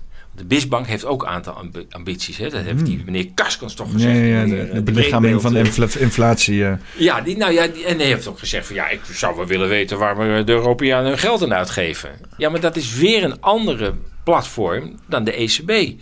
Dus die ECB en ik denk dat de, de BISbank ook met elkaar eh, in conclaaf zijn van wie gaat hier de baas zijn over dat geld. Dat de Bismarck zegt, nou wij willen dat eigenlijk ook wel eh, in onze portefeuille hebben. Ja, ze DSB, wij ook. En de commerciële banken zeggen, ja en wij dan? Dus er is echt nog wel wat gaande. En dus die, die, die, die, die, dat dingetje komt er wel. Je kunt je appje straks downloaden van de ECB. Staat er een logotje rechtsboven. En dan heb je een dingetje bij de ECB. Maar daarmee is het er nog niet. Ja, inderdaad. Ja. Interessant. Ik ben ook wel behoorlijk kritisch geweest op de, op de CBDC. Aan de ene kant ik zie het als onvermijdelijk, dus ik ben ook heel benieuwd hoe ze het gaan doen. Ja, ik ook. heel erg. Maar ik heb het ook wel altijd gezegd van dit is het einde van vrijheid zoals we het hebben gezien. En misschien valt dat nog wel mee, als ik jou zo hoor. Ja, nou laat ik zo zeggen, er, wordt, er moet nog wel een hele lange weg gelopen worden om te komen bij het punt waar heel veel mensen bang voor zijn. Ik zeg niet dat het niet kan, technisch kan het inderdaad. Alles kan. Maar ik denk dat we nog een hele lange weg te gaan hebben voordat we zo zijn. En 2030 komt er al aan, hè? Dus, uh, om de hoek. Om de hoek. Maar ik durf je te zeggen dat 2030 er anders uit... We hadden het straks even over duurzaamheid. Maar ik denk dat het ook hierover gaat. Uh, tussen nu en 2030 gaan er al zoveel dingen gebeuren. Dat zal er echt anders uitzien dan we nu in allerlei nota's lezen. Dat kan niet anders. Dat wordt niet het verhaal wat we nu denken dat het gaat worden. Sommige mensen denken dat ze weten hoe 2030 eruit gaat zien, maar ze hebben geen idee. Ik denk dat ook deze weet niet weet. Ik denk, ik doe wel eens schokken, uh, weet je wel. Maar ik, ik, kijk wel eens heel vaak van hoe ze zeg maar in het verleden keken naar tijden zoals nu. Ja. Hè, hoe ze dan in de jaren 70 keken tegen, tegen 2000 aan. Of uh, in de jaren 80 keken over hoe 2000... wat, je hebt ook zo'n film... 2003 of zo, nee, maakt niet uit. Uh, en, en, dan zie je dan inderdaad van die, van die, van die dingen. Dat je denkt van oké, sommige dingen inderdaad. Hè, we doen inderdaad meer met beeld. Uh, uh, heel veel dingen zijn elektronisch. Maar gewoon hoe het esthetisch eruit ziet. Met allemaal grote knoppen. En, en het, het feit dat ze schijnbaar nog niet hadden bolgewerkt. Dat we ons scherm konden aanraken. Hè? ja, kwam, dat, wie kan dat nou? Wie had dat kunnen bedenken? ja, ja, ja. Schermen aanraken. Weet je wel? Dus, dus inderdaad, onze, onze, het is heel makkelijk om terug te kijken. Maar het is... Het is praktisch onmogelijk om, om vooruit te kijken. Nou, praktisch. Ik bedoel, niemand je bent geen waarzegger, toch? En als je een waarzegger bent, dan ben je waarschijnlijk een oplichter. Ja, toekomst voorspellen kun je alleen op basis van wat je nu weet. En dan doortrekken. Ja. Ja, maar zo werkt dat helaas niet. Nee, er zitten altijd, altijd erupties in, waardoor het ineens linksaf gaat en dan weer rechtsaf gaat. En, en dat is op heel veel niveaus tegelijk aan de gang. Hè? Dus, dus complexe systemen, daar zijn heel veel aspecten en die gaan straks allemaal een eigen kant op. Dus als je nou één dingetje eruit haalt, een één aspect van de toekomstvoorspelling, dan kun je nog zeggen, nou ja, dat, dat kan ik nog wel voorspellen. Maar als we praten over complexe systemen, waar we het nu steeds over hebben, dan zitten daar zoveel spelers die allemaal een, een, een black swan kunnen ontmoeten. Een rare uitvinding, waardoor het ineens een hele andere kant op gaat. En dat moeten we nog zeven jaar hebben. Het gaat, het gaat zo snel. En er zijn zoveel spelers bij betrokken bij wat er nu plaatsvindt. Misschien aliens binnenkort zelfs. Als die ook nog eens een keer een rol gaan spelen. Alien Crypto. Ik wil net zeggen, dan moeten we hun munt gaan betalen. Ja, ja, ja. Oh, dat zou inderdaad. Jij betaalt nu met Zorblack Coin. precies. Dus je weet nooit wat er gaat gebeuren. De toekomst uh, um, zal het leren. Nou, laten we richting een einde gaan, zoals we een half uur geleden hadden gezegd. precies, precies. Ja, tijd om wat te gaan eten, denk ik. Uh. Um, uh, een titel. Wat uh, zijn er dingen die jou, uh, door jouw hoofd komen heen gesproken? Ik zit wel te denken aan iets van complexe systemen of een complexe toekomst of toekomstsystemen of... Ja, ik zou... zou Alien bij... coin. Ja, nou ja, ja, ik zou ja, gewoon zeggen, de toekomst is aan ons. Uh, het, het, is te complex om dat aan, aan één persoon, één nota, één instelling op te hangen. Uh, die hele samenleving gaat mee resoneren, dus de toekomst is aan ons. De toekomst is aan ons volgens mij kan het wel. Dat is wel. Uh, jouw naam is niet zo al te lang, dus dat scheelt. titel. Oh, oh, daar moet je ook op letten natuurlijk. Ja, ja, ja ik niet te veel letters gaan zetten oh, in mijn titel. hemel. Dat is niet optimaal, hè? Nee, nee. nee. Ja. Als je een beter mag je hem ook anders Nee, nee, nee. Maar... De, de, toekomst is aan ons. Dat kan. Dat kan. Ik kan, uh, ik kan uh, drie, drie à vier lidwoorden en een groot woord gebruiken. Dan zit ik nog wel in de. In de, in de, in ik zit nog binnen de bandbreedte. Dan zit ik nog inderdaad, ja. ja. Zo 127 afleveringen ervaring. Dan weet ik dat ik ongeveer wel ik heb langere titels nog, dus kan. Nee, de toekomst is aan ons. vind ik een hele mooie. Hartstikke mooi. Nou, dan gaan we hem uh, afsluiten. Dan was dit poppenkast nummer 127, zei ik net. Hè? Ja, ja. poppenkast nummer 127. De toekomst is aan ons met Paul de Bruin. Dankjewel.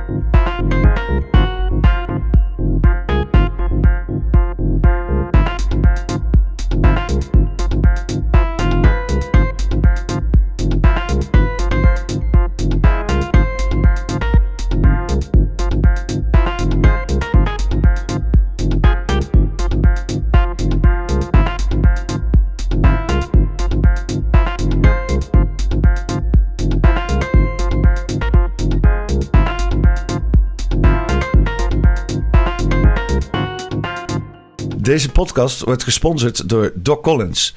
Breng ambacht weer terug in de schappen.